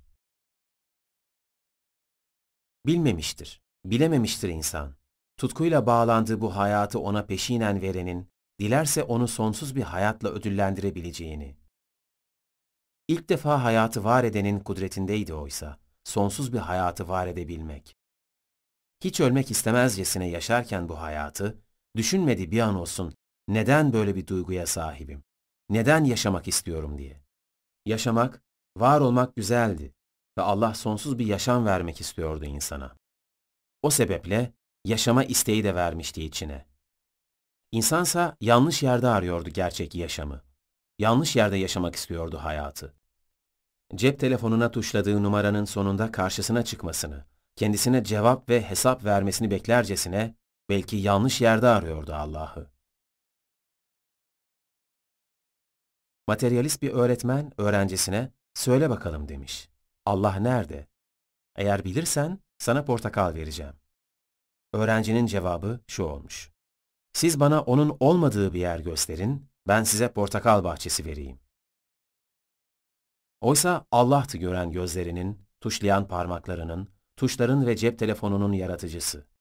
Ya da az sonra öleceksin, şu günahından vazgeç, üzme beni gibi mesajlar gelmesini bekliyordu cep telefonuna kimisi. Belki de Allah'ın kendisiyle bizzat konuşup inanması için onu ikna etmesini.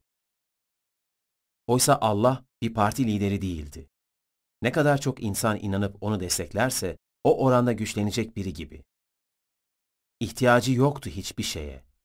İhtiyaç duysa zaten Allah olamazdı. Kullarının iyiliğiydi isteği. Kendi iradeleriyle doğruyu görebilmeleriydi. Aslında insanlara hiç bildirmeyebilirdi kendini. Yaratıp kendi hallerine terk edebilir, sonra da dilediğine azap ederken dilediğine mükafat verebilirdi. Zira bir tek onun elindeydi mutlak güç ve hakimiyet. Çaresizdi insan onun azameti karşısında. Sokaktaki bir kabadayıdan daha fazla korkması gerektiğini bilmeliydi Allah'ın cezalandırmasından. Herkesten daha şefkatli olduğunu da. İnsanları affetmek, onları doğruya ve güzele sevk etmek istediğini bilmeliydi. Zira Rahman ve Rahim, yani merhametli ve şefkatli, Allah'ın adıyla diye başlıyordu insanlara hidayet rehberi ve kılavuz olması için gönderdiği kitabın biri hariç tüm sureleri. Tövbe suresi hariç. O birinde de tehdit ediyordu inkarcıları. Kendinize gelin, bu size açık bir uyarıdır diye. Güzel ve yumuşak söz söyle, belki düşünüp ibret alır diyordu elçisine bir başka yerde. Zalimler zalimi Firavun'un yanına gönderirken bile. Taha suresi 43 ve 44. ayetler. Yaşarken başımıza gelen olumlu ya da olumsuz her şeyden çeşitli dersler çıkarmamız veya başkasının ölümünden ibret almamız mümkün olabilir. Ama ölüm bizim başımıza geldiğinde kendi adımıza ondan ders çıkarıp bu konuda deneyim sahibi olmamız ve ibret almamız mümkün değildir artık. Size ayrılan sürenin sonuna geldiğinizde ölümün telafisi yoktur ve ölüm her insanın başına sadece bir defa gelir.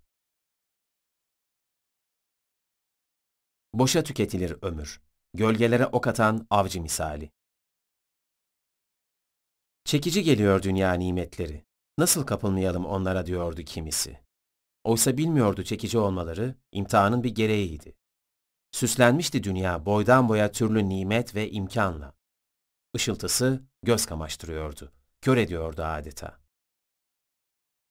Merhametli ve şefkatli Allah'ın adıyla. Kadınlara, oğullara, kantar kantar yığılmış altın ve gümüşe, salma güzel atlara, hayvanlara ve ekinlere duyulan tutkulu şehvet, insanlara süslü ve çekici kılındı. Bunlar dünya hayatının metağıdır. Asıl varılacak güzel yer Allah katındadır. Ali İmran Suresi 14. Ayet Merhametli ve şefkatli Allah'ın adıyla. Siz dünya hayatının geçici yararını istiyorsunuz.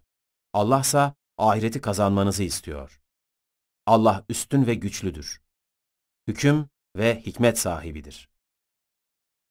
Enfal Suresi 67. Ayet Merhametli ve şefkatli Allah'ın adıyla. İşte bunlar, ahireti verip dünya hayatını satın alanlardır. Bakara Suresi 86. Ayet Gerçekle yüzleştiğinde ise sahip olduğu her şeyi, hatta tüm dünya servetine sahip olsa dahi, kendini kurtarabilmek için tümünü fidye vermek isteyecekti. Hep yaptığı iyilikleri hatırlayıp, işlediği kötülükleri unutarak yaşamıştı. Kendi unuttuklarını unutmayan biri olduğunu da unutmuştu. Hiç hesaba katmadığı kötülükleri karşısına getirildiğinde, kurtulmak için bir yol arayacaktı. Merhametli ve şefkatli Allah'ın adıyla. Eğer yerdekilerin tamamı ve beraberinde bir o kadarı, zulmedenlerin olsa, kıyamet günü azabın kötülüğünden kurtulmak için tümünü mutlaka fidye verirlerdi. Çünkü hiç hesaba katmadıkları şeyler Allah tarafından karşılarına çıkarılmıştır.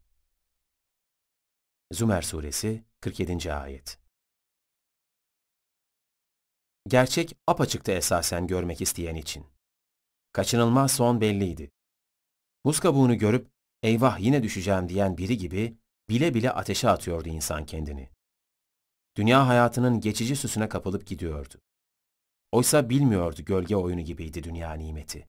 Gerçek zanneder, elde ettim, yakaladım sanırken, kayıp giderdi ellerinden. Ha yakaladım, ha yakalayacağım derken, tükenir ömür, gölgeler peşinde koşarken. Gölgeye ok atan ahmak avcı misali. Kuş havadayken gölgesi de yerde kuş gibi uçar görünür. Ahmağın biri o gölgeyi avlamaya kalkmış ve takati tükeninceye kadar koşmuş. Çünkü o gölgenin havadaki kuşun gölgesi olduğundan, o gölgenin aslı ve sahibinin nerede bulunduğundan haberi yokmuş. O ahmak gölgeye ok atar ve gölgeye ok ata ata okluğu bomboş kalırmış. Okluk onun ömrüymüş ve kendisi bunları boş yere ata ata ömür okluğunu gölge avı peşinde tüketmiş ve böylece bir ömür yok yere tükenmiş. Mevlana Ve beraberinde bir o kadarı, zulmedenlerin olsa, kıyamet günü azabın kötülüğünden kurtulmak için tümünü mutlaka fidye verirlerdi. Çünkü hiç hesaba katmadıkları şeyler Allah tarafından karşılarına çıkarılmıştır. Zümer Suresi 47. Ayet Gerçek apaçıktı esasen görmek isteyen için. Kaçınılmaz son belliydi. Buz kabuğunu görüp eyvah yine düşeceğim diyen biri gibi bile bile ateşe atıyordu insan kendini. Dünya hayatının geçici süsüne kapılıp gidiyordu. Oysa bilmiyordu gölge oyunu gibiydi dünya nimeti. Gerçek zanneder, elde ettim, yakaladım sanırken, kayıp giderdi ellerinden.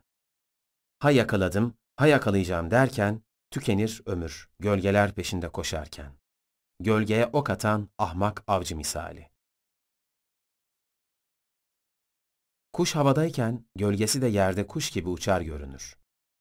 Ahmağın biri o gölgeyi avlamaya kalkmış ve takati tükeninceye kadar koşmuş.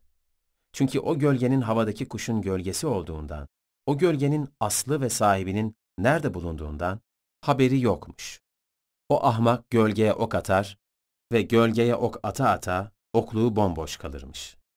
Okluk onun ömrüymüş ve kendisi bunları boş yere ata ata ömür okluğunu gölge avı peşinde tüketmiş ve böylece bir ömür yok yere tükenmiş.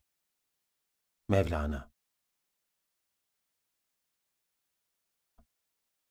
Neden ben? İnsanların büyük çoğunluğu başına bir kötülük ya da üzücü bir olay geldiğinde hemen Allah'a neden ben ya da ben bunu hak edecek ne yaptım diye sorar. Neden ben diye sorma kendine. Neden sensin, sen? İnsanların başlarına gelen şeyler kendi ellerinin kazandıkları sebebiyleydi hiç kuşkusuz. Merhametli ve şefkatli Allah'ın adıyla. Size gelip çatan her musibet ellerinizin kazandığı yüzündendir. Allah birçoklarını da affediyor. Şura Suresi 30. Ayet Ancak her defasında da hak etmesi gerekmiyordu insanın. İmtihan gerçeği vardı çünkü. Allah kullarını çeşitli şekillerde imtihan edeceğini ve sabredenlerin müjdelenmesini söylüyordu. Merhametli ve şefkatli Allah'ın adıyla. Hanginizin daha güzel iş yapacağını belirlemek için sizi imtihana çekmek üzere ölümü ve hayatı yaratan O'dur. Daima üstün olandır, bağışlayandır O. Mülk Suresi 2. Ayet Ama sahip olduğu sayısız nimet ve imkanı düşünerek Allah'ım neden ben?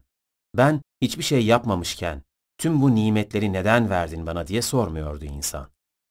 Hatta çoğu zaman iyilik ve nimetleri verenin Allah olduğunun farkında bile değildi. Çünkü iyilikleri insan kendi becerisi sayesinde ediniyordu. Kötülüklerse hep Allah'tan gelmekteydi. Rahatı yerindeyken, dünyevi tüm işleri yolunda giderken, Allah'ı hatırlayıp şükretmesine gerek yoktu. Ama başı bir sıkışmaya görsün. Suçlu belliydi. Ve her zamanki kibirli duruşuyla insan, bunu hak edecek bir şey yapmadığını düşünmekteydi. efsane Wimbledon tenisçisi Arthur Ashe, AIDS'ten ölmekteydi. Dünyanın her köşesindeki hayranlarından mektuplar yağmaktaydı. Bunlardan bir tanesi şöyle soruyordu. Neden Tanrı böylesine kötü bir hastalık için seni seçti? Arthur Ashe buna şu cevabı verdi. Tüm dünyada 50 milyon çocuk tenis oynamaya başlar, 5 milyon tenis oynamayı öğrenir. 500 bin profesyonel tenisi öğrenir. 50 bin yarışmalara girer. 5 bin büyük turnuvalara erişir. 50'si Wimbledon'a kadar gelir. Dördü yarı finale, ikisi finale kalır. Elimde şampiyonluk kupasını tutarken Tanrı'ya neden ben diye hiç sormadım. Ve bugün sancı çekerken Tanrı'ya niye ben mi demeliyim? Mutluluk insanı tatlı yapar. Zorluklar güçlü yapar. Hüzünse insan yapar. Yenilgi mütevazı yapar.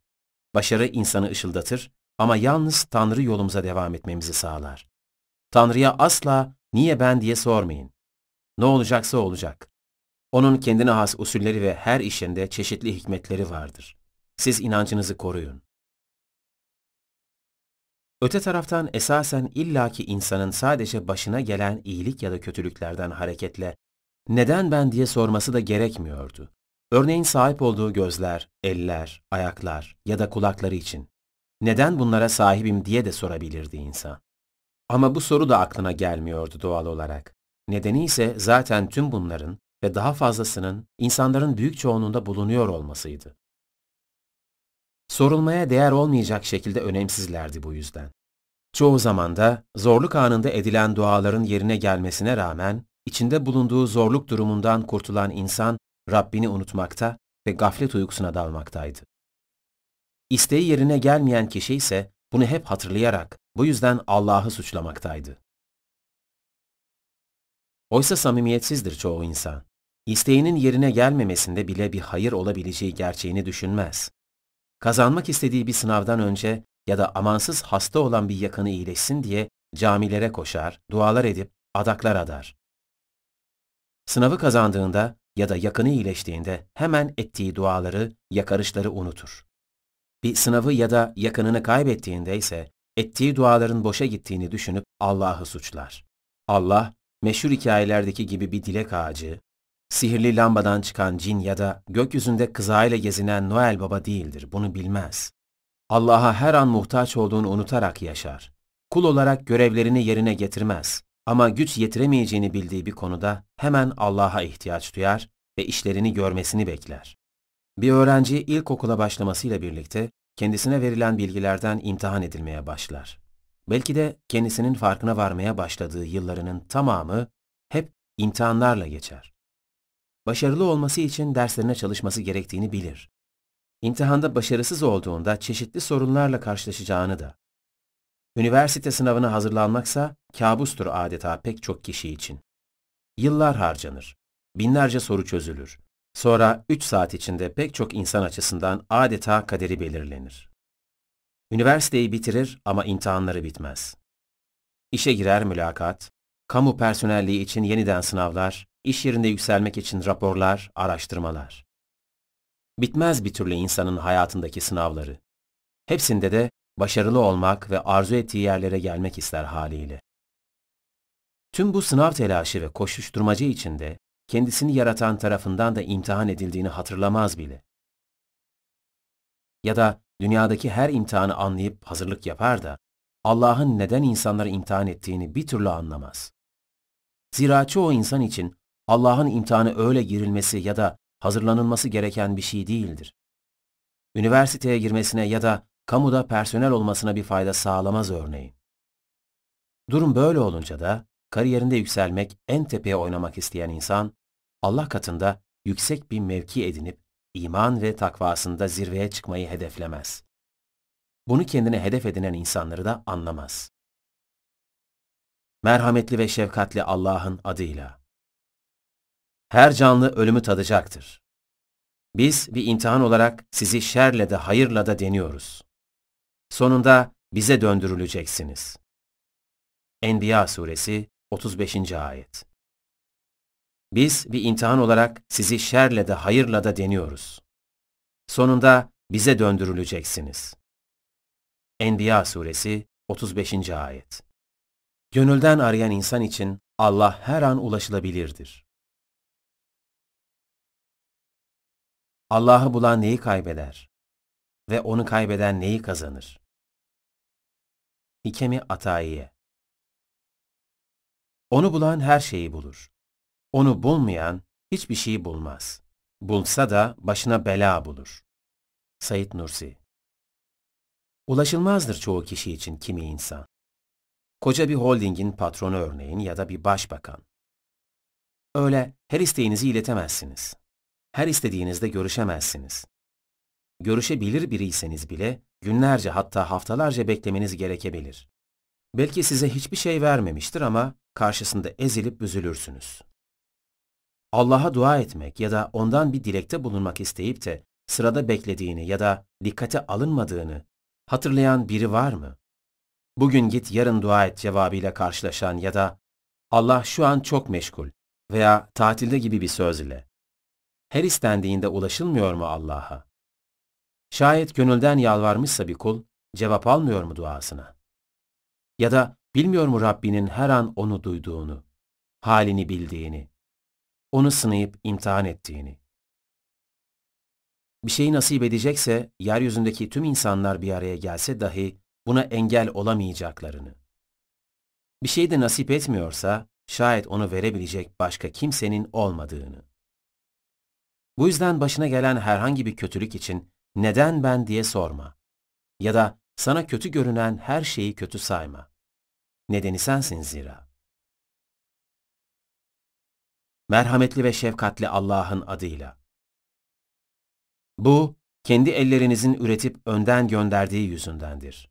Allah, kullara asla zulmedici değildir.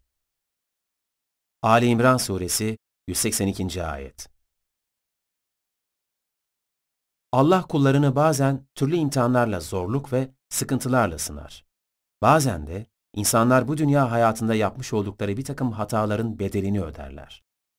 Her ne durumda olunursa olunsun, Allah'tan yardım dilemeyi ve Allah'a yönelmeyi hayatın temel prensibi edinmek gerekir. Kul, Allah'a dayanıp güvenirse ve gerçek dost olarak sadece Allah'ı bilirse mutlaka yardım görecektir. Ancak pek çok kişinin yaptığı gibi Allah'ı sadece zor zamanlarda hatırlamak ve çaresiz kalındığında ona dua etmek samimiyetsizliktir.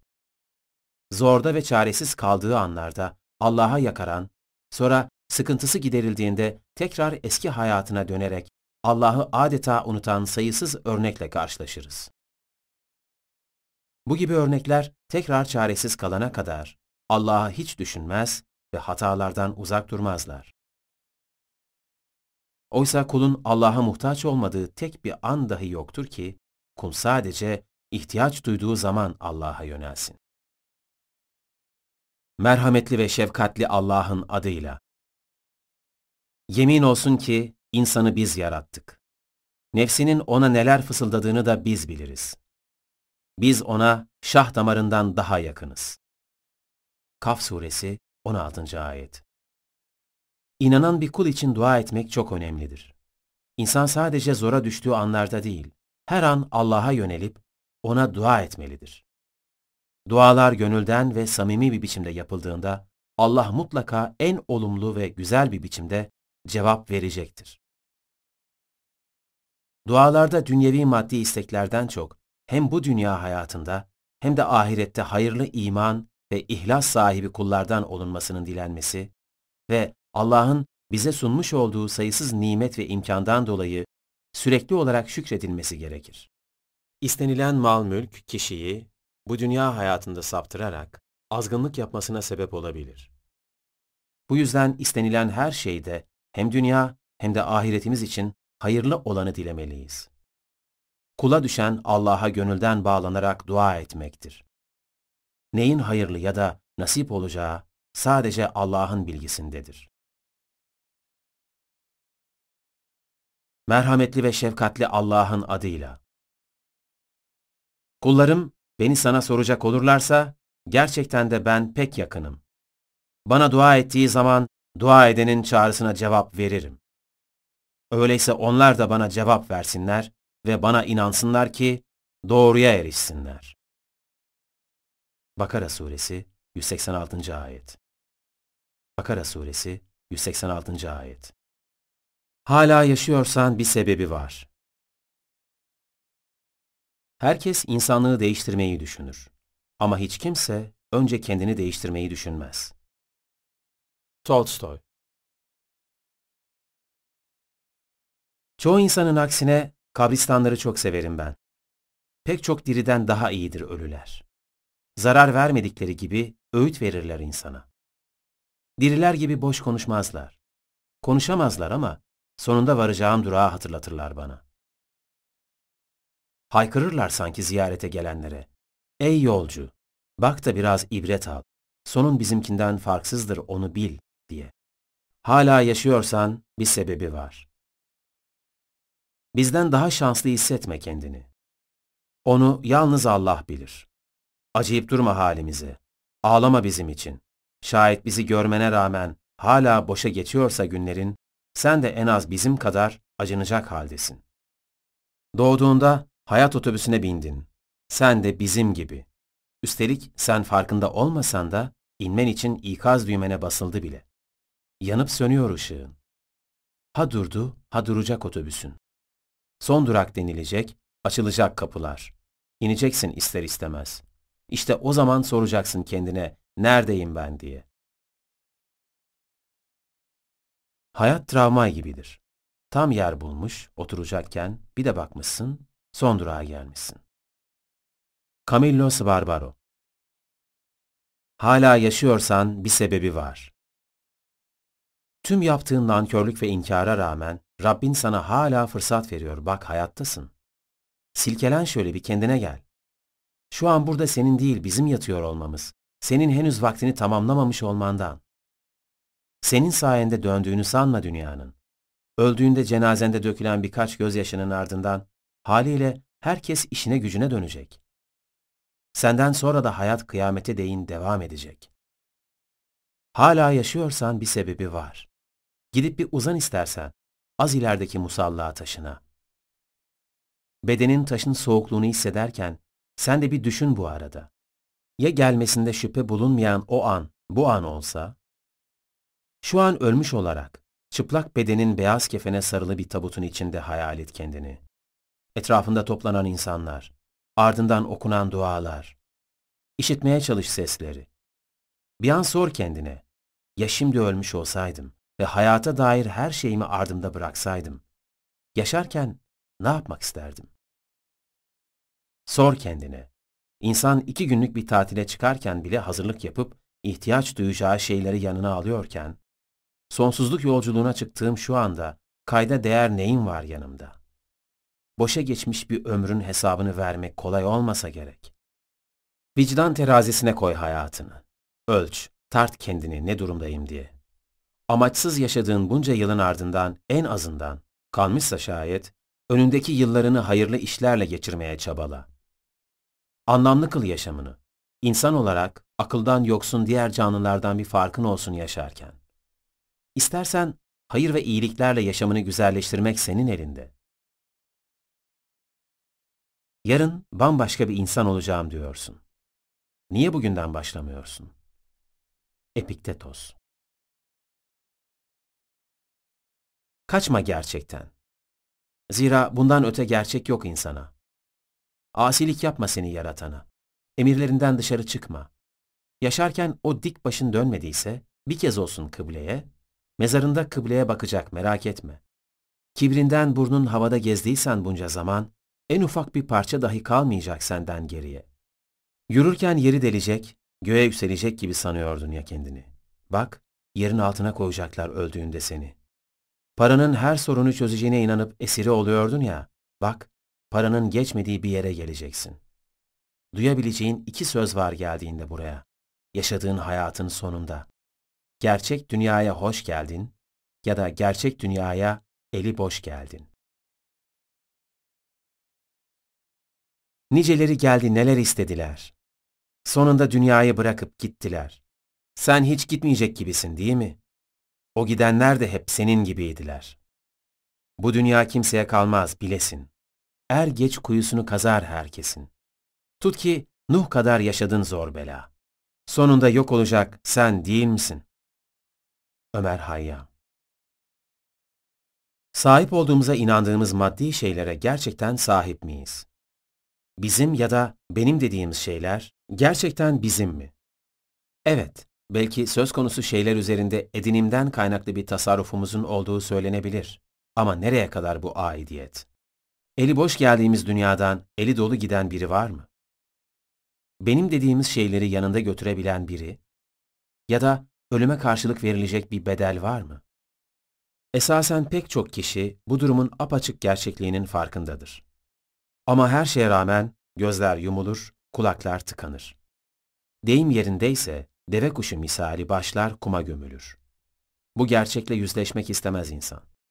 Çünkü tabiatının bir yönü aykırıdır zaten dünyevi hırslara kapılmaya. Ama köreltir o yönünü. Köreltir çünkü arzularıyla çeliştiği için rahatsız eder onu bu durum. Kaçmak ister gerçekten. Unutmak, hatırlamamak. Oysa unutması ya da hatırlamaması değiştirmeyecektir bu gerçeği. Zamanı gelmiştir ve vakit ayrılık vaktidir artık. Nefesler tutulur ve uğrunda nelerin feda edildiği dünya hayatına veda edilerek bu kez gözler gerçek karşısında ister istemez yumulur. Ölünün dili olsa diyecek sana, ben fırsatı kaçırdım, tövbe et günahına. Necip Fazıl Kısakürek Hala yaşıyorsan bir sebebi var. İş yerinde ya da evinde otururken bir anda en yakınlarının yanına geldiğini ve tek bir söz bile etmeden hüzünlü bir şekilde ellerinden ve ayaklarından havaya kaldırarak seni taşımaya başladıklarını hayal et. Sen, durun ne yapıyorsunuz, indirin beni aşağı demene rağmen seni işiten ya da haykırışına tepki veren yok. Aldıkları gibi seni gasilhaneye götürüyor ve elbiselerini çıkartıp seni yıkıyorlar. Sen anlamsız bir şekilde ne olduğunu anlamaya çalışırken bir de bakıyorsun cenaze namazın kılınıyor. Ardından tabutundan çıkartılıp mezarına konuyorsun ve üzerine toprak atılıyor. Bir anda uyanıyorsun ve tüm gördüklerinin seni dehşete düşüren bir rüya olduğunu anlayıp derin bir oh çekiyorsun.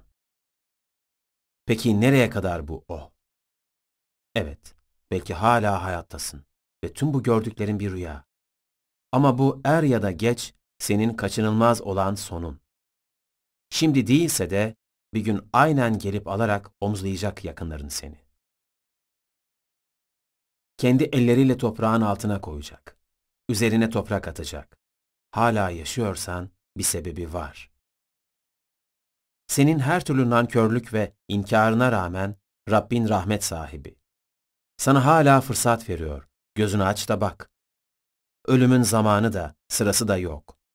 En yaşlıdan başlayarak gençlerin de yaşlanmalarını beklemeyebilir. Ya da önce büyük ablanın evlenmesi ve ardından gelenlerin sıralarını beklemeleri gibi değildir ölümün gelişi. Ansızın gelir. Antik Romalı düşünür Seneca'nın da dikkat çektiği gibi farkında olmasa da insan, zaman ölümün lehine işlemektedir.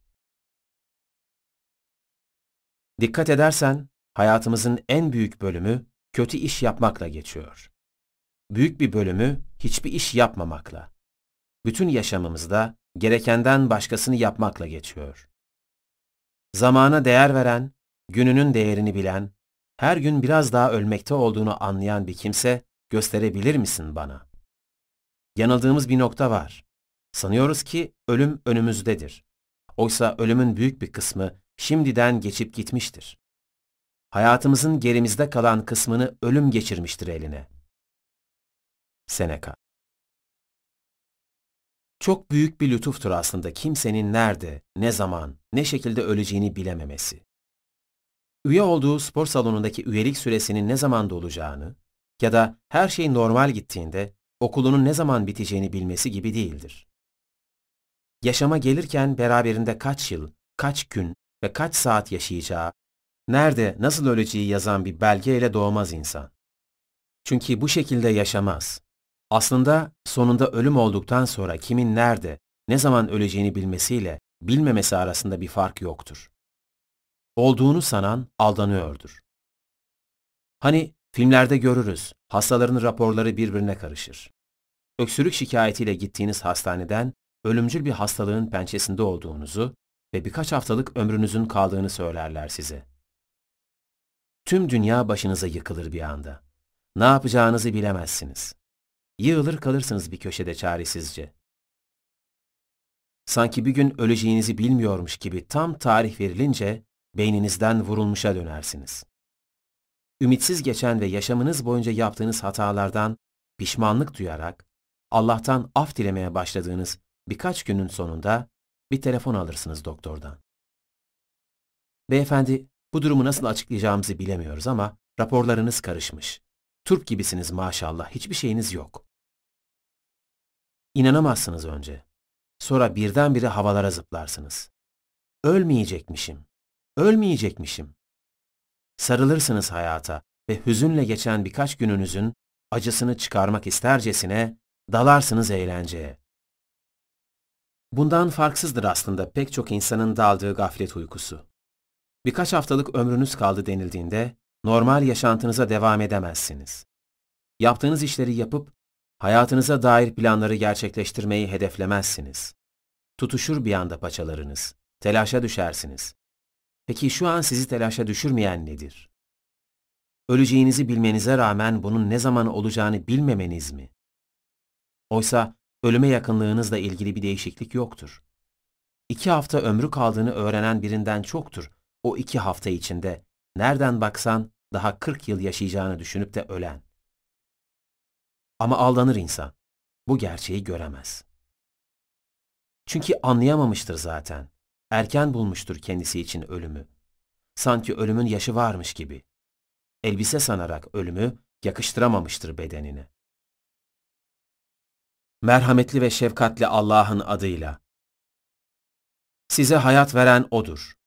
Sonra sizi öldürüyor, sonra diriltecektir sizi. Gerçek olan şu ki, insan tam bir nankördür. Haç Suresi 66. Ayet Hala yaşıyorsan bir sebebi var. İnsanlar birbirlerine ne kadar tahammül edebilirler? En yakın dostlar bile şayet dostlukları iman bağıyla bağlanmamışsa, çok ufak bir çatışmada dahi ters düşüp en büyük düşmana dönüşmezler mi? Birbirleriyle görünür görünmez menfaatleri olan insanlar, menfaatleri ortadan kalkınca karşılıklı değersizleşmezler mi? Ne kadar iyi bir çalışan olursanız olun, yaptığınız kaç tane hata görmezden gelinebilir patronunuz tarafından. Sıradan biriyseniz üstelik, en ufak bir hatanızda kaçınılmaz olabilir bir anda kendinizi kapının önünde bulmanız. Vefa beklediğiniz anlarda kaç defa vefasızlıkla yüz yüze geldiniz? Hak etmediğiniz halde defalarca haksızlığa uğramadınız mı hayatta? Dünyanın en iyi insanı bile Allah'ın kudretine sahip olsaydı, haşa, kendisine yapılan bunca nankörlüğü görüp de yok etmez miydi tüm insanları bir anda? Kudretinin şımarıklığına kapılıp, oyuncak misali oynamaz mıydı dünyayla? Allah'ın bildiklerini bilseydi eğer, tüm gerçekleri saklamaz mıydı insanlardan? Sadece kendinin faydasına olanı gözetmez miydi? Bir gün yaptığını diğer gün bozmaz mıydı? Sözünden caymaz mıydı? Keyfine göre adalet dağıtmaz mıydı? Ama Allah büyük rahmet sahibi olduğu için böyle yapmıyor. Yarattığını hem yol gösteriyor hem de tüm nankörlük ve inkarına rağmen her defasında ona fırsat veriyor. Allah'tan daha fazla rahmet sahibi olan birini tanıyor musunuz? Merhametli ve şefkatli Allah'ın adıyla. Eğer Allah insanları zulümlerine karşı cezalandırsaydı, yeryüzünde debelenen tek bir canlı bile bırakmazdı. Ama öyle yapmıyor. Onları belirli bir süreye kadar erteliyor. Süreleri geldiğinde ise ne bir saat geri kalırlar ne de öne geçebilirler. Nal Suresi 61. Ayet Cezalandırsaydı, yeryüzünde debelenen tek bir canlı bile bırakmazdı. Ama öyle yapmıyor. Onları belirli bir süreye kadar erteliyor. Süreleri geldiğinde ise ne bir saat geri kalırlar ne de öne geçebilirler. Nal Suresi 61. Ayet Safınız belli olsun. Üç türlü insan vardır. Allah'ı bulanlar ve ona hizmet edenler. Onu aramakla meşgul olup henüz bulamayanlar. Onu ne arayan ne bulan, zaten arayıp bulma çabası olmadan yaşayanlar. İlk gruba girenler akıllı ve mutlu, ortadakilerse mutsuz fakat akıllıdır. Sonuncu grubun insanları ise aptal ve mutsuzdur. Blaise Pascal Pek çok insan yaşarken ve kendine dair seçimlerini yaparken hep bir şeylerin arasında kalır durur. Kararsızdır çoğu işinde. Oysa bu dünyasıyla ilgili yaptığı seçimleri ve geleceğine dair aldığı kararları doğru da yanlış da olsa sonuçta bir noktaya kadar insana fayda ya da zarar sağlayacak kararlardır. Yapılan bir hatanın çekilse de bir ömür ceremesi, bir ömürden ibarettir sonuçta çekilecek ceremenin süresi. Sefalet ya da zenginlik içinde yaşasa da bir insan hayatını bir ömürlük süre içindedir yine bu halinin devam etmesi. Bu hayata dair her şey geçicidir yani. Oysa insanın bu dünyasından ziyade ahiretiyle ilgili alması gereken kararlarla seçimleri, sonsuzca azap ya da mükafat görmesini belirleyeceğinden, insan için asıl hayati olan ahiretine yönelik seçimleridir. Bu dünyaya gelmesiyle birlikte insana çok açık ve basit bir soru sorulmaktadır aslında. Bu dünyada var olmak için yaratılmadın. Burası senin kendini ispat etme alanın. Kendini ispat etmeye var mısın, yok musun? İkisinden birini seçmelidir aslında insan. Ama ne yazık ki çoğunluğun yaşantısı biraz var, biraz da yok gibidir. Yani kararsızdır sonsuz akibetiyle ilgili en önemli konuda. Yaratıcının var olmadığına inanıp da buna göre yaşayan biri kendi içinde anlaşılabilir belki. Ama var olduğuna inanmasına rağmen aldığı kararları yok olduğuna inanan birinden farksız olan biri çok büyük bir çelişki içindedir. Allah ya vardır ya da yoktur. Biraz var biraz yok ya da bazı durumlarda var, bazılarında yok olması mümkün değildir. Allah varsa geri kalan hiçbir şeyin önemi yoktur. Safını açık bir şekilde belli etmelidir insan. Ben Allah'ın kuluyum. Beni, sevdiklerimi ve sahip olduğum her şeyi Allah yaratmıştır diyorsa biri, yaşantısına kendi istek ve arzuları değil, Allah'ın emirleri yön vermelidir. Seçimlerini dünyevi çıkar ve menfaati değil, Allah'ın rızasına uygun olup olmadığı belirlemelidir. Yaşantısına dair hatalarının farkındaysa biri, tüm bu hatalarını düzeltip kendine çeki düzen vermek için acele etmelidir. Çünkü insanın bu konuda geç kalması bir sınavı ya da uçağı kaçırması gibi değildir. Yani telafisi mümkün değildir bu geç kalışın. Dünyevi plan ve programlarını erteleyebilir. Yapması gereken bir işi geciktirebilir. Çeşitli bahaneler ileri sürebilir. Ancak geciktirilmesi mümkün olmayan ecel insana ansızın gelir. Bu sebeple yaşarken safını belli etmelidir insan. Kendini yaratan ve öldükten sonra tekrar dirilterek ona verdiği yaşamın hesabını soracak olana teslim olmayan insan, kendi istek ve tutkularına kapılarak şeytana teslim olmuş demektir. Karşılık beklemeden Allah rızası için iş yapıp değer üretmelidir. Kimin ne diyeceğine değil, Allah'ın hakkındaki kanaatine değer vermelidir. Hayırlı işlere adamalıdır kendini. Adanmış olmalıdır. Allah rızasına uygun bir işle çakışan her türlü dünyevi iş ve değeri elinin tersiyle itebilmelidir. Ben, birey olarak tek başıma ne yapabilirim demeyerek, sahip olduğu tüm imkanlarla hayırlı işler yapmayı hedeflemelidir. Kısacası açık bir biçimde safını belli etmelidir. Hazreti İbrahim'i içine atmak niyetiyle büyük bir ateş yaktırmıştı Nemrut. Bu esnada bir karınca su taşırken, bir karga ise ateşe atmak üzere çalı çırpı taşımaktaydı. Karıncanın su taşıdığını gören karga, alaylı bir şekilde sordu karıncaya. Ne yapacaksın o taşıdığın suyla? Karınca, İbrahim'e atacakları ateşi söndürmek için su taşıyorum diye cevap verince, bunu duyan karga gülerek, senin götürdüğün su o kocaman ateşi söndürmeye yetmez ki der. Olsun der karınca. Ben de biliyorum yetmeyeceğini. Ama hiç olmazsa safım belli olsun. O kocaman ateşi söndürmeye yetmez ki der. Olsun der karınca. Ben de biliyorum yetmeyeceğini. Ama hiç olmazsa safım belli olsun. Ölüm korkusu ve ölümden sonra diriliş. İnsanların çoğu kaybetmekten korktuğu için sevmekten korkuyor. Düşünmekten korkuyor, sorumluluk getireceği için. Konuşmaktan korkuyor, eleştirilmekten korktuğu için. Yaşlanmaktan korkuyor, gençliğin kıymetini bilmediği için. Unutulmaktan korkuyor, dünyada kalıcı bir eser bırakmadığı için. Ve ölmekten korkuyor, ölüme hiç hazırlığı olmadığı için. Shakespeare Anne karnındayken farkında olsaydık olan bitenin, doğup büyüdüğümüz ve bir gün öleceğimiz yerde olduğumuzu düşünürdük belki de. Bizim için başlangıç ve son sayardık anne karnındaki hayatımızı. Oysa parmağımızı emmek için yaratılmamıştı ellerimiz. Arada bir, annemizi tekmelemek için değildi ayaklarımız. Annemizin kalp atışlarını dinlemek için yaratılmamıştı kulaklarımız.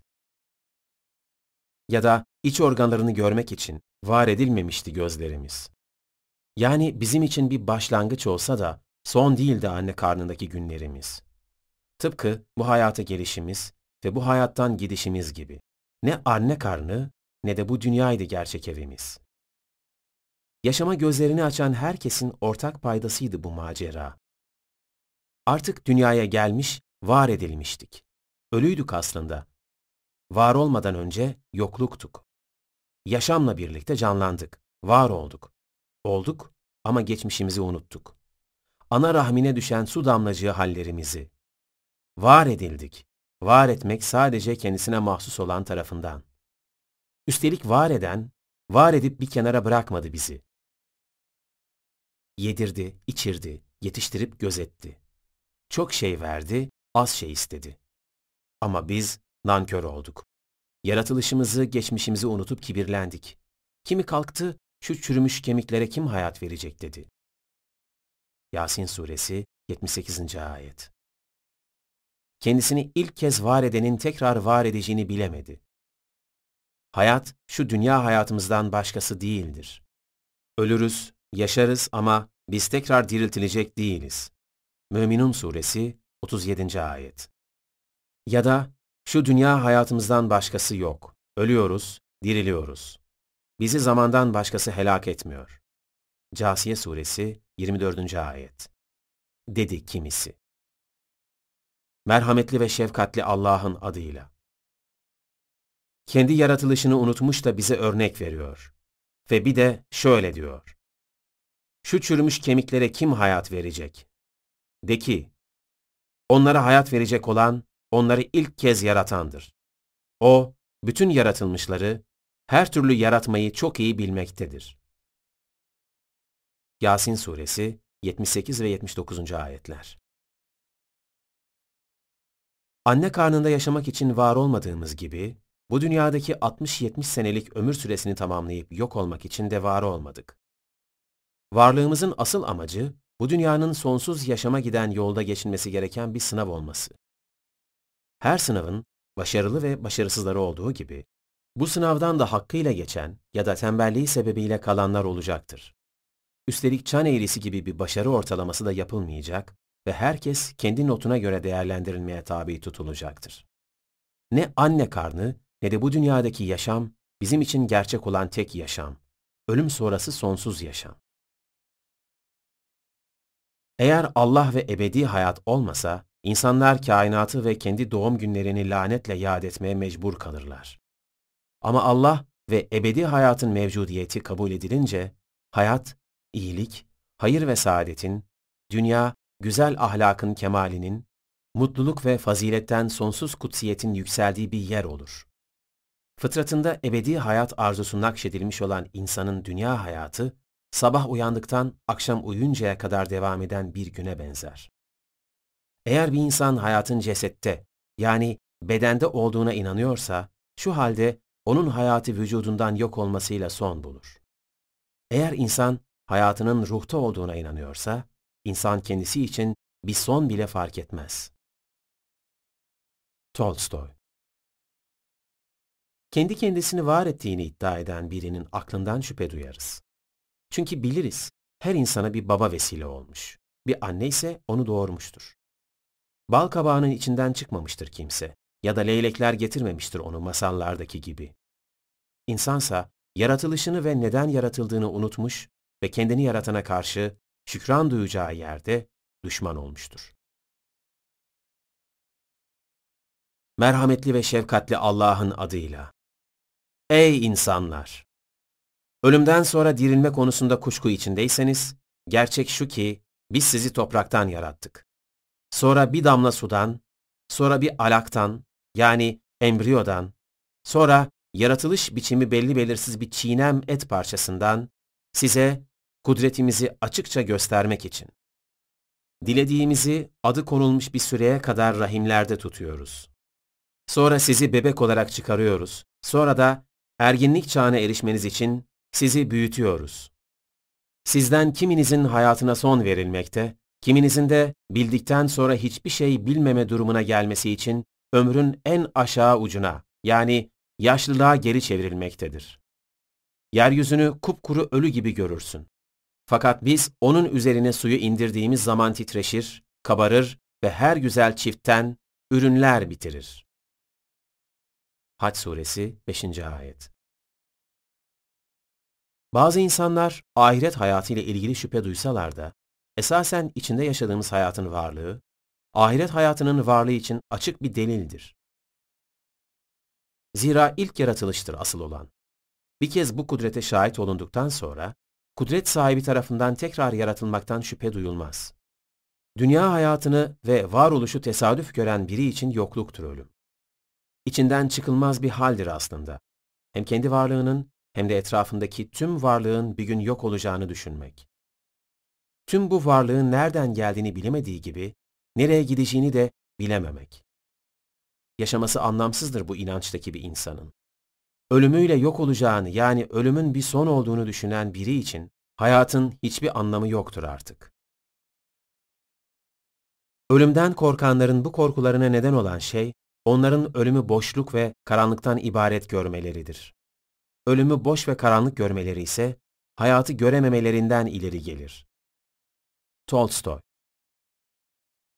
Şayet bu dünyadaki ölümümüzden sonra ahirete dirilmeyeceksek, tekrar var olmamız ve sevdiğimiz birini tekrar görmemiz mümkün olmayacaktır. Bir çiçeğin açışına ya da bir kuşun ötüşüne bir daha şahit olamayacağımız gibi, sevdiğimiz şeyleri tekrar yapmamız da mümkün değildir artık. Her türlü kötülük, zulüm, adaletsizlik, sefalet ve rezilliklerine rağmen yine de yaşamak istediğimiz bu dünyanın söz konusu olumsuzluklarından arındırılmış bir formuna ulaşmamız mümkün olmayacaktır. Neden bu dünyada kötülük var diye sorarken, kendimize hiç kötülüğün olmadığı bir dünyada yaşamamız da.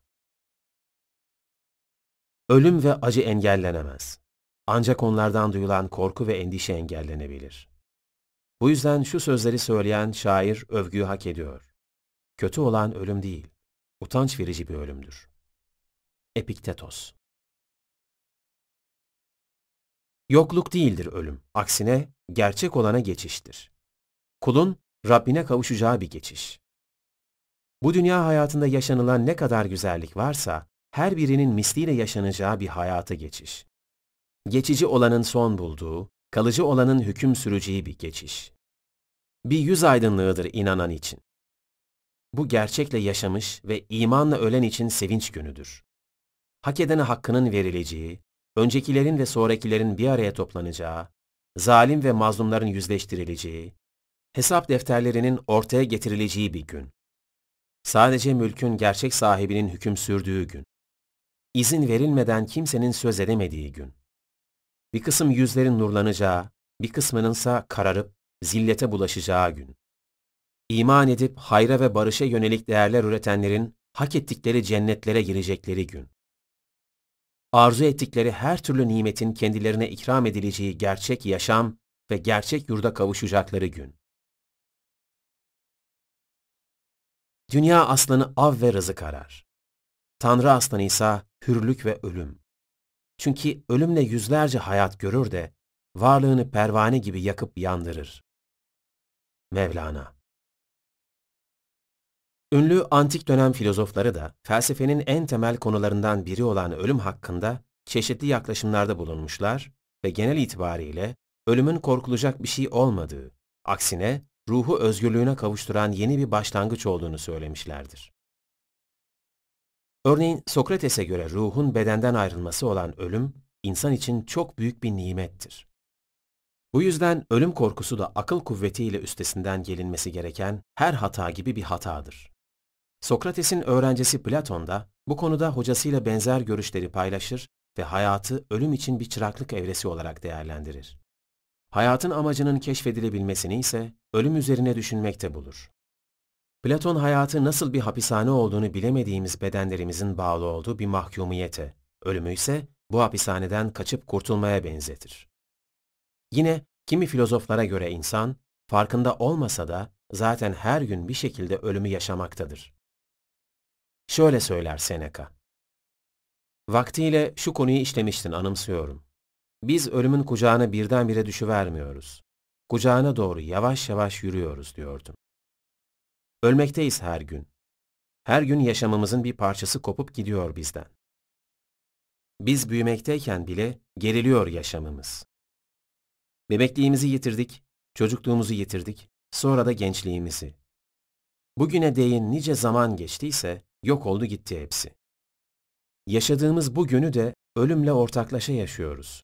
Nasıl ki su saatini yok eden son su damlası değil de, o son damlalardan akıp geçenlerdir. Tıpkı öyle, yaşamı bıraktığımız o son saatte tek başına ölümü sağlamaz. Tamamlar sadece yaşamımızı. İşte o zaman ölüme ulaşırız. Ama zaten ne zamandır ulaşmakta değil miydik ölüme? Meşhur İslam filozofu Kindi ise ölümü insan tabiatının tamamlanması olan doğal bir süreç olarak görmüş ve şöyle söylemiştir. Biz kötü olan şeyden değil, sadece kötüden nefret etmeliyiz. Bu husus hafızamızda yer edecek olursa, duyulardan kaynaklanan üzüntüleri yenmemizde büyük yarar sağlar. Buna göre sanılmasın ki ölümden daha kötü bir şey yoktur. Gerçekte ölüm kötü değil, kötü olan ölüm korkusudur. Ölüme gelince, o sadece tabiatımızın tamamlanmasından ibarettir. Şöyle ki, eğer ölüm olmasaydı, kesinlikle insan da olmazdı. Çünkü insan, düşünen, canlı, ölümlü varlıktır diye tarif edilir. Tarif, tabiatı temel alarak yapılır. Demek istiyorum ki, düşünmek, canlılık ve ölümlü olmak insanın temel yapısıdır. O halde ölüm yoksa insan da yoktur. Zira bir varlık ölümlü değilse o insan olamaz. Buna göre olmamız gereken durumda olmak kötü değildir. Kötü olan olmamız gereken durumda olmamaktır. Öyleyse kötü olan ölümün olmayışıdır. Çünkü ölüm yoksa insan da yoktur. O halde ölüm kötü değildir. Bu sebeple ölüm kötü değildir. Ölüme hazır olmamak ve hiç ölmeyecekmiş gibi bu dünyaya bağlanmak kötüdür.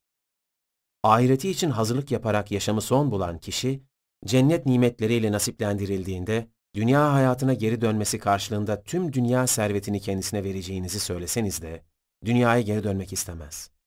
Tıpkı anne karnından çıkmış bir bebeğin büyüdüğünde tekrar anne karnına dönmek istemeyeceği gibi. Kindi bu konuda şöyle bir örnek verir.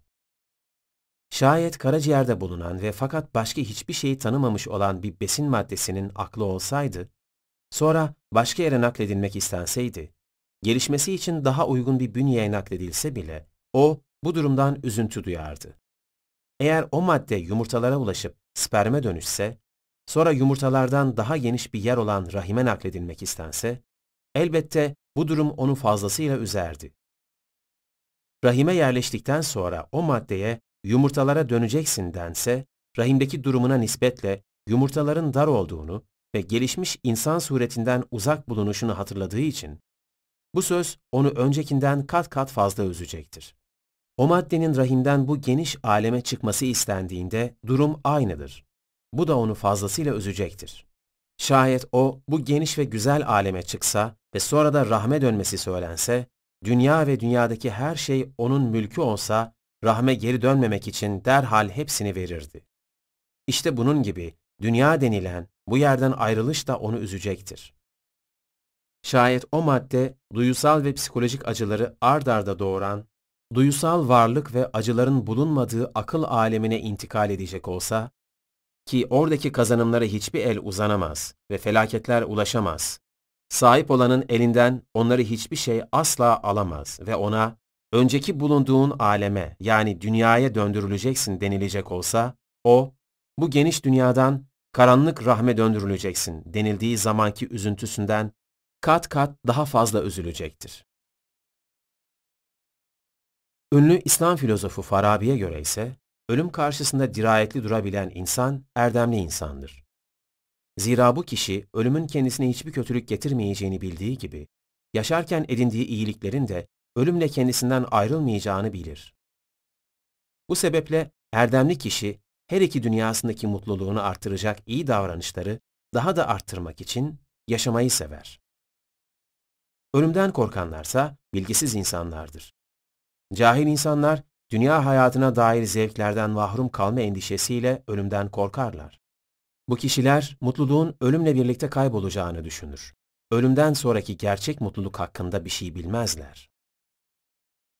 Hayat doğru yolda olunca ölüm korkusu yoktur. Bizi ölümden yıldıran tek şey, hayatın kötülük içinde geçmesidir. Ömer Hayyam Peki insanlar neden ölümden korkarlar? İşte bu noktada çok çeşitli nedenler bulunsa da genel itibariyle insanların ölümden korkma nedenlerini diğer bir ünlü İslam filozofu İbn Sina tarafından yapılan tasnifi esas alarak göstermemiz yerinde olacaktır. Filozofumuz ölüm korkusunun yedi sınıf insan üzerinde etkili olduğunu şu şekilde ifade eder. 1. Ölümün gerçekten ne olduğunu bilmeyenler. 2. Ruhunun nereye intikal edeceğini kestiremeyenler. 3.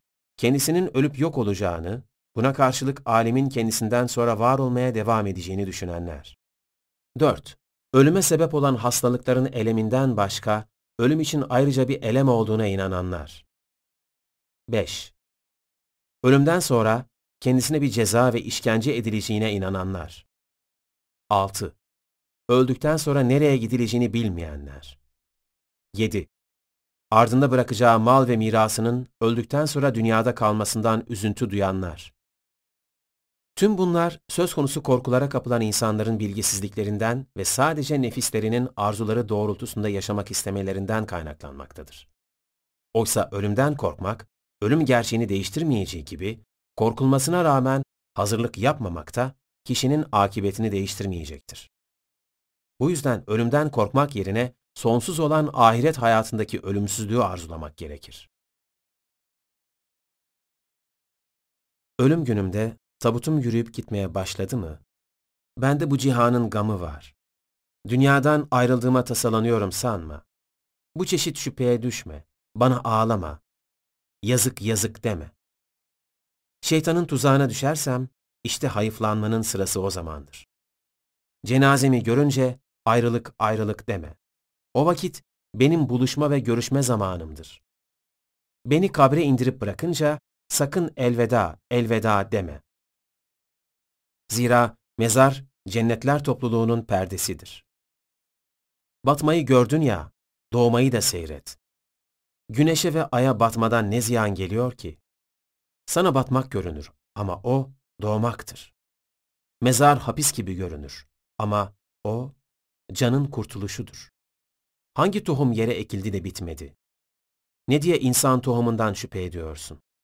Mevlana Tolstoy da ölümün korkulacak bir şey değil, aksine insan için yeni bir başlangıç olduğunu ve ölümle birlikte insanın gerçek yurduna döneceğini söyler. En kof ceviz bile kırılmak ister. Olgun yemişler tutunamaz ağaca. Öyleyse kabuğum kırılacak diye hayıflanmamalıdır insan. Toprağa düşmemek için çırpınmamalıdır meyve. Düşün, bir şeyin geldiği yere dönmesi kadar sevindirici ne olabilir? Tohumun ağaca, ağacın tohuma dönüşümünden başka bir şey değildir hayat. Yani ölüm. Fakat insanlar ölüyü kefenledikleri gibi ölümü de kefenlemişlerdir. Ve kefenlenen her şey öldürücüdür. İnsana düşen tüm libaslarından soyup öylece seyretmektir ölümü. Yani hayatı. Herkesin ağzında gevelediği ya öl ya ol diye bir söz vardır. Oysa kimse bilmez olmakla ölmenin aynı şey olduğunu. Ölümle savaşmak öldürür hayatı. Çünkü bu hayatla savaşmak demektir. İşte gerçek ölüm budur. Bu hakikati anlamayan kimse yaşamı ölümle, ölümü de yaşamla kirletir. Böylece bulandırır suyu ve su içilmez hale gelir. Tolstoy Bırakın sonsuz bir yaşam ve mutluluğu vermeyi, eceliniz geldiyse örneğin sadece bir dakika daha fazla sizi yaşatabilecek birini tanıyor musunuz? Dünyadayken maddi manevi imkanlarınızı kullanarak istediğiniz bir suçtan kurtulmanız ve eğer varsa delilleri yok etmeniz mümkündür.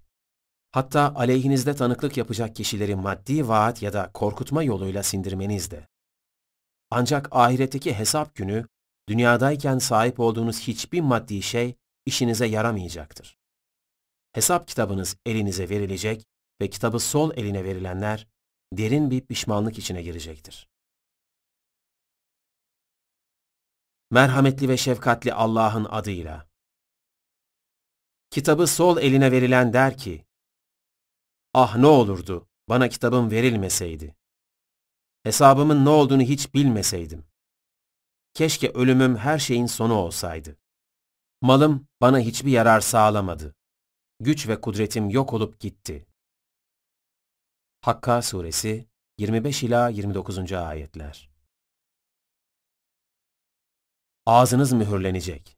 Ne siz ne de başka biri bizzat kendi organlarınız dile gelip konuşacak ve aleyhinizde tanıklık edecektir.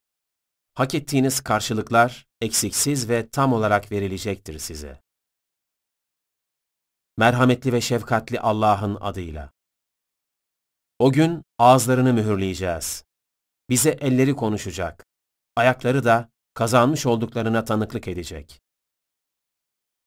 Yasin Suresi 65. Ayet Merhametli ve şefkatli Allah'ın adıyla. Nihayet oraya geldiklerinde kulakları, gözleri, derileri, yapıp ettikleri hakkında onlar aleyhine tanıklık edecektir. Fussilet Suresi 20. Ayet Allah'tan başka kim var edebilir insanı? Kim tekrar hayat verebilir çürümüş kemiklere? Kim çıkartabilir kabrinden insanı? Kim var edebilir sonsuz bir mutluluk ve yaşamı? Kim? Şüphesiz Allah'tan başka hiç kimse. Merhametli ve şefkatli Allah'ın adıyla. Günahkarları Rablerinin huzurunda başlarını eğmiş olarak şöyle derken bir görsen. Rabbimiz, gördük, duyduk. Geri gönder bizi ki barışa, hayra yönelik iyi işler yapalım. Artık kesin olarak inanıyoruz.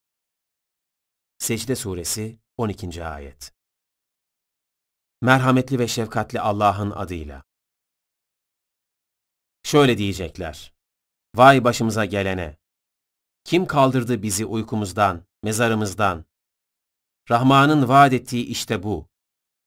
Peygamberler doğru söylemişler. Yasin Suresi 52. Ayet Artık kesin olarak inanıyoruz. Secde Suresi 12. Ayet Merhametli ve şefkatli Allah'ın adıyla. Şöyle diyecekler. Vay başımıza gelene! Kim kaldırdı bizi uykumuzdan, mezarımızdan? Rahman'ın vaat ettiği işte bu.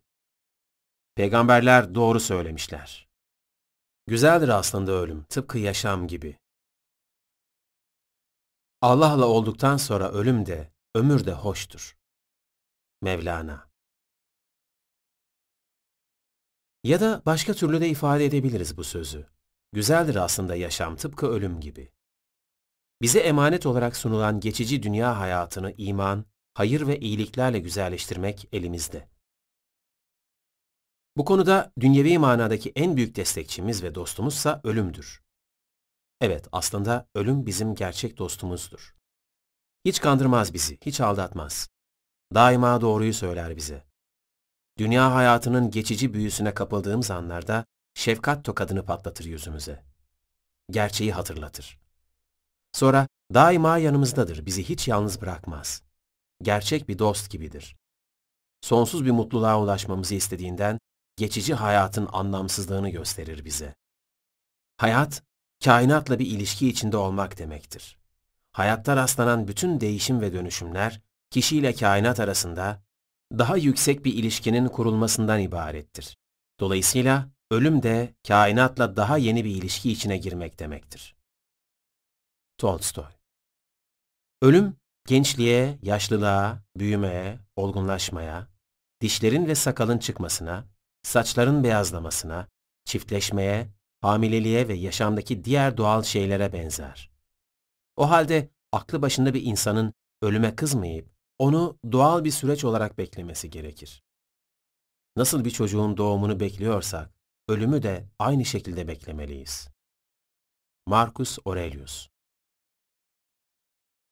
İnsanların büyük çoğunluğu, dünya hayatının geçici zevkleriyle oyalanmaya devam ederken, bir kısım insanlarsa kendilerini Allah yoluna adamış kullar olarak hayra ve barışa yönelik işler yapmaya çalışırlar. Hayatlarındaki önceliklerini Allah'ın emirlerine göre belirlerler. Gönülden bir teslimiyetle dünyevi bir karşılık beklemeksizin iyilik yaparlar. Adanmış ruhlardır bunlar. Allah rızası için yarışırlar. En büyük zenginliğin iman olduğunu bildiklerinden güzel söz ve öğütle insanları Allah'a ve dine çağırırlar. İnsani ve ahlaki değerlerde, hak, hukuk ve adalette titizdirler. Kendileri için istedikleri hayırları diğer insanlar için de ister ve insanları doğruya ve güzele davet etmeyi ibadet sayarlar. Zor değildir aslında Allah'ın şanına yaraşır kul olmak. Çok değildir aslında Allah'ın kullarından istediği şeyler. Yapılabilir şeyler oldukları için Yüce Allah yapılmalarını istemiştir zaten. Allah'a gönülden inanan biri, sahip olduğu her şeyin Allah'ın lütfu olduğunu bilir. Dünyadan yüz çevirmez. Helal dairesi içinde güzel bir yaşam sürerek Allah'ın nimet ve imkanlarından istifade eder. Tüm güzelliklerde Allah'ın sanatını görür. Bir kuşun havada süzülüşüne, bir çiçeğin renk, desen ve kokusuna, bir kelebeğin kanat çırpışına ya da örneğin denizde yüzen bir gemiye bakarak Allah'ı takdir ve tesbih eder. Yani yüceltir. Dünyada bunca güzellik yaratan Allah'ın ahiret yurdunda neler yaratabileceğini düşünüp, kalıcı olan ahiret yurdunu ister ve onu elde etmek için çabalar. Dostu Allah olan, şeytanın selamını almaz. Tuzaklarına düşmez. Dünya hayatının süsüne, boyasına aldanmaz. Geçici olduğunu bilerek yaşar hayatını. Yaratanına gönülden bir teslimiyetle bağlanır ve yaşamının amacını sorgular.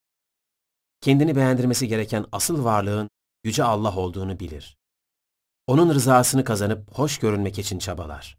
Sevdiğini onun için sever. Yerdiğini onun için yerer. Karşılık beklemeden başa kalkmadan iyilik yapar. En iyi ticaretin Allah'la yapılan ticaret olduğunu bilir ve geçici dünya hayatını satarak karşılığında sonsuz olan ahiret yurdunu alır. Tüm güzelliklere Allah'ın eseri gözüyle bakar ve hayattan gerçek anlamda zevk alır. Sahip olduklarıyla yetinir. Kalp tatmini ve mutluluk duyar. Sabırlıdır, öyle kolayca öfkesine yenilmez. Akıllıdır, düşünmeden hareket etmez cömerttir. Sahip olduklarını paylaşır herkesle. Bilir çünkü mülk ve yönetimin gerçek sahibinin bir tek Allah olduğunu. Allah'ın emir ve yasaklarına karşı titizdir, sadıktır. Haramlara karşı kaya gibidir. Allah'a gönülden kul olmanın dünyadaki en şerefli şey olduğunu bilir. Emindir kendinden. Öyle birilerinin kınamasından çekinmez. Dost doğrudur yolunda. Allah'tan başkası önünde eğilmez. Çokça anar Rabbini, yüceltir. İbadetlerinde gönülden ve titizdir. Dualarla yardım, hayır ister hem bu dünyası hem de ahireti için. Sadece kendisi için değil, diğer tüm inananlar için de dua eder. İnkarcıların hidayete gelmesini diler. Hata ve günahlarda ısrarcı değildir. Hemen pişman olur. Tövbe eder, af diler. Ahlak ve fazilet sahibidir. Çirkinliklerden yüz çevirir namusuna ve şerefine bağlıdır, haya sahibidir, nefsine hakimdir. Güvenilirdir, emanete sahip çıkar. Kendisinden emin olunandır. Kendisine ait değilse şayet, Bir kuruştan farkı yoktur onun için koca bir servetin. Gözünü dikmez başkasının sahip olduklarına, fedakardır.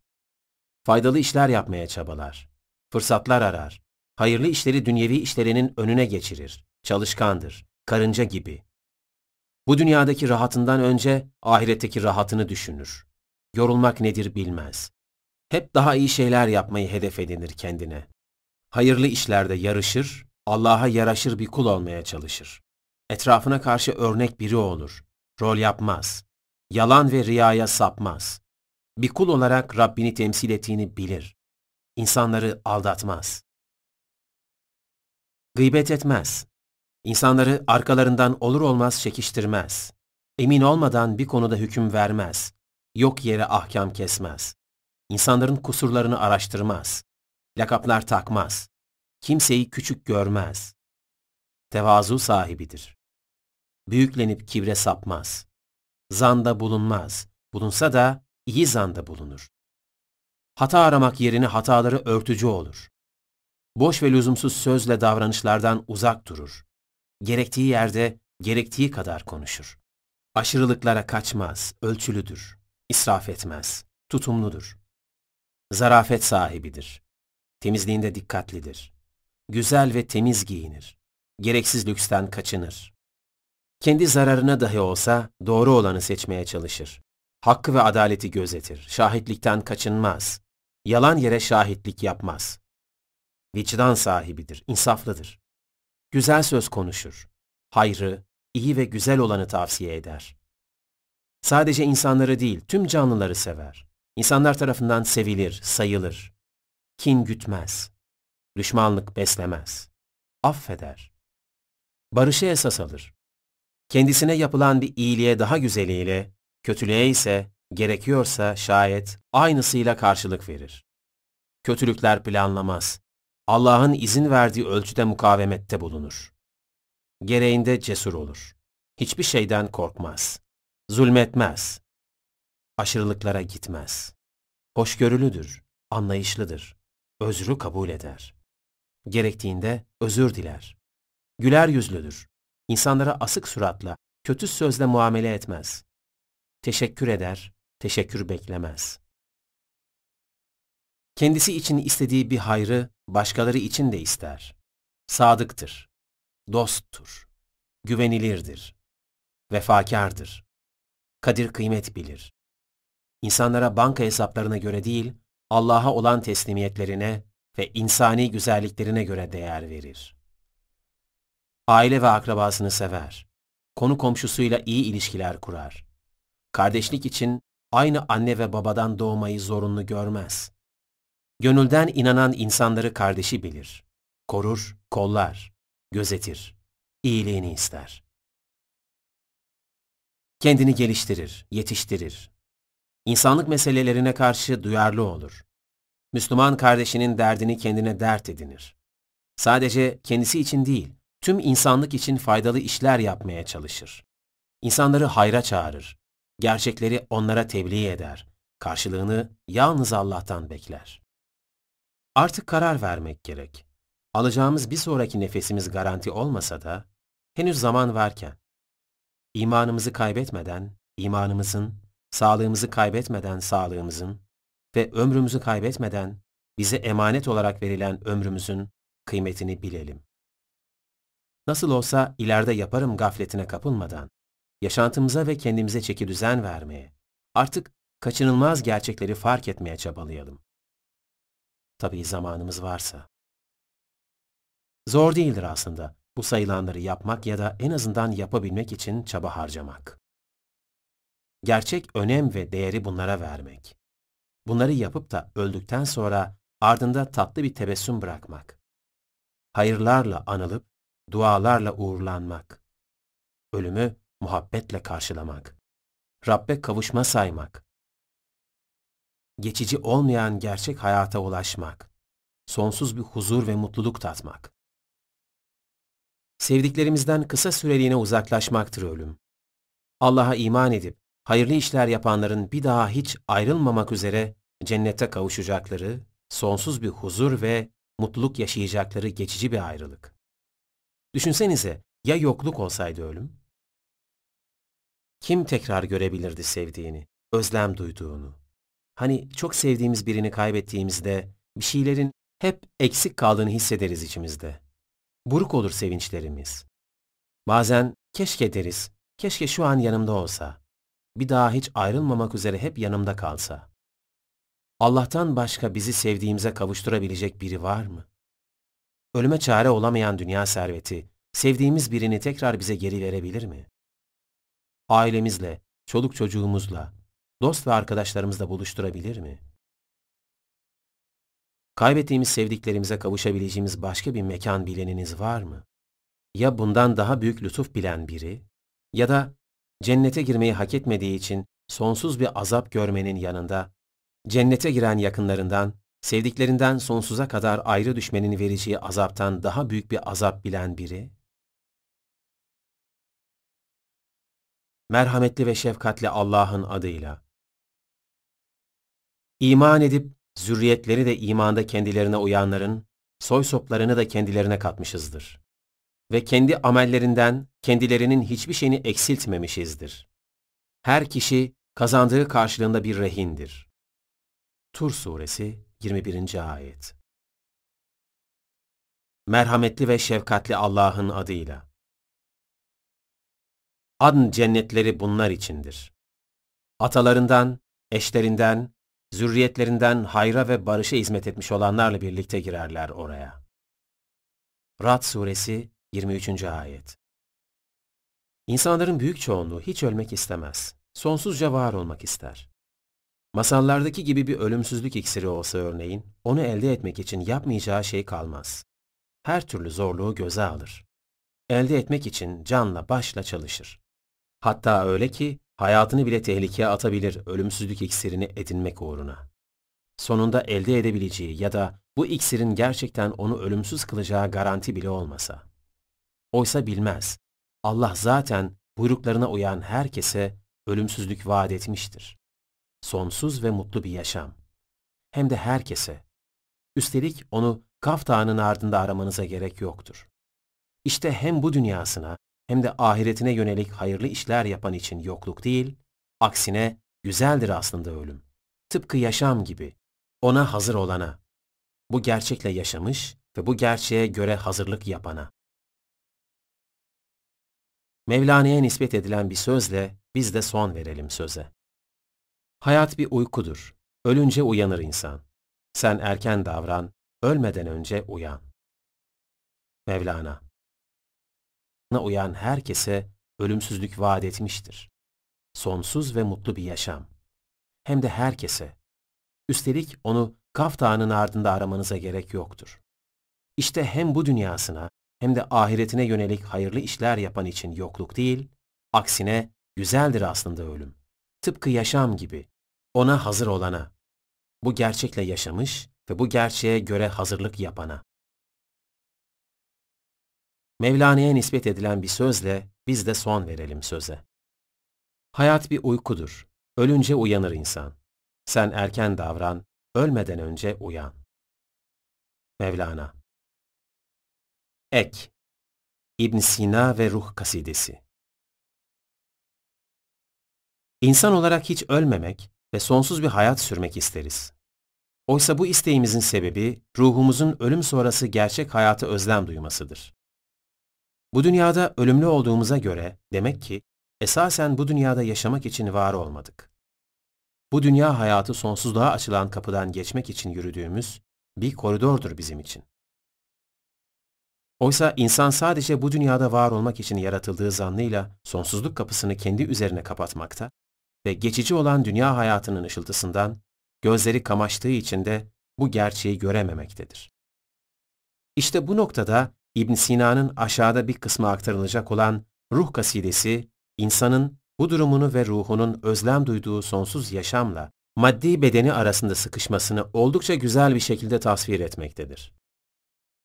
İbn Sina'ya göre ruh bu dünyada var olmak için yaratılmamıştır. Bu sebeple bedene girmesi, bir güvercinin kafese konması gibidir. Ruh, bedene hayat vermek ve onu yönetmek üzere kendi kutsal aleminden gururlu ve nazlı bir güvercin gibi süzülerek dünyaya inip ten kafesine konuk olmuştur. Zamanla bedenine alışmış ve artık ondan ayrılmak istememiştir. Bu yüzden ölümle birlikte bedenden ayrılmak ruha çok acı gelecektir. İndiği haneyi zamanla tanır. Alışamaz önce, soğuk davranır. Nihayet benimser ten kafesini. Ayrılırken bu kez ağlar, kıvranır. Letafet mi güzel, madde mi iyi? Ne arar kafeste bilmem ki neyi? Özgürlüğü tadan bu zavallı kuş, nasıl sevdi hayret bu viraneyi? Üstelik saflığını ve temizliğini koruyacağına dair Allah'a verdiği sözü unutmuş ve bedene girmesiyle ilahi ve manevi yönüyle değersiz bedenin istekleri arasında sıkışarak bocalamaya başlamıştır. Maddeyle girdiği bu ilişki neticesinde saflığını yitirip kirlenmiş, ancak Allah'a verdiği sözü hatırladıkça utancından ağlayıp gözyaşı dökmüştür. İnerken Allah'a verdiği sözü unutup kirlenmiş tertemiz özü. Hatırlamaz olmuş ana yurdunu. Şimdi melül mahzun, solgundur yüzü. Bununla birlikte maddi varlıkların sahip oldukları yıpranma etkisiyle yaşlanan bedene de üzülüp ağlamıştır. Artık ruhun konuk olduğu bedenden ayrılıp ana yurduna dönüş zamanı gelmiştir. Nihayet ölümle birlikte ruh bedenden ayrılmış ve geride artık kimsenin değer vermediği, toprak olmak üzere terk edilen ceset kalmıştır. Yıpranır giderek, yaşlanır kafes. Nice nevcivanlar şimdi tık nefes. Güvercin bu hale yanar, yakılır. Odur viraneden gelen yanık ses. Vade tamam olur. Diner fırtına. Çileli güvercin döner yurduna. Biterken hasretlik yeniden başlar. Ayrılırken ağlar, bakar ardına. Burkulur yüreğim güller solunca. Söner ümit nurum süre dolunca. Servi boylu ay parçası güzelin, kim bakar yüzüne toprak olunca?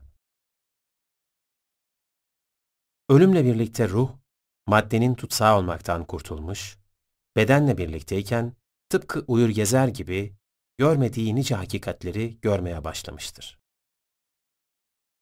Dalınca güvercin o son uykuya, anlar ki bu hayat tümüyle rüya. Neler görür neler kalkınca perde. Sonsuzluğu yaşar, haz duya duya. Ne var ki ruhun bedenle olan ilişkisi, çakan şimşeğin bir an ortalığı aydınlatıp sönmesi kadar kısa sürmüştür.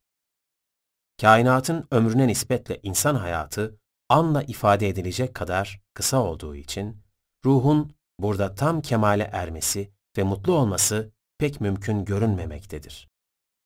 Ancak insanın ruhundaki sonsuzluk duygusunu tatmin edebilmesi ve ebedi mutluluğu tadabilmesi için ahiret hayatının varlığı ona yeni ufuklar açmakta ve bu durum onun sıradan bir canlı olmadığının temel güvencesi sayılmaktadır. Vücut ikliminde bir an göründü. Biraz cilveleşip sırra büründü. Kimseler bilmedi mahiyetini. Bir şimşekti sanki, çaktı ve söndü. Vücut ikliminde bir an göründü. Biraz cilveleşip sırra büründü. Kimseler bilmedi mahiyetini. Bir şimşekti sanki, çaktı ve söndü.